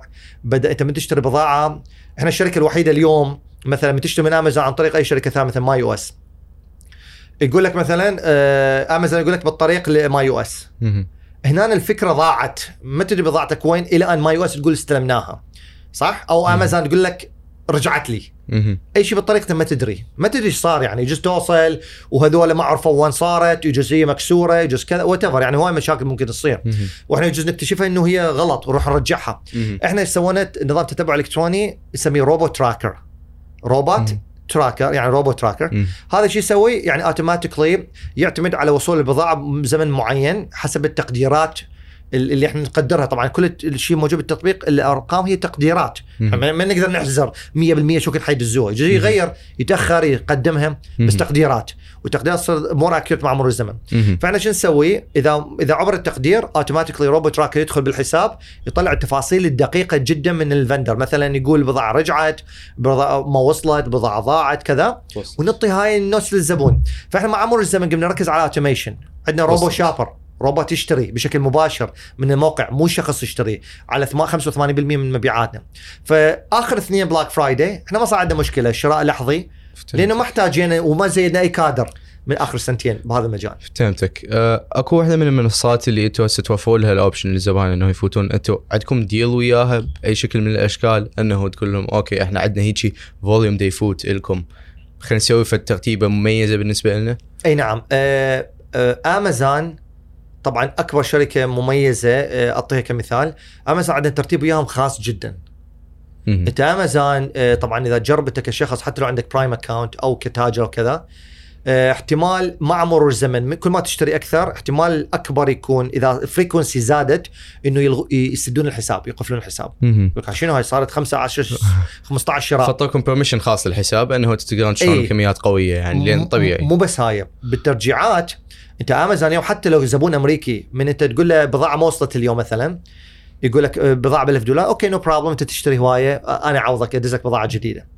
بدون نقاش مرة ثانية تخاف تقول هاي بضاعة 1000 دولار هم ما وصلت لا يصير علامة استفهام يقول لي لحظة أنت مو كل. يوم كل يوم تطلب ايفون تقول لي ما وصل صح؟ فمع مرور الزمن اثنين أو ثلاثة أو أربعة امازون يقول لك بعد ماكو. توصل مرحلة وهي صارت عندنا بالبداية يصير تحقيق بوليس تحقيق. يجون للمخزن. يجون بوليس يسوون police report يسوي الكاميرا تعال انت قول لي مدري إيش كذا وصلت ما وصلت والوقت وياخذون صورة وهاي. مع مرور الزمن الآن امازون صار سنة ونص تقريبا إحنا ال treatment مالنا تختلف وياهم. إحنا ما عندنا وقت تجي بضاعة جدا هوايه يعني آلاف البضائع تجي باليوم إحنا ما نقدر وحده وحده نشيك بثانيتها من هذه بالبضاعه ما نقول له انتظر تعال سوي scan على كل وحده عاد تشوفها فأنت من يطلع تقول له يابا ترى عندي 20 قط- قطعة نقص عندي كذا عندي كذا. فاتفقنا وياهم حتى نمشي ال process إنه ندز لهم Excel sheet بها. تفاصيل بنهاية الأسبوع مرة مم. بالأسبوع أو مرتين بالأسبوع ندز لهم إياه إلى الآن تقريبا آخر سنة ونص أو سنتين 100% approval rate من امازون 100% مهم. ما يناقش ما يقول أي شيء. فهاي جزء من التسهيلات اللي حصلناها من امازون وهذا الشيء طبعا خرافي. هاي ما نحصله يعني بسهولة صح. تمام؟ فهاي واحدة من الأشياء. طبعا Brands For Less عندنا اتفاق معهم مباشر عقد مباشر بالإمارات. آه عقد يعني تقريبا حصري بالتخفيضات اللي حصلناها اونلاين وهكذا. وهذا هدف إحنا مالتنا إنه نتعاون مع الشركات العالميه حتى نسوي شغلتين. ناخذ تخفيضات للزبون العراقي بس أيضا نمدد مدة الترجيع. فهمت Brands For Less مدة وصلت. 14 يوم سويناها شهر. وصلت. okay. بس إنه يعني الزبون العراقي شنو أصعب الشغلات من الشغل على هيك business؟ شنو هيك؟ توقعات الزبون العراقي. okay. آه شوف ال- يعني آه ما أخفي عنك طبعا أكو هواي مشاكل بهذا ال- field. و, و يعني مرات مثلا تجي بضاعة وتوقف بالجمارك okay؟ طبعا إحنا مو شركة شحن. مم. هاي مرات مثلا زبون يتعارك ويانا ليش بالجمارك صار له أسبوع. okay لا أنا شركة شحن ولا أنا مخلص جمركي مو اختصاصنا إحنا يعني إحنا مو شركة نقل الشحن إحنا تطبيق نسهل عم نربطكم مع DHL والباقيين أو. FedEx أو كذا آرمكس فواحده من المشاكل آه إنه بالعراق ال infrastructure يعني به هواي مشاكل صح؟ يعني هنا مثلا نتواصل مع شركة ال- ال- الشحن نقول له يابا ليش بضاعة بالقمار يعني اعطيني معلومة حتى أقولها للزبون إيه. توصل مرحلة يقول لك والله هذا الموجود هذا العراق زين okay أنت ش... حتى أنا وصلت مرحلة أضغط عليهم أعطوني ورقة رسميا مكتوبة حتى أنشرها بالسوشيال ميديا. أشوف يعني نقول للزبون يقول له يابا شركة الشحن تقول لك هذا الموجود. يعني شو تسوي؟ أنت ما تقدر تدخل يعني شو تسوي؟ إذا ضابط ال- الگمارك قال لك تبقى عندي مثلا زين okay. إيه. وشركه الشحن تقول لك؟ تعال تريد تجي تفضل. وشوف هو الضابط يقول لك أنا ما اطلعها هسه. مو ببالي اطلعها زين أنت شو تسوي؟ فإنت أنا يابا تكتبون شيء رسمي؟ لا إحنا ما يصير نكتب شيء رسمي. زين أنا أنا صرنا بالواجهة قدام الزبون. الزبون يقول شنو بضاعتي؟ آه صار 10 أيام بالقمارك زين. الشغلة الثانية من ناحية في هذا ال infrastructure طبعا الدفع الإلكتروني صارت عندنا سرقات بال credit card ناس تشتري بال credit card هي مو credit card مالتهم. اكتشفنا شنو؟ منافذ توزيع رواتب. هذا تجي الخطية المتقاعدة وكذا يعطيه هويه هذا شو يسوي؟ هو منفذ يعني حتى ما يخاف ما يستحي. مم. هو منفذ عنده الهوية يشتري اونلاين ويوميا داز هوية وإحنا جانا هوية جتني هوية يعني خلاص وكذا ونشتري. جتك هوية بعد. بأمريكا شي يريد يقول لك إذا يشك يقول لك اعطيني هوية اعطيته الهوية بعد انتهى الموضوع ما يدري التاني صاحب الهوية. فتمشي العملية. الآن الآن آه، يعني إحنا اكتشفنا وصلنا مرحلة اكتشفنا إنه تصير سرقات قمنا إحنا شو نسوي؟ نطور خوارزمياتنا اللي اللي تحاول تكتشف هاي العمليات المتكررة المدري شنو هاي الشغلات هواية. ووقفنا العمليات. قمنا ننتج أسماء الأشخاص وأرقامهم اللي يبوقون والمنافذ. قمنا نتواصل مع الشركات البنوك والكذا اللي تصدر هاي البطاقات كذا يقول لك والله شوف يعني هو صوت الزبون. يعني هو المفروض إيه. ما يعطي هويته. ما إحنا إيه. م... يا أخي أوكي بس هذا زبونك يعني. أنت غير لازم تحل مش... هسه أنا بالنسبة لي اذا إذا باق واحد credit card مال واحد اشترى بيه أنا ما يهمني شو علي يعني صح؟ آخذ الفلوس وأربح. تعال سوي يشت- يشتكي وأنا أثبت إنه تم الشراء وانتهى الموضوع. أنا ما أخسر شيء.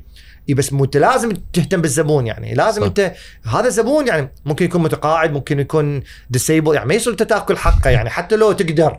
أي. مو معناه automatically لازم. بس هاي مشكلة إحنا واجهناها بالعراق. ما يهمهم مم. يعني ماكو good consumer protection يعني لاز يعني حماية قوانين المستخدم. حماية المستهلك مثل مم. أمريكا مثلا جدا قوي انت من تقول له هيجي آه، سرقة الهوية تعتبر federal crime federal يعني دخل بها ال FBI مو الشرطة المحلية الشرطة المحلية ما الح- الشرطة الم- الد- ال- ال- الفدرالية. الفدرالية اللي هي ال FBI إذا. واحد سرق بطاقة أو اسم بالعراق يعني هاي واحدة من المشاكل اللي واجهناها إنه قد ممكن لا ترتقي إلى مشكلة كبيرة جدا ممكن تحلها قانونيا وكذا حتى توقف هاي العملية. يعني ده هاي خلاص. انت لازم بالتطبيق لازم تمنع هذا الشيء. فهاي من ال challenges ال infrastructure هو challenge كبير. توصيل.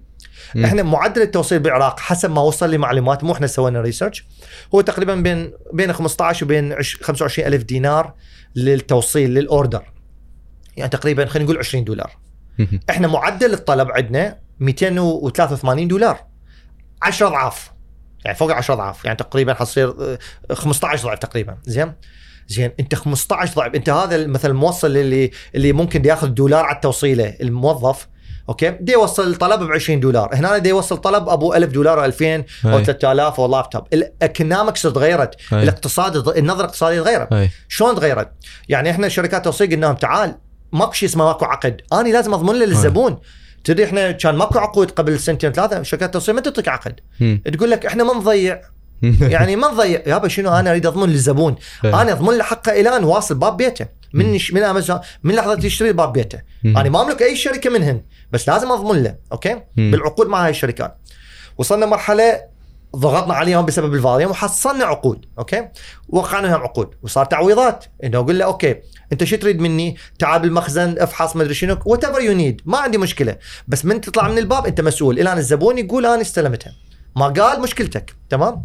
حتعوض الزبون. أنا ما أربح بالتعويض. أنا أربح من توصل البضاعه والزبون فرحان. فوصلنا مرحلة شركات توصيل قالت لا لحظة تعال. شو أنا قمت أعطي تعويضات أكثر من ربحي. لأنه أنت ما توصل بضاعة ب 20 دولار و15 دولار بدك توصل بضاعة. صح. إحنا أكبر توصيل وصل عندنا كان بالنجف يمكن 25 ألف دولار توصيل ال order واحد. أي. يعني زبون مو تاجر. زبون هو مرته وكذا شو 25 ألف دولار. يعني بضاعة يعني هايلة أنت وين تحكي 20 دولار. وين انت هذا بالتوصيل يجوز ماطور يجوز كذا يجوز سيارة إيش مدري شلون يطلعون. وشال بضاعة ب 25 ألف دولار. حتى جوتشي ومدري إيش. بالنسبة لشركة التوصيل تسوي هيك عقد وياك هواية. اذا إذا تطلع من range معين. يرجعون يقولوا لي لحظة ترى هاي مشكلة. تعال انت تجيب شركة insurance يعني شوف إحنا قمنا قمنا نسوي challenge لل infrastructure العراقي. أي. ب- ب- بش- بالبيع المبيع مالتنا. قمنا. نسوي challenge يعني. حتى by the way إحنا من انطلقنا ترى سعر الباوند بالعراق إحنا غيرناه نزلناه إحنا بالعراق كله لأنه سعر الباوند مال US والشركات الاخرى كانت تعطي يعني أقل شيء كان يمكن 10 دولارات أو 12 دولار للباوند ما ذكر بالضبط. إحنا أول شركة نزلتها للستة والسبعة بوقتها لا 7.7 أول من انطلقنا وبدأت الشركات كلها قام هسه hover around the same number يعني كلهم. سبعة ستة سبعة مم. ونص كذا مم. بس إحنا يعني إحنا سوينا منافسة نزلنا الأسعار. صار اكو تنافس يعني الكلفة نزلت و by the way إحنا من انطلقنا كان الشركات تاخذ 10% جمرك. والجمرك محدد هو مو مو شيء تاخذه بكيفك يعني مو ربح هو صح؟ أي. فقام كان تاخذ 10% أو أكثر إحنا ترى نزلنا الخ... إحنا أول شركة كان تاخذ 5% ليش وش قد الأصل يعني هو بضاعة الجمرك انت من تاخذ بضاعة زبون تجي كمجموعة يصير بضاعة جمرك على الشركة انت ما. تجي بضاعة نعم. personal وحدة نعم تجيب بضاعة B2B يسموه. التجار فهاي ال- الجمرك اللي شركات الشحن هي تسوي التخليص الجمركي هو يعطونا وصل بيه إحنا. عندنا وصل رسمي ال- ال- الرسوم الجمركيه. فهم يعطونا الوصل الجمركي اللي هو تقريبا هو خم- 5% فاحنا. ناخذ من الزبون 5% على. البضاعة فهاي. ناخذها من الزبون نعطيها للتاجر بس قصدي يعني إحنا سوينا ضغط على السوق نزلنا الأسعار. يعني which is good. أنت سويت تخلق منافسة بالسوق. فسعر الباوند بعد ماكو شيء اسمه 10 12 دولار صار 6 7 م. القمرك ماكو شيء اسمه 10 اليوم ما تسمع 10% صار 5% كل مكان. هذا إحنا أول شركة إحنا سويت هذا الشيء يعني. آه يعني ما أقول أول شركة جزء اكو فد page أو فد شيء بمكان بس يعني الشائع كان.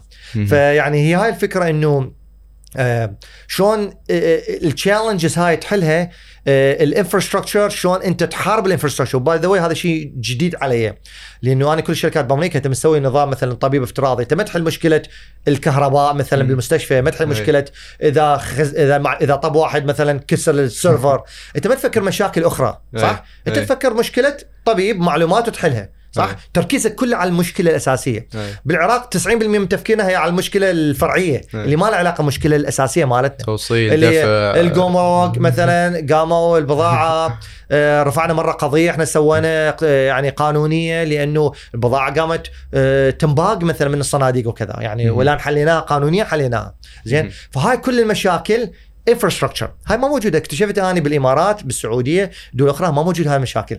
يعني العملية much more smoother يعني أسهل. ال- ال- النقطة الثانية الجانب الثاني من ال challenges اللي واجهناه هو التوقعات ال- ال- ال- ال- الزبائن. يعني أنت الآن مثلا الزبون يكون ما مشتري قبل. الآن شوي صار عنده توقعات غريبة يعني مثلا أكثر من طبيعي. يعني مثلا ليش بالقمارق 10 أيام أنا ابن عمي مثلا وصلت له البارحه اي إي okay عزيز هي القمارق مو سدت الباب. إيه. بس ممكن بضاعة تطلع ممكن بضاعة تبقى. ما أدري أنا يعني حسب الصندوق حسب الشحنة. أنا ما أدري شركة التوصيل شركة الشحن نفسها يجوز شحنه شيء تعبر شو مدري دا تعبر شيء ما مسموح لهم. ووقفتها القمارق زين أنا هذني الشركات الشحن عالمية هذنا. ما أدري اشحن عن طريق أبو فيصل أو أبو حمزة صح؟ إيه. ما أدري عن طريق فيدكس دي إتش إل وارامكس شركات عالمية. زين. إذا انت ما تشحن شركات عالميه شلون تجيبها بالجنطة ما تقدر. فتبدا تسوي شركات شحن عالمية. زين إذا شركة شحن عالمية عندها مشكلة ويا القمارق صار okay؟ إيه. ما أدري شنو المشكلة. ما يقولوا لي صح؟ ما راح يقولوا لنا هذا الشيء. إيه. فيجوز مثلا صندوق معين مثلا شحنة معينة. فمثلا إحنا اليوم عندنا شحنات كلش هواي تجي. وقفت عندنا ثمان شحنات. هواي زبائن اشتكوا. أنت ابن عمي وصلت بضاعه أو مرات حتى شركتنا توصل بضاعه اي okay. إيه. عندي شحنات تجي. بس مو كل هاي وقفت هاي وقفت إيه. دام توقف؟ لا. شنو السبب؟ ما أدري. أنا هذا أنت بالعراق. ما أدري. يجوز توقف باكر. يقول يعني تضمن لي بعد ما توقف أبد؟ لا والله ما أضمن. شلون أضمن لك يعني؟ أنا اللي أقدر أضمن لك إياه. إذا ضاعت البضاعه أعطيك فلوسها وصلت غلط آه، آه، كذا. أعطيك ال updates أنا أحارب لك أحارب لك ليش؟ لأنه أنت إذا طولت وضاعت كذا أنا حدفع لك من جيبي وأخسر. أنا حخسر من جيبي أدفع. ودفعنا هواي مبالغ. Black Friday الأولى اللي خسرنا بيها 60 ألف دولار خسارات دفعنا بشهر واحد لأنه شركات الشحن 60 ألف دولار من جيبنا دفعناه تعويضات مم. للزبون. شركات الشحن ما دفعتها. فإحنا الفكرة انه إنه يعني يعني أني أخسر قبلك أنت إنه القمارق ما طلعتها أو إنه بالطريق تاخرت أو ما وصلت. أنا قبلك قبل ما انت تخسر أنا خسرت أكثر منك. مم. يعني نظامي sustainable ماشي على نظام دفيد. اني دوكل موظفين وكذا ما أدري شنو. غيرك أنت بضاعه جزء تتأخر جزء كذا. فهي هذا إحنا إحنا الفائدة مالتنا مشتركة إحنا والزبون. يعني ترى إحنا وياك إحنا مو إحنا مو إي يعني ما لي علاقة بالقمارق وأنا ادفع الفلوس من. جيبي. فتوقعات الزبون ممكن تكون يعني ناتجه عن أشياء مثلا ما متوقعيها. زين. ليش ال credit card تأخذون عمولة؟ هاي شركة ال- البنك مالتك ياخذ عمولة يعني إحنا ما ناخذ عمولة. إحنا ما ناخذ أي عمولة بالتطبيق خارج العمولة الخمسة بالألف ونوضحها نقول هاي عمولتنا. ليش مثلا هذا آه هذا الدفع الإلكتروني ياخذ فلوس؟ زين ليش. هذا؟ ليش. شركة توصيل على أساس يوصلوها اليوم ووصلوها ثاني يوم؟ إي okay إحنا نتابع وياهم يعطونا guarantees بس إحنا نتعارك وياهم وما أدري شنو لا توصلها فاكو توقعات. إحنا واحد أعطيك واحدة مثلا interesting. واحدة من المشاكل.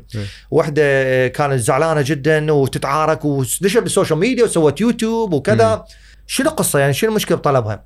قالوا هاي يعني البائع مثلا ما دز البضاعه وهذا الشيء يصير. طبعا. مرات الناس يقول لك معقوله امازون تغلط؟ آه طبعا جدا كبير بنسبه جدا كبيرة، مرات بضاعه ما توصل وامازون تقول لك وصلت، يعني نعم. كلش هواي مشاكل، فالمهم فقالت آه شنو طالعه من البائع صار لها أسبوعين وإلى هسه ما وصل مخزن أمريكا. okay إحنا عندنا بالتطبيق نسوي update دائما، فمثلا إحنا من تعدت المدة تلقائيا أرسلنا message إلها notification قلنا لها تواصلنا ويا البائع راح نتواصل ويا البائع. تواصلنا ويا البائع. البائع قال sorry ما أدري شنو كذا راح يدز بضاعة جديدة وباكر وكذا وصلنا update okay؟ هاي اشعار كلها جايتها. قلنا يابا ترى موجودة عندي دخلي هنا شوفي الإشعارات. إيه. قالت زين لا هذا هذا مو حكي هذا. يابا ليش؟ ليش زعلانة يعني؟ اللي أنتم المفروض تخابروني تقولي لي هذا الشيء ما دام صار تغيير. زين مو إحنا تطبيق تسوق إلكتروني شلون اخابرك فمعظم ال challenges يكون بالتوقعات. أعطيك مثال. جدا بسيط آخر آخر واحد. إنه آه مثلا هسه بالسعودية يعني كن كنا تود نسوي market survey وكذا. آه تقول للزبون السعودي إيش قد يكلفك الشحن مال الحذاء يعني pair shoes طبعا يكلف كل مكان حتى بالعراق 150 إلى 200 دولار شحن express express أنا احكي. مو بحري أو كذا لأنه هو يعتبر آه، حج- وزن حجمي ويأخذه في 30 دولار في 20 دولار يطلع غالي. في كل مكان هذا يكلف الكلفة بالسعودية أغلى فإحنا بالعراق شحن ال- ال pair shoes وبال إحنا الوحيدين نجيبه بالتغليف الأصلي إحنا ما نشيل نشيل ال- الغلاف ونسوي wrapping بورق إيه. لا اديداس يجيك اديداس بال هو بالحذاء بال إذا أنت تريد تقلل الوزن توفر لك 15 دولارات وتشيل الصندوق بكيف قول لنا وإحنا نشيل يعني نسوي special request. المهم فإحنا نشحن no more than 20 إلى 25 كيلوز عن دولار. بس. هاي تعتبر هدية بكل مكان بالعالم يعني هسه بالسعودية. ها شنو؟ معقولة أجيب 10 أحذية بسعر حذاء؟ إيه. بالعراق مو كل واحد يفهم هذا الشيء لأن ما عنده خبرة التسوق الالكتروني يقول لك لا غالي. شنو؟ هو الحذاء هو كله 100 دولار. إي عزيزي يعني هو هذا الموجود. يعني إحنا ما نقدر نغير إحنا مو عندنا طيارتنا الخاصة حتى نخلي سعرنا الخاص. شركات شحن هذا style مالتها هاي التوص- التوصيل بالعراق غالي. زي هو التوصيل بالعراق اذا هو هيجي. يعني إحنا ما نقدر توصيل مثلا 5 دولارات 4 دولار غالي. إي okay هو هذا التوصيل بالعراق. فإحنا المشكلة يعني أكو شغلات هي موجودة. زبون مثلا يراد له فترة يعني شوف الزبائن من يشترون فترة بعد ما ما يسأل بهالأشياء. بس يقول لك لا شحنكم غالي. أو مثلا يضيف اللي يضيف قنفة. okay؟ يضيف قنفة. زين يقول شنو؟ هي سعرها 100 دولار. زين شنو أنت شحنه 20 ضعف؟ شنو 2000 دولار شحن؟ اي okay عزيزي ما هو التسوق الإلكتروني. إذا تسوي شحن جوي أكو أبعاد. أو مثلا bicycle عندنا أكبر مشكلة bicycle والتلفزيونات. هذا التلفزيون 100 دولار 150 دولار. شنو شحنه؟ 700 دولار. سبع أضعاف. أنتم شحنكم غالي. يا أخي هي مو قصة غالي إحنا شحنا اشحن شيء ثاني مثلا؟ consumer product حاجة مقبولة. هذا لأنه شركات الشحن تأخذ الأكبر من الوزن الحجمي والوزن العادي، الوزن الحجمي هي معادلة وإحنا نستخدمها نفس المعادلة تستخدمها فيدكس وأرامكس و DH إحنا ما نزيد من عندنا، معادله معادلة اللي هي أضرب الأطراف في بعض هذا في طول في العرض في الارتفاع وقسمها على 138 نقطة 8 هذا إذا بالإنش. وإذا بالسنتيمتر قسمها على 5000 اللي يطلع لك هذا يعتبر pound وهذا مشي عليه. يعني إحنا مو مدى نخلق شيء جديد. لا أنتم سبع أضعاف الشحن. قنفة أوه يا 100 دولار. كرسي. هاي خاصة مال gamers هواي اي gamers هواي gamers يشترون منه تجميعات وكذا. يقول كرسي هو كله 80 دولار شنو شحنه ب 700 إي okay مو. لأنه حجم ياخذ المهم يعني هاي challenges اشوفه أنا شوية هاي مو challenges إنه مثلا شلون انت تخلي الشراء مثلا لحظي أكثر شلون تخلي كذا. مو بال core problem نفسها. وإنما كل حوالين المشكلة الأساسية. يعني نشوفها فهمتك بس هذا بعد خلاص أنت لازم you have to agree with يعني لازم تتحمل. إي أنا أتذكر أول مرة عرفتك بها كشخص هي كانت بورشه أنت تسويها بالمحطة همينة آه، عن ال blockchain okay؟ آه، أنا ما أدري بلوك تشين هي شنو بالعربي بس أتصور هي مفهوم كلش آه، مهم من الهوايه من الناس إنه يعرفون عنه. وجدا interesting هو وما أدري إذا حتكون له implications على حياتنا اليوم. بس أول شيء أنت منين أصلا اجى اهتمامك بشيء مثل ال blockchain eventually ال cryptocurrency وغيرها وغيرها من من هالمواضيع متعلقة ب trends اليوم نشوفها جديدة بالتكنولوجيا خلينا نقول on the bleeding edge. منين أصلا بديت اهتمامك وليش قلت okay لازم الناس يعرفون عن الشغله آه هو اهتمامي آه آه بالبلوك تشين اجى مثل اهتمامي بأي تكنولوجيا مثل cloud computing البرمجة السحابية. ال- يعني ال artificial intelligence ذكاء اصطناعي كذا. إنه هو ك ك كشخص يحل مشاكل problem solver لازم أنت آه، تكبر ال- ال- سلة ال- الأدوات اللي تستخدمها لحل المشاكل لأنه أنت حل المشكلة انت مو تجيب مثلا درنفيس تقول أي مشكلة أنا أي برغي أقدر أفتح بهذا الدرنفيس. لا أنت لازم تجيب ال- الدرنفيس الصح صح؟ تفتح. ال screwdriver صحيح حتى تفتح هذا. فأنت إذا ما عندك المام بتكنولوجيا جدا كبيرة مثل البلوك تشين أنت راح راح تأثر على حلولك لمش... لمجموعة كبيرة من المشاكل اللي حلها يكون باستخدام technology مثل البلوك تشين ف- فاهتمامي بصورة عامة بالتكنولوجيا الحديثه مثل quantum computing التكنولوجيا الكمية أو الحسابات الكمية. آه وال artificial intelligence كل هاي الأشياء الأخرى كانت نابعة من آه اهتمام بإضافة أدوات إضافية لحلول المشاكل. حلو آه إذا نبدي واحدة واحدة فهي شنو البلوك تشين؟ البلوك تشين طبعا هو عبارة عن آه، سلسلة من block ات زين هي عبارة chain مال blocks. blockchain. فمثل السبحة اعتبر مثل السبحة أوكي. هاي ال chain ال- ال block ات اللي بيها هو بشكل متسلسل أوكي مم. كل block هو عبارة عن مثل كشف حساب يعني أنت مم. عندك حساب البنك تروح تطلب كشف حساب هذا كشف حساب يقول إنه أنت هنا سويت إيداع 10 دولار هنا اشتريت قهوة بدولارين ماينص تصير. ناقص هنا ضفت 7 دولارات هنا صرت ناقص خمسة. هنا كذا هنا كذا هاي يسموها كشف حساب. أو بالإنجليزي يسموه ledger أوكي؟ أوكي. فتكشف الحساب هذا أي عم ال- البلوك تشين هو عبارة عن كشف حساب عالمي بكل حسابات العالم. مم. في مكان واحد. حساب واحد. كشف حساب عظيم. كل الحسابات بالعالم اللي عندها بيتكوين مثلا في هذا الحساب. معروفة. مم. جميل عنده كذا محمد عنده كذا كذا كذا. كلها هنا. مم. زين؟ الفكرة هنا إنه آه ال ال ال من يجي transaction جديد.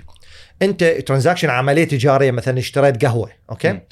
آه انت ما تجي تغير العملية بهذا الكشف الحساب اللي صار بالخرزة الأولى مال السبحة الجزء اليوم بدينا إحنا بدينا بلوك تشين جديد أوكي السبحة الأولى هي كل الكشف الحساب الحالي.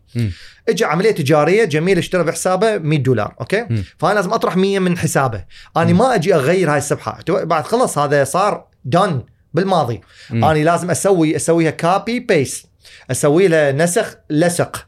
نفس الحساب مرة ثانية وأضيف عملية جديدة ما أغير. أوكي. يسموها immutable immutable transaction. مم. أني أضيف عملية جديدة ما أغير العملية السابقة. مم. إنه بدل ما أقول هو مو سوى ايداع 100 هسه مو اشترى ب 10 ما أقول له 100 خليني أقول 90 سوى ايداع لا هاي مو حقيقة.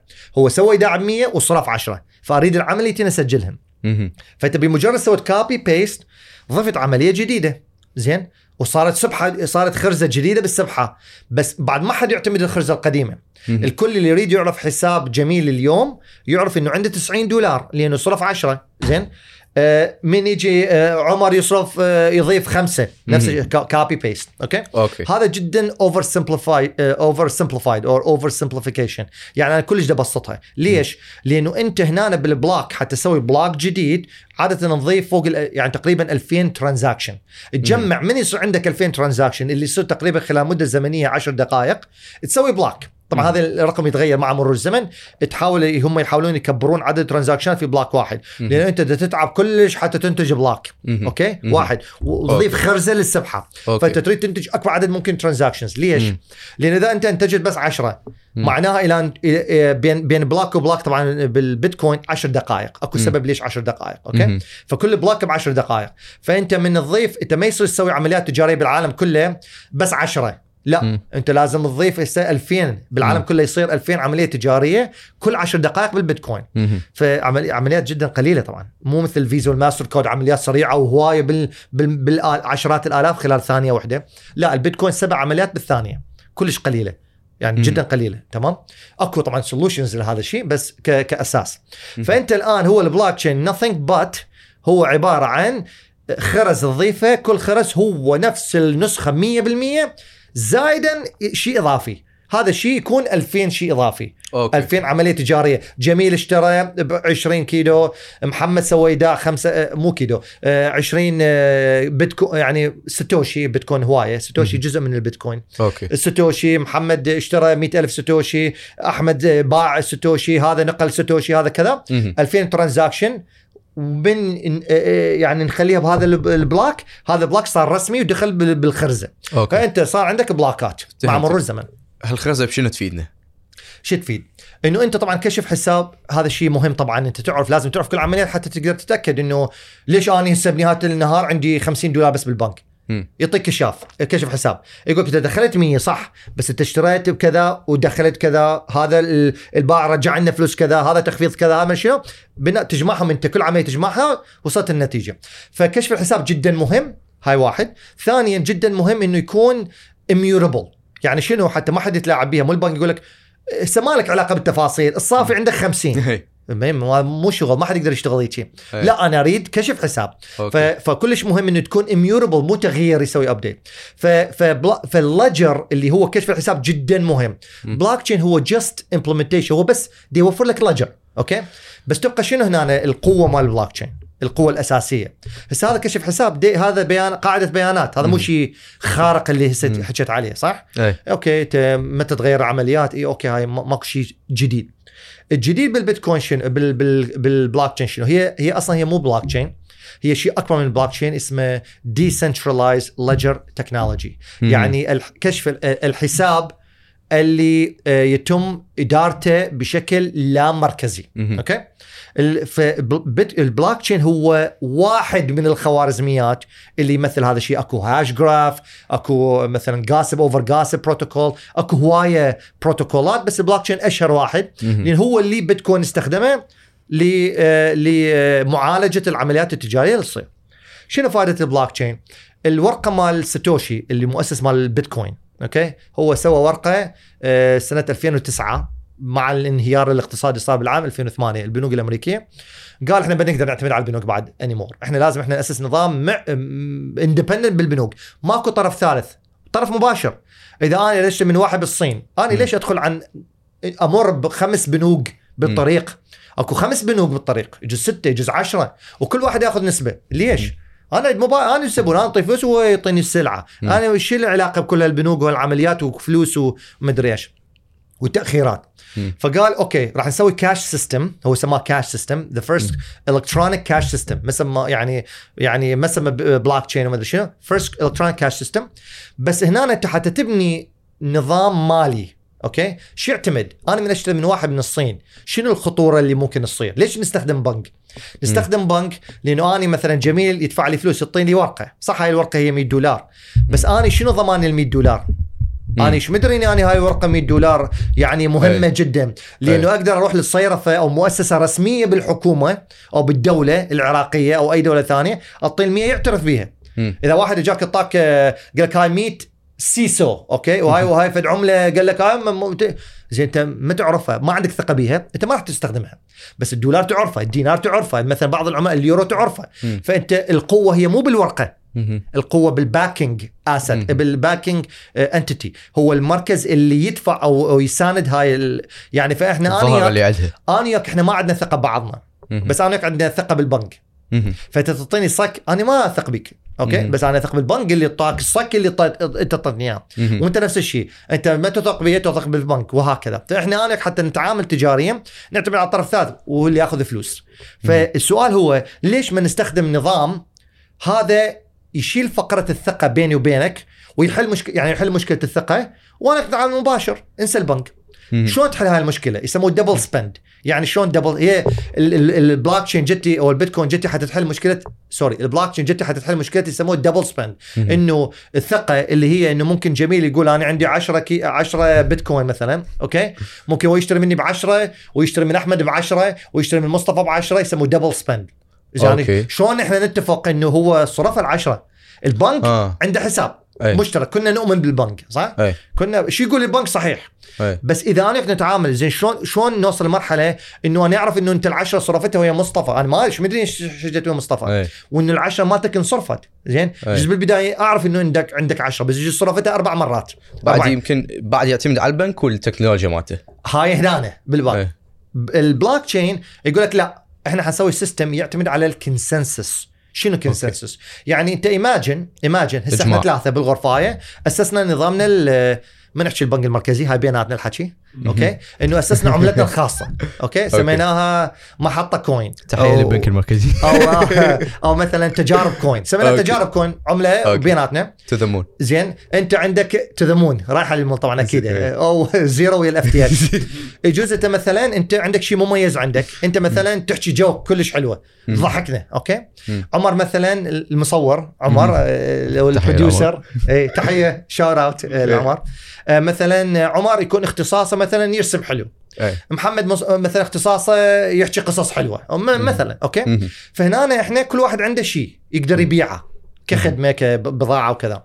زين. هسه إحنا نظام اقتصادي أسسناه وحدنا. زين. نقدر شو نسوي؟ نقدر نبدي من الصفر. هذا ما نحتاج أي شيء بس إحنا هاي شغلاتنا ثلاثة. هو هذا مم. اكلنا وشربنا هن هذين ثلاث شغلات. شو نقدر مم. نسوي؟ نقدر نتفق. اتفاق. نسوي consensus يابا. اذا إذا إحنا هسه وزعنا أنت عندك 100 تجارب coin. أنا عندي 100 تجارب coin وأنت. عندك 100 تجارب coin. مم. نتفق. اتفقنا؟ اتفقنا. سجل يمك كل واحد okay؟ إيه. سجل. هسه أنا أقول والله أنا ضايج شوية. يابا سولف في النكتة حلوة. زين؟ تقول لي النكتة تكلفك 10 تجارب coin. okay؟ زين. آه نتفق إنه أدفع لك 10 وأنت كذا. وانت مم. تحكي النكته. أني أقول يابا إحنا ما عندنا شيء اسمه coin ما عندي شيء بيدي اسمه coin ولا أنت عندك بيدك coin. عندنا ورقة وقلم. كتبنا 100 زين؟ أي. فأنا شو راح أكتب؟ يا جماعة بالغرفة كل واحد يسمعني أني حطي 10 الجميل okay. okay, فحقول أني ناقص 10 مالتي أنا صار عندي 90 زين؟ جميل يقول يا جماعة ترى أني حصير زايد 10 اي أنا حصير 110 والكل بالغرفة دا يسمع. ما دام إحنا ثلاثة إذا اثنين من ثلاثة اتفقوا consensus إذا اثنين من ثلاثة اتفقوا إنه حساب جميل صار 110 وحساب محمد صار 90 عمار حسابات 100 بعده أي. إذا اتفقنا إذا صارت هاي نقطة الصفر الآن going forward من من ورايح okay. okay؟ ماكو ما, ما تبادلنا شيء إحنا. إحنا أي. كله يعني بس ت... المهم نت... المهم نتفق صح؟ أنت شلون تخرب ال system؟ إذا اثنين آه توالوا على ال system. آه، خل... يابا خلينا نقول إحنا ترى محمد ما عنده فلوس okay؟ خلينا ناخذها 50 ل 50 الي okay؟ هاي ممكن تصير. هاي شو يسموها؟ 51% attack من أكو أكثر من 50% من الغرفة يتفقون انه خلينا نتفق بيناتنا. نوزع فلوسه. والله عنده هواي coin ات كبرانة وما ادري شنو. خلينا نوزعها نقول هو ما عنده شيء. تقدر تسوي هذا الشيء. وتسوي 51% attack إنه إحنا فوق ال 50% يتفقون يوزعون هذا. وتصير by the way كل الأوقات. تصير دائما. أنت من تقدم تتذكر قلت لك الخرزة؟ بها 2000 واحد يدخل transaction هاي اللي قلت لك العملية هسه هاي واحد من ال 2000 فإحنا عندنا 2000 يدخلن بالخرزة. لازم ال 2000 51% فما فوق يتفقون عليها يلا الخرزة تنضاف للسبحة. okay. إذا ما اتفقوا فإحنا دائما تصير مئات يجوز آلاف ال block ات. وهاي نا- ناس تقول لك يا معود خليها أكتب اني بلكي بلكي تعبر. زين؟ ويسوون power powerful يعني machines ويستخدموه يحاولون يمشون عمليات تجارية مغشوشة. okay؟ فيشمروها بلكي تمشي. زين؟ إذا مشت أنا صار عندي 10 بيتكوين 10 بيتكوين في ست في 20000 صار 200000 دولار وأنا كل شيء ما مسوي بس برمجيا قاعد بالمكتب. تمام؟ ف- فيصير غش بيها بس شنو قوة ال- البلوك تشين إنه ال consensus أو الاتفاق يصير لازم 51% من ال network يتفقون. على هذا الغش. okay. طبعا إذا أنت مرات ال coin ات الجديدة تبدي بها بس ثلاثة هاي راسا يصير بيها غش. أنت بسرعة تتفق وياه تقول له أنا اعطيك شوية كم ضحكة كم نكتة ببلاش. بس خلينا ناخذ فلوس محمد. زين؟ ممكن انت تغ... طلعوني. واطلع أنا أفلس وانتوا وأنا اصيح وكذا بس راحت علي بعد تمام؟ فإذا أنت ال network كبرت مع مر الزمن صرنا كنا إحنا ثلاثة صرنا خمسة. أنت لازم تتفق ويا كم واحد؟ لازم تتفق ويا ثلاثة ش... بعد بعد شخصين. إذا صرنا 20 لازم تتفق ويا بعد 10 حتى تصيرون 11 إذا صار مليون لازم انت تتفق مع 500 إلا واحد إلا يعني 500 ألف بالضبط وأنت أي. واحد صرتوا 51% فأنت الفكرة إنه أنت حتى تتفق ويا الباقين يعني تصير أصعب وأصعب تقريبا مستحيل مع مرور الزمن. زين أنت شلون تتفق ويا الباقين على transaction اليوم؟ هسه حلينا مشكلة الاتفاق ال consensus. لذلك بتكون هو ماكو شيء اتفاق بس. يابا انت عندك 100 وأنا عندي 100 وأنت عندك 100 هو. بدا بواحد بناء آه، ساتوشي حصل أول بيتكوين. زين؟ هسه يابا عندي بيتكوين كلكم خلينا نبدي من أني وأنتم كلكم عندكم صفر. زين؟ مع مرور الزمن أنت صار عندك نص أنت صار عندك واحد أنت صار عندك كذا ومع مرور الزمن صار اتفاق. فالسؤال هو okay زين أنت شلون يتفقون على transaction هذا صحيح أو مو صحيح؟ يعني شلون يتفقون؟ okay أنت بما انه كل واحد بمكان شلون تتفق إنه محمد وجميل اتفقوا هم قاعدين ببغداد وأبو الصين وأبو أمريكا وأبو الصين وأبو المدري شنو يتفقون؟ ترى إحنا ما نستخدم بيتكوين هنا يعني ترى ممنوع بالعراق يعني. خاف خاف آه، كو- موضوع يعني. عن- إحنا قاعدين كبير. بدبي okay؟ قاعدين بدبي دبي مسموح البيتكوين وتبادلنا وياك بيتكوين. فهنا كل الب... آه، لازم كل الأشخاص اللي بالعالم اللي عندهم machine شو يسوون؟ هنا صار أنت شلون تقنع واحد يجي يصير مشارك بال... بالتصويت؟ شلون تقنعه؟ قال okay. أقنعه إنه أعطيه reward ال reward أعطيه بيتكوين أعطيه ربح. زين. زين. اذا أني حتى يصوت أعطيه بيتكوين بس أنا ما كل واحد يصوت أعطيه بيتكوين يجوز واحد يصوت غلط بكل الأحوال. أني أريد يصوت ويفوز بالتصويت. يعني هو أول واحد يقول هذا ال transaction صحيح. مم. أول واحد. زين؟ هذا أول واحد أني حخلق له بيتكوين من لا شيء. إيه شنو هو؟ رقم. أي. مثل الشخطة مال دومنا من تعرف دومنا شخطت واحد. صار عندك بيتكوين جديد من لا شيء okay؟ أي. واعطيه إياه وقدام الناس. هي هذا نجح أعطيه إياه تمام؟ شنو ال... ال... أنت حتى تشارك شلون تصوت؟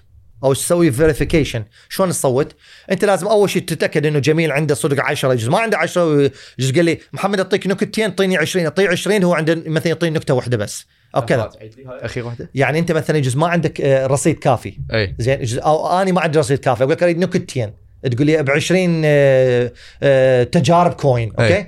بس أنا عندي 15 أي. يحكي لي نكتة أنا داسك بالطريق 20 يا بطوع يا ناس يا عالم أنا اعطيته 20 أي. أنا ما عندي كفاية. زين أنت ما تدري أنا إيش قد عندي. أنت لازم ال network تقول لك دير بالك أوه من وافق عليه؟ ف 51% يشوفون كشف الحساب العام الكل يشوفه كل واحد عنده نسخة منه يمه. تذكر كل واحد عنده ورقة يمه نفس كشف. الحساب إيه. والكل 50 51% يقول لا، لحظة أنا يمي محمد عنده 15 هذا يقول محمد يمي 15 15 15 15 51% يقولون هذا fail transaction راح يفشل transaction زين. تحكي عن إنه شنو فائدة إنه آه، شلون تقنع واحد إنه يجي يكون جزء بهاي ال network؟ راح يخلق له بيتكوين من العدم بس يكونه مشارك بهاي ال network. اي شلون يشارك؟ يسوي mining okay, okay شلون يعني يسوي verification شلون يسوي verification أنت ما تقدر واحد يشارك يعني بسهولة. أنت تريده يتعب. ليش؟ إذا كل واحد يش... كل واحد يشارك أنت تقدر اليوم تنزل كشف الحساب مال بيتكوين تنزله بالكمبيوتر مالتك. تسوي له download ببلاش مم. وصرت أنت واحد من هذول الأربعة أو ثلاثة. بلا ما يكلفك شيء وبسرعة ينزل بسهولة بكل شيء ماكو. المشكلة وين؟ المشكلة أنت إذا كل واحد ال spammers وال scammers واللي يريد يفلش ال network واللي يريد يبوق واللي يريد يحاول واللي يقول ما خسران شيء فاللي يقول إذا سويته بطريقة إنه واحد ما خسران شيء يحاول. آه الكل راح يحاول وحتصير ضوضاء هواية يعني وممكن بعض الأشياء المو زينة تعبر. فايش سوى؟ قال okay أنا حخلي العملية صعبة ومكلفة مم. ليش مكلفة؟ حتى هذا اللي ناوي يسوي مليون مرة مم. لأنه حتى بفد مرة يربح إذا ما خسران شيء يسوي مليون ما عنده مشكلة مم. بس إذا كل مرة مثل آه، التذكره مال ال lottery يعني أي. بطاقة إذا تشتري بدولار. ما راح تشتري مليون إذا ببلاش. تاخذ مليون صح؟ اي بس أي. اذا إذا بدولار تشتري يمكن خمسة أربعة. okay. فهذول يدفع فلوس. شلون يدفع فلوس؟ حتى يشارك بال verification. زين؟ شلون يشارك؟ لازم كمبيوتره يشتغل ويحمي يحل مسألة رياضية. اي يعطي فهذا اللي يعلن ال transaction يعطي مسألة رياضية okay؟ مم. هذا لازم يحلها. حلها رياضيا ك... كتعداد okay؟ هسه إذا الزار أقول لك احزره. إيش قد الاحتمالية إنه تحزره صح؟ ثلاثة ثلاث محاولات يعني نص 50% مم. تعبر الاحتمال رياضيا جزء من اول مره تحزره يجوز ست مرات أوكي. بس إذا 10000 مرة تحزرها كل ثلاث مرات تحزرها مرة صح. صح كمعاد كرياضيات. فهذا حتى يطول العملية 10 دقائق انت يريد الكمبيوتر مالتك يشتغل يصرف طاقة ويحترق حتى شنو حتى يكلفك. ما تريد كل عملية تشارك بيها أي. لازم بس إذا أنت جديات تريد تحل المشكلة بجدية يعني. فأنت حتى تشارك أنت 10 دقائق كمبيوترك يشتغل كهرباء وكهرباء وكهرباء تنتج تشارك بنسبة معينة احتمال تفوز أو لا تمام؟ okay. فأنت عندك ملايين مليون كمبيوتر يجوز مليون ونص بالعالم كلهم يحاولون يشتغلون يسوون mining كلهم دا يشتغلون دا يحلون مساله رياضية واحد يفوز. هذا الواحد يفوز يأخذ بيتكوين. اللي يسوي scam اللي يريد يغلب ال system هذا ما يفيد مرة واحدة يسوي رياضيات ما راح ينجح. لازم يسوي فد مئة ألف مرة حتى يعني رياضيات تقول إنه إذا حاولت مئة ألف يجوز 200 ألف تربحها مرة ويربح. بس هذا حتى يسوي مئة ألف و200 ألف هذا إيش قد؟ حارق طاقة. يجوز هاي يطلع. فلوس البيتكوين أو أكثر. فهي الرياضيات هيك تشتغل فإذا الآن اسسنا system. آه عندك 51% لازم يقولون اي لأن كل واحد عنده نسخة من الكشف الحساب زين. وماكو واحد يكذب لأنه اللي يكذب لازم شو يسوي؟ راح يخسر فلوس يخسر فلوس. الآن حتى يفوز البيتكوين زين فال system اذا هو منه وبيه يرعى نفسه اذا نرجع على النقطة الأساسية أنا وياك ماكو داعي ثقة بيناتنا أنت تقول لي أعطيك نكتين مقابل آه، 20 بيتكوين أقول لك okay أو 20 آه، ساتوشي تجارب coin أقول لك okay.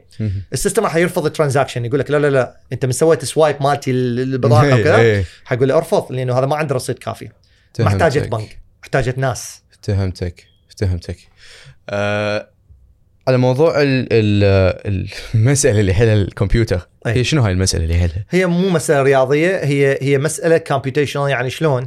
يعني آه آه آني اكو شيء بال بال cryptography يعني بالتشريف التشفيرات راح اختصره كلش تشفيرات انه انت عندك آه مفتاحين مفتاح يشفر ومفتاح آه آه يفتح التشفير okay مم. يفتح التشفير يمك سري ما حد يعرف به.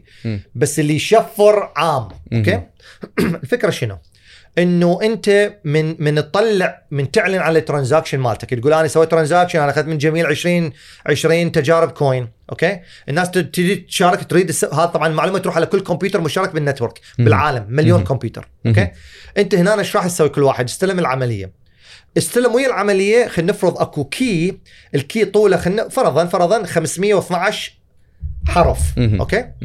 فرضا أنت حذفت آخر 10 حرف. فرضا okay انت لازم شخص يجي يجرب هذني العشره كل الاحتماليات وكل ما هو يجرب مثلا A A A A A, A 10 مرات A ويا A. الباقي أي. ويجرب المفتاح يفتح القفل مال اللي اعلن transaction لو ما يفتح okay اذا ما فتح يجرب A A A A B ويجرب المفتاح ما فتح اي اي اي سي إلى أن يخلص احرف يجيب A A B A وهكذا مم. كل فهمتك. الاحتماليات زين فأنت حتى رياضيات أنت حتى تجرب كل احتمال أنت ما بيها شيء تحزره من أول مرة يعني هو. مو صدفة. هو انت لازم تحول كل احتمال إذا أقول لك احزر من واحد للمية لازم تحزر أقل شيء 50 حتى تاخذ رقم ونسبة 50% المهم okay. فأنت لازم تظل تغير تغير بالأرقام وتظل تجرب. okay. فأنت هنا احتمال التجربة هاي الرياضيات تقول تقريبا it takes you تقريبا it takes you تقريبا 10 minutes حتى تحلل تلقى الرقم اللي يفتح القفل. 10 فهمت. دقائق on average مرات تسع دقائق مرات ثمان دقائق مرات 12 دقيقة. بس بمعدل إنه هاي على الكمبيوترات السريعة اليوم طبعا كل ما يسرع الكمبيوتر شو يسوون؟ يفقدون رقم بعد ثاني. مم. ف10 كانوا الكمبيوترات تطورت قاموا سووا 11 رقم لازم تحلهم. سووا 12 رقم. فهي حزورة. هي مو رياضيات تحلها واحد ذكي يحلها. إذا وصلنا quantum بعد هم راح. لا لا لا تدخلني بهيك موضوع. آه أوكي. ال quantum موضوعي آه، طفرة بيه لازم نحكي بيه. زين. مو آه، تجي hit and run بسرعة تقول لي quantum. تعبر هذا الموضوع علينا. لا لا, لا. موضوع كبير هذا. زين. هسه إذا نرجع نلخص. أي. البلوك تشين هي عبارة عن سلسلة chain من ال blocks أو الخزرات.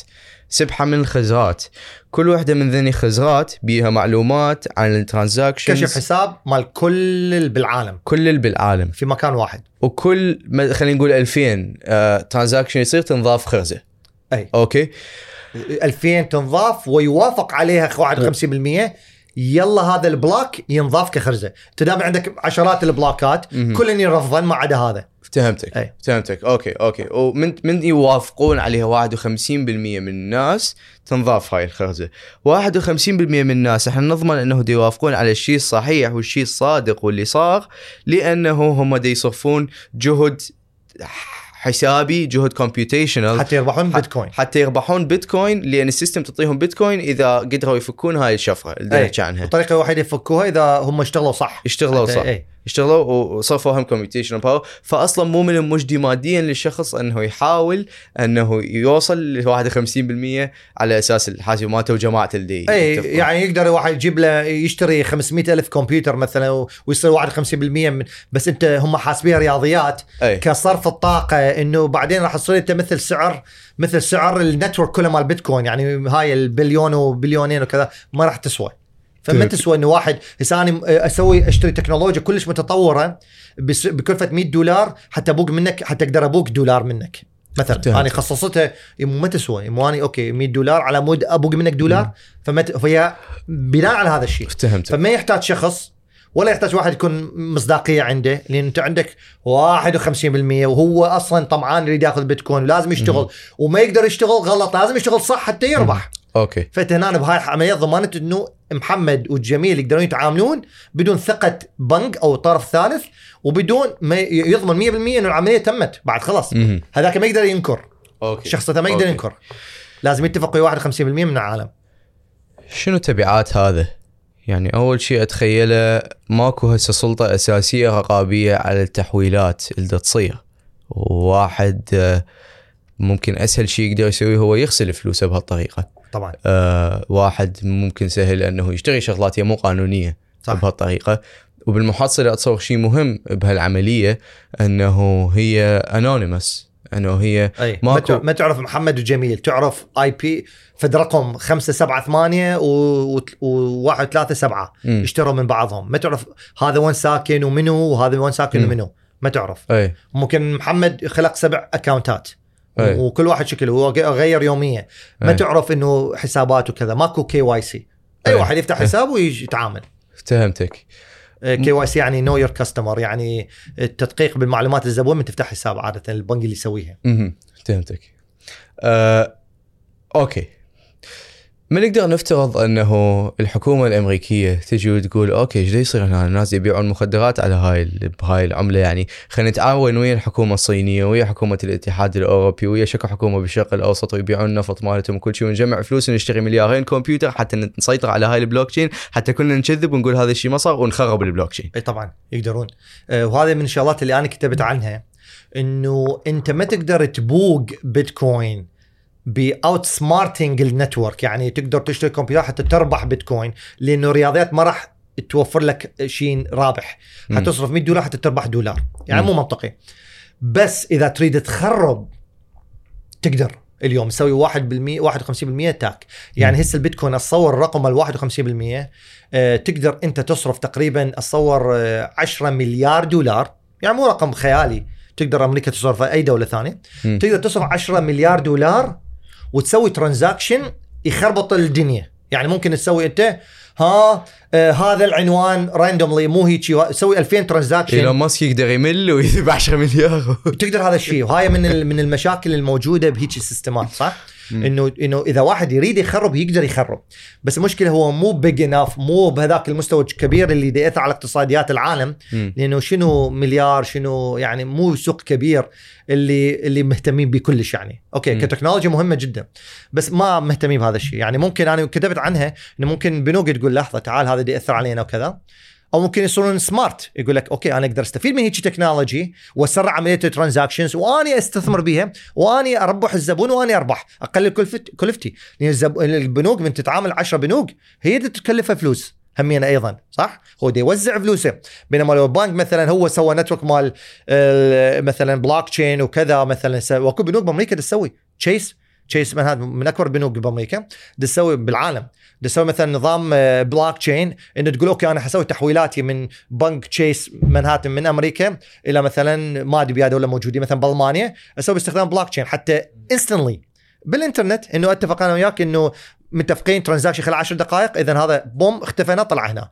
اذا هذا أسرع من ال money wire وأسرع من كل شيء ثاني. أسرع من SWIFT okay؟ بس بس هل واحد يريد يخرب؟ اي إذا يريد يخرب يقدر. يعني بس هي الفكرة إنه آه، كمبرمجين من سووها كفكرة إنه كل ما تكبر كل ما تكبر كل ما تكبر راح تصعب تصعب تصعب. بلكت يقول لك يوم من الأيام إحنا نصير مثل الكاش 20 تريليون 30 تريليون دولار يعني بعد ما يصير out of control بعد ما تقدر أنت دولة يعني شنو؟ أمريكا مثلا ما تقدر تدفع 10 تريليون حتى حتى تسقط البيتكوين. يعني يصير كلش غ... كلش مكلفة. يعني ت... يعني يصير هي أمريكا يمكن ديونها كلها ما تعبر يمكن مليار ونص تريليون ونص قصدي أو كذا. فأنت ما تقدر تصرف 10 تريليون على مود تسقط network. فهو هذا الهدف إنه مع مرور الزمن هيك. بس كتبعات الشيء الحلو بالبلوك تشين طبعا أنا أشوف هواي مشاكل بال cryptocurrency هواي يعني هاي واحدة منهن كتبت عنها أني. بس أيضا speculation إنه ما حد اليوم يشتري بيتكوين على مود يشتري بها قهوة وما أدري شنو. لا يشتري بيتكوين على مود ال speculation إنه يتوقع إنه حيصعد سعره وينزل. هذا الاستخدام الخاطئ للعملة. العملة لازم تكون استخدام supply and demand وهذا الشيء طبعا يختلف. الكيدو إحنا واحد ما يأخذ 10 كيلو أو 100 كيلو على مود يخزنها ويربح بيها. هذا يختلف هنا. إحنا يأخذها على مود يشتري بطل ماي لأنه هذا يكلف مثلا دولار. فيخلي دولار على مود يشتري دولار. زين؟ إحنا البيت أنا مثلا آه، إذا مثلا آه، أستثمر بالبيتكوين أني أستثمر لسبب واحد بس إنه على مود بلكي تصعد اتصور راح يصعد سعره حيجي يسموه ال halving فد فد event يصير كل أربع سنوات بالبيتكوين يسموه halving event هذا موضوع معقد ما نحكي به بس قصدي يعني كنقطة إنه دائما هي الصادف إنه السعر البيتكوين يصعد خلال هذا ال event حيصير next year فأنا ممكن اني أستثمر فد 100 ألف دولار وكذا أشتري لي فد خمسه بيتكوينات أو كذا وانتظر. زين هاي speculation بس أنا ما راح أشتري على مود أشتري قهوة بيها أو شاي. زين. فانها النقطة إنه آه، بمشاكل و... و... okay الفكرة حلوة okay حتى تقطع ال third man وما أدري شنو هي مو ضد البنك necessarily ممكن بنك يستخدمها بس هي آلية إنه تسوي instant verification إنه يعني بسرعة لحظية ت- تسوي ال transaction وتسهل عملية التحويل وما تنتظر و across countries بس أكو تبعات لها قانونية طبعا أنت لذلك بأمريكا ما يمنعون البيتكوين يقول لك ممنوع يعني اكو ناس تتعامل بالبيتكوين كلش طبيعي اكو ATM مال بيتكوين. وهي أمريكا أكثر دولة طبعا حامله الدولار. هي أمريكا اللي تسوي كل قوانين الغسيل الاموال بالعالم. أقوى شيء يعني أمريكا اللي يعني هنا من يجي دولار البنك المركزي العراقي يراقب عمل تحركات الدولار. بس منو يراقب البنك البنك المركزي العراقي على تحويلات الدولار تحولات الدولار؟ البنك المركزي الامريكي لأنه دولار صح؟ وبالعكس إذا صار بأمريكا دينار يعني المفروض البنك المركزي العراقي يروح يقول شنو هاي صح؟ بس مع ذلك بأمريكا ما مو ممنوع البيتكوين بس شنو النقطة هنا انت بدل ما تمنع technology اللي آه، مو بيتكوين هي بيتكوين مو technology هو البلوك تشين التكنولوجيا الاساسيه. بس إنت هنا حتى تمنع technology وتخفف أو سرعة اللي يسموه التطور عجلة التطور سوي regulations مثلا أمريكا مهم. سوت أكو Coinbase اللي هو exchange واحد يفتح بيه حساب ويبيع ويشتري بيتكوين okay. ما مثل بنك أونلاين خلينا نقول مال ال cryptocurrency أمريكا سوت الحكومة الامريكيه تعاونت مع مؤسسات قالت إذا تفتحون بأمريكا لازم تكشف لي حسابات نهايه السنة حتى أعرف ولازم تسوي KYC لازم محمد من يفتح حساب مع وياك لازم يصعد لك الهوية والكذا مثل البنك. عاملته كبنك ولا هو. cryptocurrency وقالت إنه بنهاية السنة لازم أعرف كشف الحساب لازم أعرف إيش قد ضرائب يدفع كذا تحولات الفلوس شو اشترى وين راحت الفلوس كذا فالآن تعاملوا وياه كحركة بنكية ولو البيتكوين بأمريكا لا يعتبر لا يعتبر عملة. بس يتعاملون معاه كحركة بنكية. ومالية ويتابعوها على هذا الأساس كلش من ال interesting واللي يخليك تصفن إنه شلون هالشيء اللي ممكن الناس يشوفوه كدخيل أو غريب على ال system المالي آه، قدرت على الأقل الحكومة الأمريكية وغيرها من الحكومات إنه تخليه جزء من هاي المنظومة بدل نعم. ما تبعده وإنه تخلي تشريع يمنعه. زين؟ مثل اللي يصير هنا. آم، هل تشوف أنه من المنطقي منع بيتكوين أو منع ال cryptocurrencies بشكل عام؟ هو شوف آه، أول شيء سواء سواء بالعراق أو غيرها يعني أي أول شيء بأمريكا يعني كمثال specific بأمريكا ماكو شيء اسمه حكومة يعني أنت ما تتعامل ويا حكومة القطاع الخاص أقوى شيء القطاع مم. الخاص اللي يحدد وطبعا أكو جهات تشريعية من الحكومة حماية consumer protection.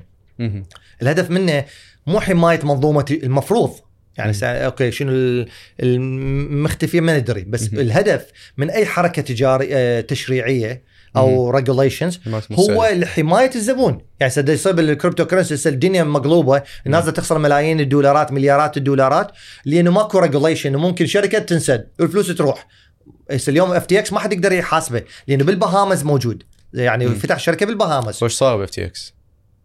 بس هذا okay حور حاجي لهذا الموضوع. وأقول لك okay. اي هذه آخر حركة صار بالبيتكوين بالبلوك تشين حاليا بال cryptocurrency. فالفكرة هنا إنه أنت يعني ال- الحكومة الامريكيه يعني الحكومة الأمريكية ما تتدخل بس خلينا نقول مثلا آه، وزارة المالية أو كذا من ناحية ال ال ال الشغلات ال- المالية وزارة. آه، شغ- آه، منظمة الضرائب okay مم. مؤسسة الضرائب مم. من ناحية الضرائب إنه تدفع لي وما تدفع لي شنو ال appreciation على ال value فأكو كل مؤسسة هي تتصرف بحد ذاتها حسب ال value protection للزبون وتهرب من الضرائب هذا. أهم شيء وطبعا غسيل أموال مو غسيل أموال هو مو. هدفهم إنه المفروض مو هدفهم إنه أحمي بنك عليه مم. بالبنك؟ هو ما يهم البنك.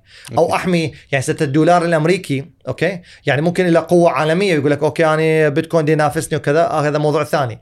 بس أنت كمنظومة ماكو منظومة بأمريكا مثلا تحمي الدولار. هدفها إنه مثلا marketing تقوي الدولار بالعالم. يعني يجوز أكو من ندخل بالسياسة؟ يعني السياسة. جزء. بترو دولار يسموها يخلوه pegged to the dollar كل عمليات بيع النفط بالعالم مثلا ربطوها بالدولار. هاي خلينا نقول شغلة سياسية. إحنا على اقتصاد. مم. فماكو عند البنك المركزي الامريكي مو يقول لك أنا هدفي أحمي البنك. هذا مو هدف المفروض الأساسي. هدف الأساسي إنه يحمي الزبون وإنه make sure إنه ماكو غسيل أموال وماكو واحد يتلاعب بالفلوس و that's it آني technology يقول لك آني I support the technology ما عندي مشكلة. بس الآن يعني حتى سووا بالكونغرس مو ممنوع. أكو وايد يستلمون رواتب حتى congressman بالبيتكوين. يعني بأمريكا مو ممنوع. ولو هي أكبر financial system بالعالم. وهي أكثر financial system مهدد. بالعالم لأنه لأنه إيرادات النفط بالعالم هي بالدولار. وهاي قوة الدولار. لأن تربطتها بضاعة. صح. ومستمرة. فأنت المشكلة الآن من تجيب بيتكوين أنت آه، آه، نافست الدولار. بس هو مع ذلك هو مو ممنوع بأمريكا هو ممنوع البيتكوين ممنوع في تسع دول اتصور بالعالم ثمان دول من ضمن العراق. اتصور آه، الصين آه، هو أصلا تشدد مالي جدا قوي بالصين يعني من كل الأحوال يعني تفتح حتى تفتح أي بطاقة أي شيء لازم الحكومة تعرف أكو. حسابات وكذا آه، اتصور يعني بعض الدول آه، يمكن برازيل إيران يعني أكو كم دولة تسع دول أو ثمان دول بالعالم هذول يعني آه وطبعا أكو أكو reason يعني مو تقول أنت دائما reason صفر ماكو ماكو reason لا مهم. يعني أكو reason إنه أنت تقول ممكن تقول إنه أنا تحمي حقوق الزبون. يعني مو يعني أنا ما أريد زبوني يسوي استثمار بيتكوين تالي تروح بفلوسه كلها. أنا احميه اثبت لي إنه أنت آه، تسوي عمليات تجارية داخل مثلا دولتي داخل العراق مثلا. فأكو مم. السبب فأني مع ال regulation أني. أنا مع ال regulation مو إنه تصير هوسه وكل صحيح. واحد يشتري. فأني مع هذا الشيء. أني أتمنى إنه البنك المركزي مو يتجه باتجاه منع ال technologies الحديثة وإنما يتجه باتجاه يسموه ال regulation إنه سوي تحدي... سوي قانون. تشريعات. قول مثلا تشريع قانون. قول مثلا أني ما أسمح لأي زبون عراقي يشتري بيتكوين إلا عن طريق مثلا مصرف عراقي مثلا. يعني وخلي مثلا مثلا بنك بغداد يبيع بيتكوين مثلا. زين؟ وخلي خلي يصير تطور بالتكنولوجيا خلي الناس تتفاعل مع البلوك تشين وكذا. أنت حققت هدفك. أنت سويت ال KYC عرفت الآن آه، الزبون هذا مين جاب الفلوس وين راحت. عرفت التحويلات. ماكو تهرب من الضرائب. عرفت الفلوس. okay الباقي technology اذا ما لك علاقه بالتكنولوجي يعني هي الفكرة العامة يعني. فهي هذه من جانب التشريعات هل هذا كسل؟ ها؟ هل هذا كسل؟ كسل؟ مم. من جهة الحكومة إنه بدل ما يفكرون شلون okay نشرع بحيث يحمي حقوق الزبون خلينا نسده كله. وخلينا نطفي industry لا كامله هنا أنا شوف هنا أنا مثل اللي يقول لك أنا أحب أزرق والاخ يقول لك أنا أحب أحمر. يعني ما تقدر تثبت. إنه إنه يعني أكو ناس مواكبين للتكنولوجي بس ممكن واحد يقول لك okay مو شرط هاي التكنولوجيا ضرورية يعني إنه. أنت ما تقدر تغصب دولة تقول لها لازم تتطورين بالبلوك تشين طبعا blockchain applications كلش هواي أكبر من البيتكوين. okay؟ نقدر نفوت بيها؟ يعني تمام. إي okay. سأقول لك بعض. ال applications بس يعني قصدي البيتكوين okay؟ يعني أنت أكو سبب ممكن تريد تمنعه. ممكن تقول أنا ما عندي سيطرة على التكنولوجيا ممكن. يعني مو شرط إنه أنت ما تفتهم لي انه تمنع البيتكوين. مو شرط. يعني. أكو سبب. بس أكو دول تختار إنه لا أنا حدخل بالمعمعة أتعلمه أتعرف عليه وما أدري شنو وأسمح به. بس أنا ما أعتبر إنه واحد أو الثاني غلط. بس ال blockchain on the other hand.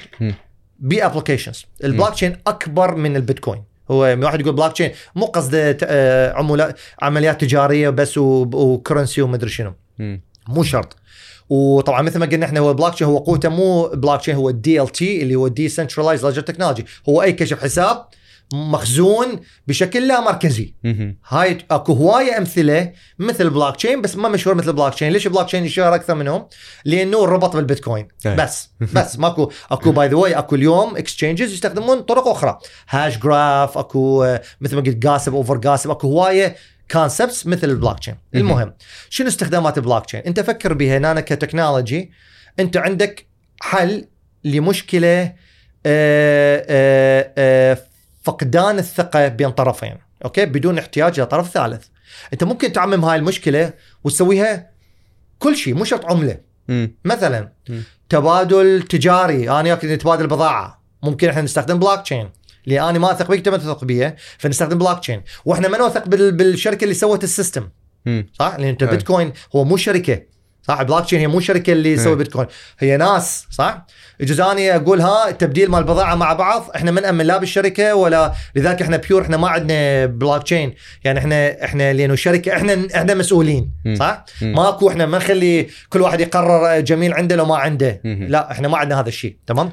بس ممكن أكو applications تتطلب هذا الشيء. okay. هواي applications مثلهم الان اف تيز أوكي. والان اف تيز هم نون فنجبل توكنز نون فنجبل توكن ورجعنا على موضوع ال fungibility اي نا- اللي هي ERC 721 اللي هو النموذج من okay شيء اسمه اثيريوم اثيريوم مثل ال platform اللي هو ثاني big platform بعد البيتكوين اللي okay. عمله اللي هي يسموها ايثر okay هذا بيتكوين هذا ايثر هذا اسسوا منصه ما قالوا إحنا بس نريد عمله قال لا أنا اريد منصه تستغل فقره انه ماكو فقدان الثقه فشلون أسوي فقدان الثقة؟ مو مثل بيتكوين أسوي بس على العملة.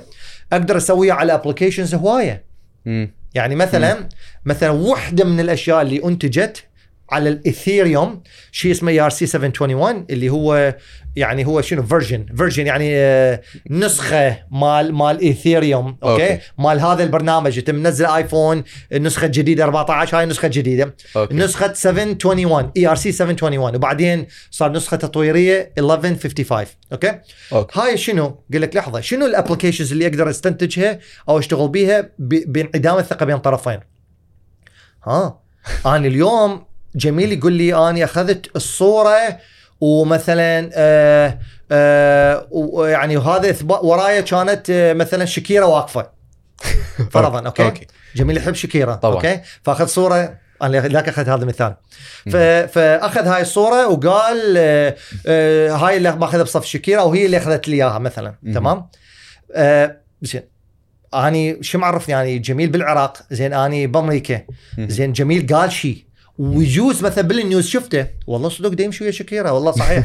راحوا كأس العالم دي باعوا اللعبة. واقف جميل ويا شكيرة. تمام. فانا أفكر أفكر إنه زين اذا إذا هو اشترى ال ال ال ال إذا سوى هاي الصورة okay؟ وعرضها للبيع.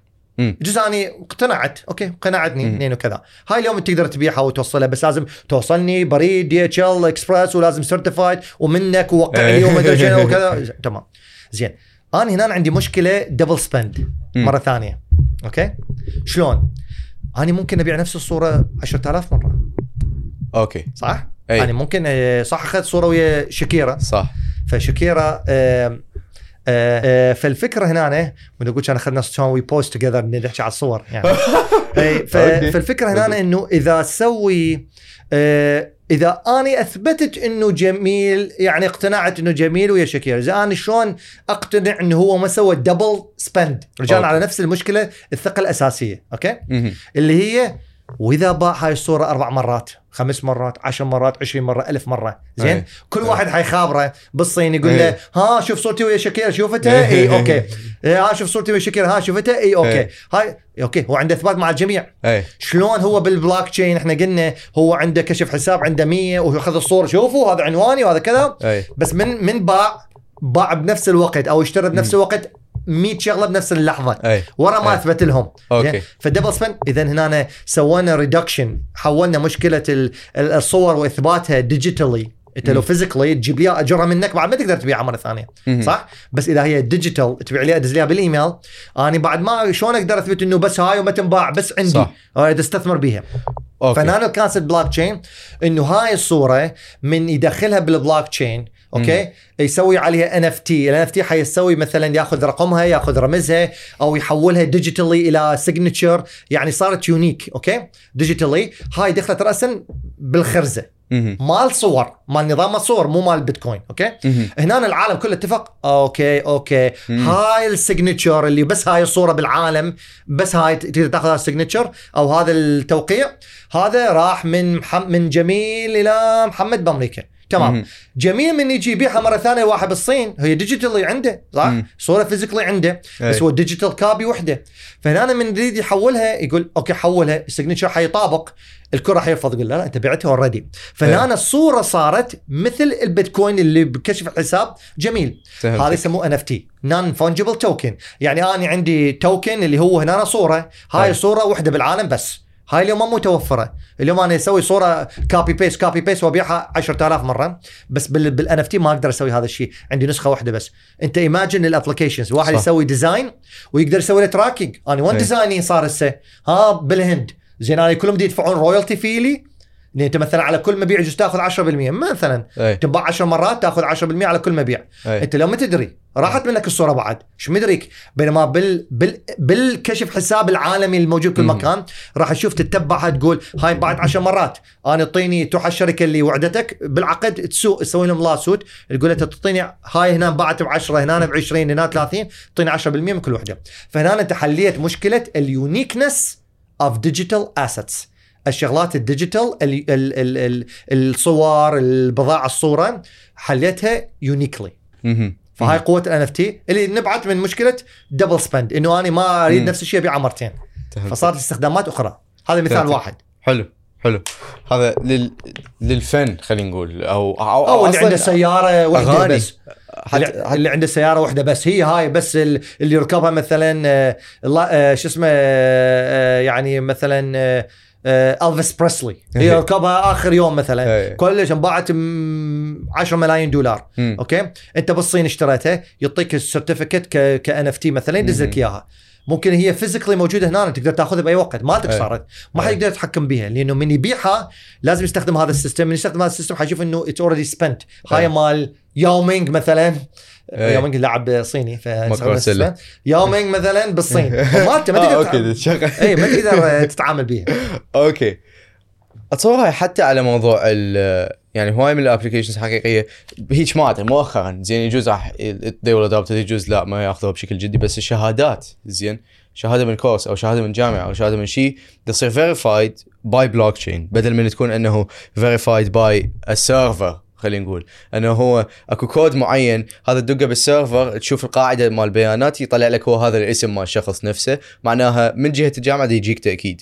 يجوز من جهة البلوك تشين شوف تأكيد. هذا استخدام غلط للبلوك تشين ها. أكو وايد شركات تستخدم بلوك تشين لأنه okay sexy الكل يحكي بيه ولازم نسوي نفس الشيء. أي. بس هذا استخدام خاطئ. okay. لأنه again لازم ترجع للمشكله الاساسيه اللي أنت تحلها البلوك تشين يحل مشكلة انعدام الثقة بين طرفين. وبدون اعتماد على طرف ثالث لتوفير هذه الثقة. امم okay؟ مم. أنت إذا تعتمد على جامعة واحدة تنتج الشهادة مم. okay هاي website. website وتسوي verification تسأل جميل مثلا هاي مسوي شهادة منها مم. لو صح. لو دي قشمرني. زين؟ يقول لك لا هذا صحيح دارس وكذا. هذا مو ما تحتاج بلوك تشين مم. لأنه هذا single authority هذا أكو واحد مسؤول على verification هذا ما عندك 51% لازم يسوون verification يتفقون. فأنت هنا بنيت نظام بلوك تشين اللي ما يعتمد على الثقة. اي إيه. ما بي ثقه يسموه. يسموه تراست لس. ماكو انعدام الثقة اللي ما تحتاج. لأنه لازم نص العالم يتفقون على إنه هاي البضاعة كذا يلا يعني يتثبت مهم. ماكو تلاعب ما حد يجي يتلاعب وياه. فهمتك. يقول له سوي هذا الشيء. فهمتك. فهاي واحدة من. الابلكيشنز مال مال بلوك تشين yeah, I had the circle teach بس أنت تقول كلمة trustless يعني لين اي it explains basically everything. هو أي. كل شيء كل شيء يبين. um, okay. اكو واحد طالع بجيد ملياردير اسمه إيلون ماسك. okay. منو هذا والله؟ ما أدري أنا hey Siri who's Elon Musk. زين. إيه. فخفت انه صدق تطلع okay. آه، يريد يسوي كان باله فكرة social media decentralized همين بالبلوك تشين بحيث ماكو شركة واحدة مثل الحال اليوم بتويتر تقدر تروح لواحد شخص تقول okay أنت تقول شغلة ما تعجبنا أو أنت تقول hate speech أو هيجي وتمسح ال tweet مالته أو نعم. تمسح ال content مالته أي. فبدل ما تكون أكو شركة واحدة هي خلينا نقول فيصل الحق ال arbiter of truth لا يكون أكو جمع من الناس وكل واحد منهم هم- والأجماعية تغلب. والأجماعية تغلب. اي فيكون أكو فعلا free speech أو أو آه، شو يسموه حرية تعبير حقيقية بدل من أي. إنه تكون منصة واحدة مسيطره على كل شيء. وهي السيطرة. شوف هذا موضوع ثاني أنا ما أدري هو شنو نظرته. هاي ويب 3.0 يسموها. ويب 3.0 هذا الإنترنت ال 3.0 ال version الثالث. okay؟ web 2.0 اللي نعرفه اليوم. هي e-commerce وتروح على CNN و Fox News ومدري شنو. والجزيرة وكلها والعراقيه كل, كل وكذا. واحد كل واحد من المواقع هو هو مسؤول الموقع وكذا هاي ويب 2.0 ويب 3.0 هي الفكرة إنه تقدر أنت تسوي أي شيء بالإنترنت ما يكون آه، مسيطر عليه من مصدر واحد. مو بس ال content وإنما أيضا هواي applications أخرى مثلا ال identification يعني مثلا أني مثلا أشتري آه، آه، بطاقة تذكرة طيران زين. أني ما عندي آه، آه، طريقة أقدر أتأكد من جوازك زين. ولا جوازك. بس أني أقدر مثلا أسأل الناس أسأل 51% من ال network يقولوا لي إنه هذا محمد تعرفوه. يسموه decentralized identity verification. يعني okay فاكو هواي applications هواي applications فهاي وحدة منهن اللي هي ضد fake news okay أي. أو تشجيعا لحرية الرأي مم. المشكلة بهذا أكو ناس ويا ويب 3.0 اللي هو 100% decentralized المفروض يعني نظريا مم. إنه ماكو أي شخص مسيطر على أي شيء ما حد مم. مسيطر على الإنترنت ما حد مسيطر على ال news ما حد مسيطر على أي شيء إنه تكون كل واحد أكو مجموعة يصوتون على كل شيء. آه هذا أكو مجموعة وياه وأكو مجموعة ضده مهم. شنو النقاط اللي ضد هاي الفكرة اللي أنا أشوف لهم جانب يعني أكو في النقطة ليش هم هذا ويب 3.0 احتمال يفشل. الويب 3.0 لازم يتطور بطريقة ثانية. أنت من تقول إنه أني أريد مجموعة من الناس وهاي من نقاطي أني ضد حتى ال cryptocurrency. أنت كلش حلو نظريا تقول أني عدل بين الناس وأي واحد اللي بأفريقيا يساوي اللي بأمريكا اللي يساوي اللي بالصين كلهم سواسية وتصويته واحد كلش حلو. بس إيش دا يصير فعليا؟ دا يصير دا يجي ملياردير دا يشتري منجم كبير آه، مكتب كبير ودا. يجيب مثلا 100 لابتوب وكلها جي بي يو باورفل جي بي يوز ودا يسوي mining farm okay يسموها يعني مزرعة كمبيوترات وهو دي إذا صار عنده 400 صوت زين. الأفريقي الفقير اللي ما عنده لابتوب والعراقي الفقير وحتى الفقير بأي دولة ثانية. ما عنده لابتوب وحده وده يشتغل عليه وبالقوة تشتغل زين؟ وانت تطلع صوت واحد. فصلته أقل أصلا. فأنت صح كلش حلو تقول إحنا عدل بين الناس وسواسي وكذا بس هذا ما راح يمنع الملياردير يستغل هذا الشيء صح؟ مم. يشتري مليار مليار صوت زين؟ هاي. المشكلة الاساسيه بالويب 3 فأنت من تتكلم على مثلا content زين؟ أنت ال content منو حيسوي له verification منو حي حيتأكد من ال content. إنه okay حلو مو تويتر okay منو حي حيسويها؟ ناس مثلا من المليون مثلا لازم نص مليون يوافقون يلا يطلع ك news أو ك tweet تمام زين أني كواحد أعطي صوت إيه. أنا ضد هاي ال tweet هذا اعتبره عنصري مثلا. جتي شركة مؤسسة عنصرية اشترت 100000 أو 200000 صوت مم. أه، صوت صاروا هم أقوى مني بتعبير رأيهم. فهنا all of a sudden صارت القوة وين؟ بيد الأغنياء بيد ذوي القدرة ذوي الصرف شركات استثمارية مدري إيش يعني هم أنت ما وصلت لل common person زين. أنت ما تقدر يعني ف... فهل هذا حل؟ مم. مو حل مم. أكو أقول لك okay زين خل أسوي pool من الناس مو اخليها مفتوحة للجميع يسموه proof of stake مم. وما أخلي كل العالم يشارك. أنا أختار بيدي فد ألف واحد. زين؟ مم. وأنا أختارهم يجوز. هذا من سي إن إن هذا من فاكس نيوز اللي هم مم. هذا محافظ وهذا ديمقراطي تمام؟ أي. أجيب منه أجيب منه أجيب منه أجيب منه أجيب منه أجيب منه أخبطهم سوا وبس هذول يصوتون. أي. فأكو صارت يعني derivatives أو اتجاهات مختلفة. ممكن هاي اللي تطور through 3.0 يعني أنت ما تدري مثلا هل, هل أنت مثلا تريد أنت تشوف هذا الدواء مثلا اونلاين هل تريد أنت قرارك يجي بالتصويت؟ إنه هذا الدواء صالح لك؟ مم. لا. أكيد لا. أنا 51% قالوا إيه اشربه عادي ما بي شيء. أشوف هذا أسود المي زين أشربه لأنه 51% شو مدري أنا يجوز يجوز الأغلبية اتفقوا ما يفتهمون؟ تسوي تسوي نظام تمثيلي. برلمان. اي فأنت أي واحد ممكن يصوت بس أنا ممكن يأثر على صحتي. أنا ما راح أشرب شيء لأنه إحنا بالغرفة اثنين من ثلاثة قالوا اي اشربه. أسود هذا مو مي. اشربه.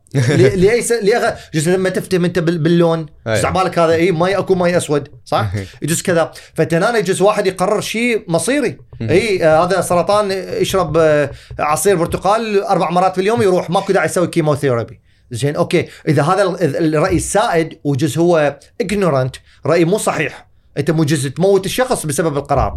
فأنت مو دائما الأغلبية تسد. مو شرط.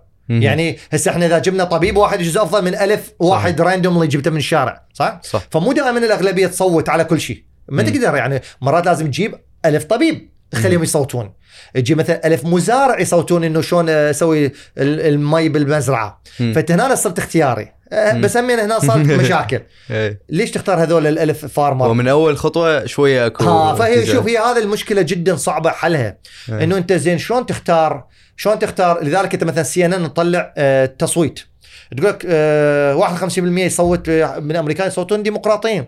تجي فاكس نيوز تطلع لك مثلا 52% يصوتون Republican زين انت شلون؟ انت. هذا يجوز مثلا يروح منطقة شوية محافظين أكثر وكذا ويسوي dilution للأصوات. هذا فاثنيناتهم يعتمدون معادلة صحيحة. مم. بس okay أكو bias يسموها مهم. بالأصوات فاني شلون. أجيب ألف مزارع وأقول له قرر مصير جميل جميل's health مثلا أي. صحة جميل والله ألف مزارع يصوت والله ديمقراطية إحنا ما تقدر هذا الشيء. فهنا حتتداخل يا ألف مزارع تختار يا ألف صحفي تختار إي بس ما هذا الصحفي صحف فاكس نيوز بس اتجاه liberal. okay هذا صحيح حتبدي عادته و يعني فهو الموضوع مو كلش حيكون قطعيا محلول باستخدام بلوك تشين أو ويب 3.0 بس يعني حننتظر شلون تتطور الأمور يعني ما ندري. بس مو حل يعني 100% يسموه مو silver bullet يعني مو هذا 100% آه أكيد هذا. حينحل بهذا السبب. لا ما أتصور okay إيش صار ب FTX هسه اني دابا الأخبار يعني آه الكل أو هوايد ينظرون نظرة كلش سلبية عن ال cryptocurrency بشكل عام لأن أكو منصة مال تجارة مال cryptocurrency مال تبادل آم، وقعت يعني أعلنت إفلاسه. اتصور إيش صار هناك؟ آه، ال- المشكلة طبعا أنت من تضغط على الشركات الكبيرة اللي تلقى طريقة وتكنولوجيا دي يتقبلوها الناس من تضغط عليهم إيش يسوون دي يضطرون يروحون مع شركة خارج الدولة والآن أنت قمت آه، ما تقدر تحافظ على حقوقهم مم. قام يشتري برا الدولة. فمثلا FTX مركزهم الرئيسي بالبهامز. فالآن أنت بعد نظام الحقوق ال consumer protection بعد don't apply انت ما تقدر تحمي الزبون الأمريكي مثلا اللي يشتري اللي يخلي مليارات الدولارات ومئات الملايين وكذا بهذا النظام. فهذا واحد من الأساسيات ليش هيك الشركات ممكن بسهولة تعلن إفلاسها وتطلع وتختفي. وأنت يعني ممكن تصير بسهولة. يعني مثلا بنك بأمريكا ب 2008 صار تقريبا انهيار. جت الحكومة جت دفعت فلوس وساعدته ورجعوا فلوسهم للناس. بس انت مثلا من FTX يوقع الحكومة ما لها ربط به ماكو ربط. هاي شركة خارج أمريكا يعني. فهنا أنا وخارج أي دولة ثانية. فماكو واحد يحمي حقوق الزبون. يقول له انت صوتك أنت ليش تأمن؟ فواحد من المشاكل الرئيسيه الرئيسية إنه ماكو regulation من الدولة على هيك نظام. يعني regulation مو يعني ممنوع وخلاص وتالي يروح يس- يستخدمه برا الدولة. إنه تقول له okay مسموح بس لازم شروط. أنت لازم. هيك ولازم هيك وتخلي شروط على الشركة نفسها. هذا واحد واحد من أكبر الأساسيات. الشغلة الثانية هي طبعا ال cryptocurrency بصورة عامة آه تم استغلاله بشكل كبير جدا من ناحية الناس إنه دا تتكلم على مئات الملايين ومليارات الدولارات بشكل كبير جدا أشخاص شباب جدا يعني شباب صغار طالعين من جامعات وكذا شاف إنه باي سي أو أو طريقة تجميع أموال أو استثمارات وكذا جاء صار عنده جويده 10 ملاي- مليارات دولار 5 مليارات دولار. فهنا انت ممكن تسوي قرارات خاطئة انت ما جاي من خبرة انت جاي مبرمج وكذا وصرت رئيس شركة وصرت مسؤول على 10 مليار وماكو قانون يحمي حقوق الزبون. صار عليك 10 مليار بالبنك. انت ممكن تصرف تصرف خاطئ. FTX سوت فهاي طبعا الأسباب اللي leads إلى مشاكل in the making يعني راح تصير. وطبعا بس دفاعا عن ال cryptocurrency ولو أني يعني. بعد اتصور إنه هواي مشاكل بيها يعني آه لذلك ما مؤمن كلش بال cryptocurrency هسه يعني بعد هواي تطويرات لازم تصير بس ال ال واحدة من المشاكل الأساسية إنه آه إحنا البلوك تشين مبني على نظام اللامركزية. FTX نظام مركزي. يعني أنت تقول للزبون أني من الزبون إلى زبون يتعاملون بيناتكم أنتم أنا أسوي لا مركزيه تصويت وما أدري شنو بس مم. أنا صاحب القرار النهائي أنا صاحب الشركة هاي يعني هنا أنت شيء غريب يعني أنت رجعت. النظ... رجعت بنك أي. إذا FTX ماكو فرق عن البنك صح؟ بنك بس يوفر الناس فرصة إنه يستثمرون بشغلة هي speculative يعني exactly 100% فهنا الفكرة هذا اللي صار ف ف FTX هنا فأنت ما يصير يعني تقريبا تحسبها على crypto cur... صح هي cryptocurrency. يوزعوها ويبيعون ويشترون بس هي سلعة. انت باكر تسوي FTX تقدر تبيع iPhone ات صح؟ مم. وتسقط زين؟ وجمعت فلوس من الناس وتسقط وتروح وتختفي وكذا. هم نفس الن- نفس ال... نفس الشيء ممكن يصير. تمام؟ مو بس crypto. ف crypto صارت ضحية استخدام مركزي. بشركة وشخص معين.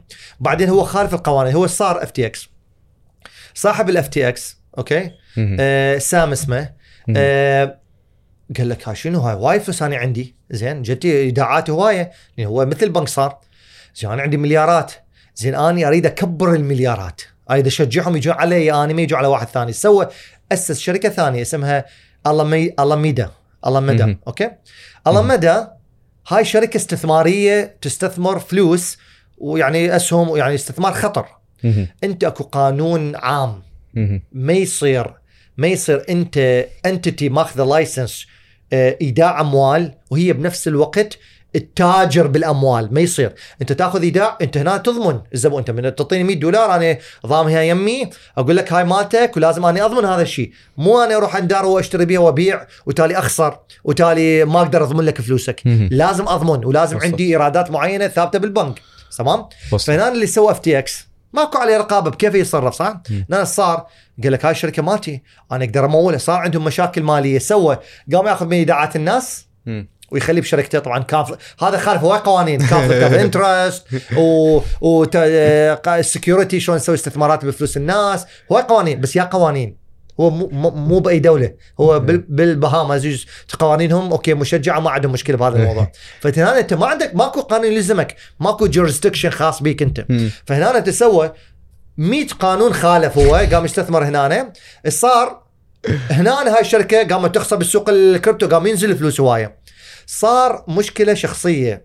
وهي المشكلة. صار مشكلة شخصية بين سام آه، اللي هو رئيس شركة FTX اللي هي رابع أكبر exchange بالعالم أو ثالث أكبر exchange بالعالم وكان Binance اللي ثاني أكبر exchange بالعالم. رئيس هذا ورئيس هذا صار عندهم مشكلة بيناتهم بالتو- بالتويتر أوكي. هذا أبو باينانس قال له قال له سام قال له لحظة أنت شلون؟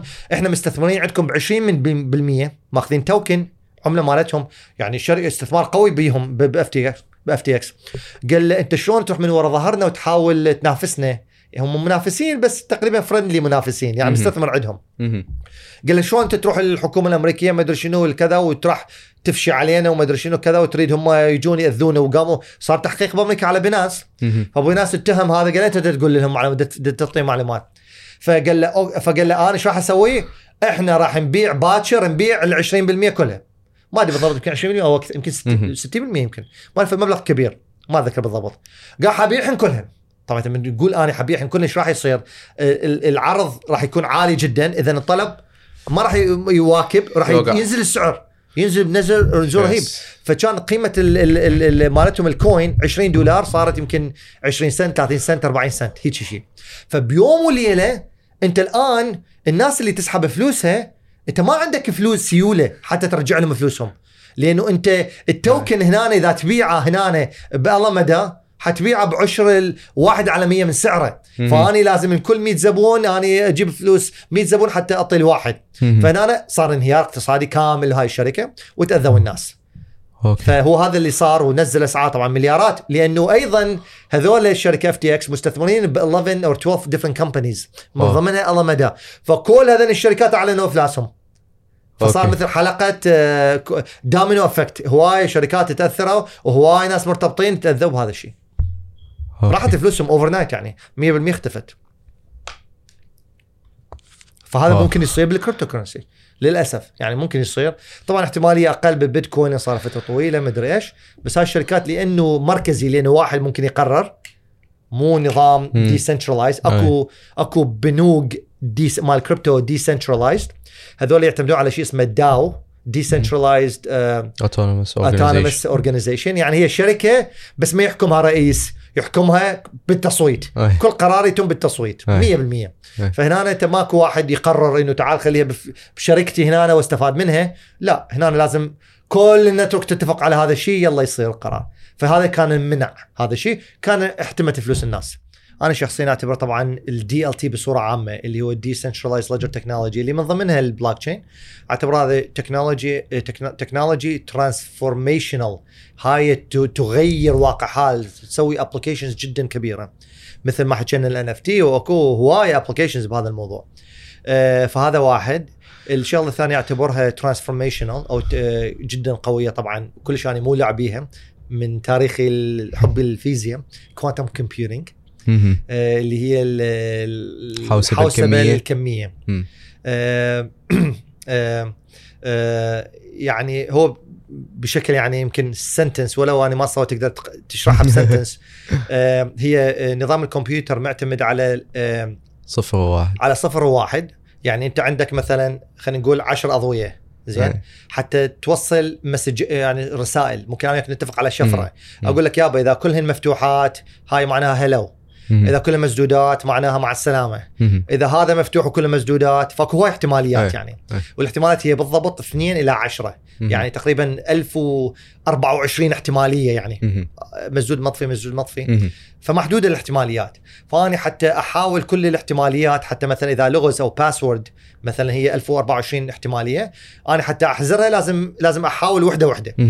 القوة بال block بال- بال quantum computing تعتمد على فيزياء تختلف أساسية لخلق الكمبيوتر اللي هي ما تعتمد على ال bit اللي هي 0 أو 1 طفى. ضوء مشتعل يعتمد على شيء اسمه qubit اللي هو طفى أو انفتح أو أي شيء between وهاي كلها في مرة واحدة يعني تصور أنت من من من نسوي هاي ال- ال coin تفرها بال- بالميز أوكي طرة كتبة هاي إيه. bit coin 0 1 أوكي بس من تخليها spin أقول لك هاي طرة لو كتبة تقول لي طرة كتبة طرة كتبة طرة إيه، كتبه إيه، هاي. اذا هي طرة وكتبة بنفس الوقت. فإذا quantum computer هي مبنية على فكرة الطره وكتبة بنفس الوقت. ك simple application لهذا الشيء أنت تصور من. من تحاول ال password ما تحاول 1 password at a time. 1000 مر 1024 مرة تحاول كل الباسوردات بنفس الوقت. أي. أوكي. لذلك ال quantum computing ممكن يكسر كل الشفرات بالعالم. لأنه أنت ممكن مهما كان تعقيدات ال password. أنت ممكن تحاول كل الاحتماليات simultaneously بنفس الوقت باستخدام قوانين الفيزياء. فأنت ال quantum computer يقدر يك- يكسر كل الشفرات طبعا مو اللي اليوم بعدهم دي يبدون دي يبنون به بس من يصير عندك multi-purpose general purpose computer يعني PC مبني على quantum computer يسموه QPU مثل ال CPU وال GPU. ال brain مال الكمبيوتر. يصير واحد مبني على ال quantum. آه هذا ممكن يحل أي password simultaneously مهم. ويسوي طفره بالمحصلة بالطريقة طبعا اللي انت هنا أنت مو بس بيها تسوي يعني. حتى تضرب تضرب password إيه. بس ممكن تسوي تشفير لا يكسر ابدا إلا إذا تكسر قوانين الفيزياء أوكي شلون إنه واحدة من خصائص ال ال ال الكمية إنه أنا وياك نتفق على شفرة معينة. آه، بحالة واحدة الشفرة تتغير. إذا صار واحد يباوع بالنص. فمن يصير third party يستلم ال signal ويقراها راسا تختفي الشفرة. فإحنا نسوي شفرات جديدة. أوكي. فإنت تقدر تخلق قوانين ما تنكسر. بعد. آه الشغلة الثالثة آه آه أعتبر ميتافيرس طبعا شيء جدا كبير very big applications ممكن هناك وعالم ال hybrid اللي يصير بين ما بين الواقع ال- ال- الح- الحقيقي والافتراضي simultaneously I see this happening a lot و I see كل المتاحف المدري شنو وال travel وكل هذا. حيصير combination من هذا الشيء حلو. آه شغله أخرى جدا جدا أنا excited about اللي هي بال artificial intelligence اللي technology اسمها جي بي تي. جنراتيف جي ان تي جنراتيف نان سوري جي بي تي جنراتيف بري تريند ترانسفورمر شنو هذه؟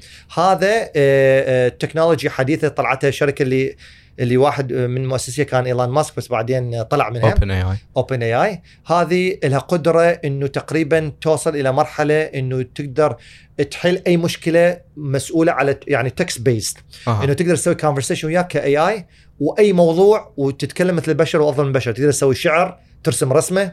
كله باستخدام ال AI تقول له مثلا سوي لي شعر جاهلية القافية تنتهي بال R سوي لي راء سوي لك شعر. تقدر. اليوم يعني- جربنا قلنا له سوي لنا شعر على شباب دي يشتغلون على بودكاست إي تقدر تسوي. شعر. تقدر تسوي طبعا بحوث تقدر تسوي هاي وايد إيه. أشياء. هذا طبعا جدا رهيب هذا الشيء. very excited about وعندك طبعا أشياء اللي لها علاقة بال bioinformatics اللي تكلمنا أوكي. عليها. genetic precise precision medicine الجيوا studies إنه أنت اتصور يوم من الأيام أكو CRISPR technology اللي يسوي gene editing يجي يوم من الأيام أنت عندك gene editing إنه أي واحد عنده مرض مثلا يعني آه، cancer أو أي شيء تدخل تسوي فيزيك يعني genetic therapy.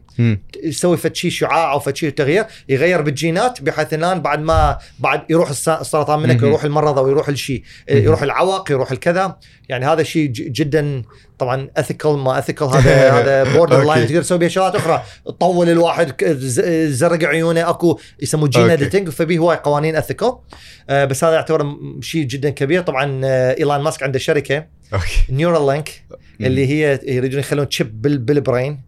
يدخلوه وهذا إنه هنا شو يسوي إنه هنا يترجم الإيعازات اللي أنت تفكر بيها. مثلا تحرك هذا تشرب هذا كذا بدون ما أنت تحكيها أو تسويها هو إيعازاته مو بس هاي وإنما هو يصلح الأمراض اللي تصير عندك باستخدام هذا ال gene editing وال technology يعني اي أول ما يصير عندك مشكلة هو راسا يحلها. من اجى فيروس هو يكتشف عن طريق ال nerve system راسا يسوي تغيير ويحل هذا الموضوع. يعني هذا الجول فهمتك فهاي ال technologies أنا أعتبرها من أهم ال transformational technologies I'm very excited about uh. يعني about them happening uh, in the next 10 years. أو يطورون. خويا مواضيع أنا كلش كلش حزين. انه ما لحقنا نكفرها. أتمنى نكفرها سون واجين إن شاء الله بجية. بس ما أقدر أقول لك إيش قد أنا شاكر. لوقتك اليوم أه، الونسة اللي ونستها والفائده الف- الف- فدتنا إياها. أه، هسه اتشاق دا أقول هذا. يعني براج أو شو يسموه يعني قصف جوي من المعلومات اللي يوصلنا اليوم. زين آه، فشي كلش أنا شاكر له وفرحان كلش آه، انه ويانا اليوم. آه، ممنونك أنا محمد. شكرا شكراً. شكرا, على استضافتي و good to be back uh, بغداد.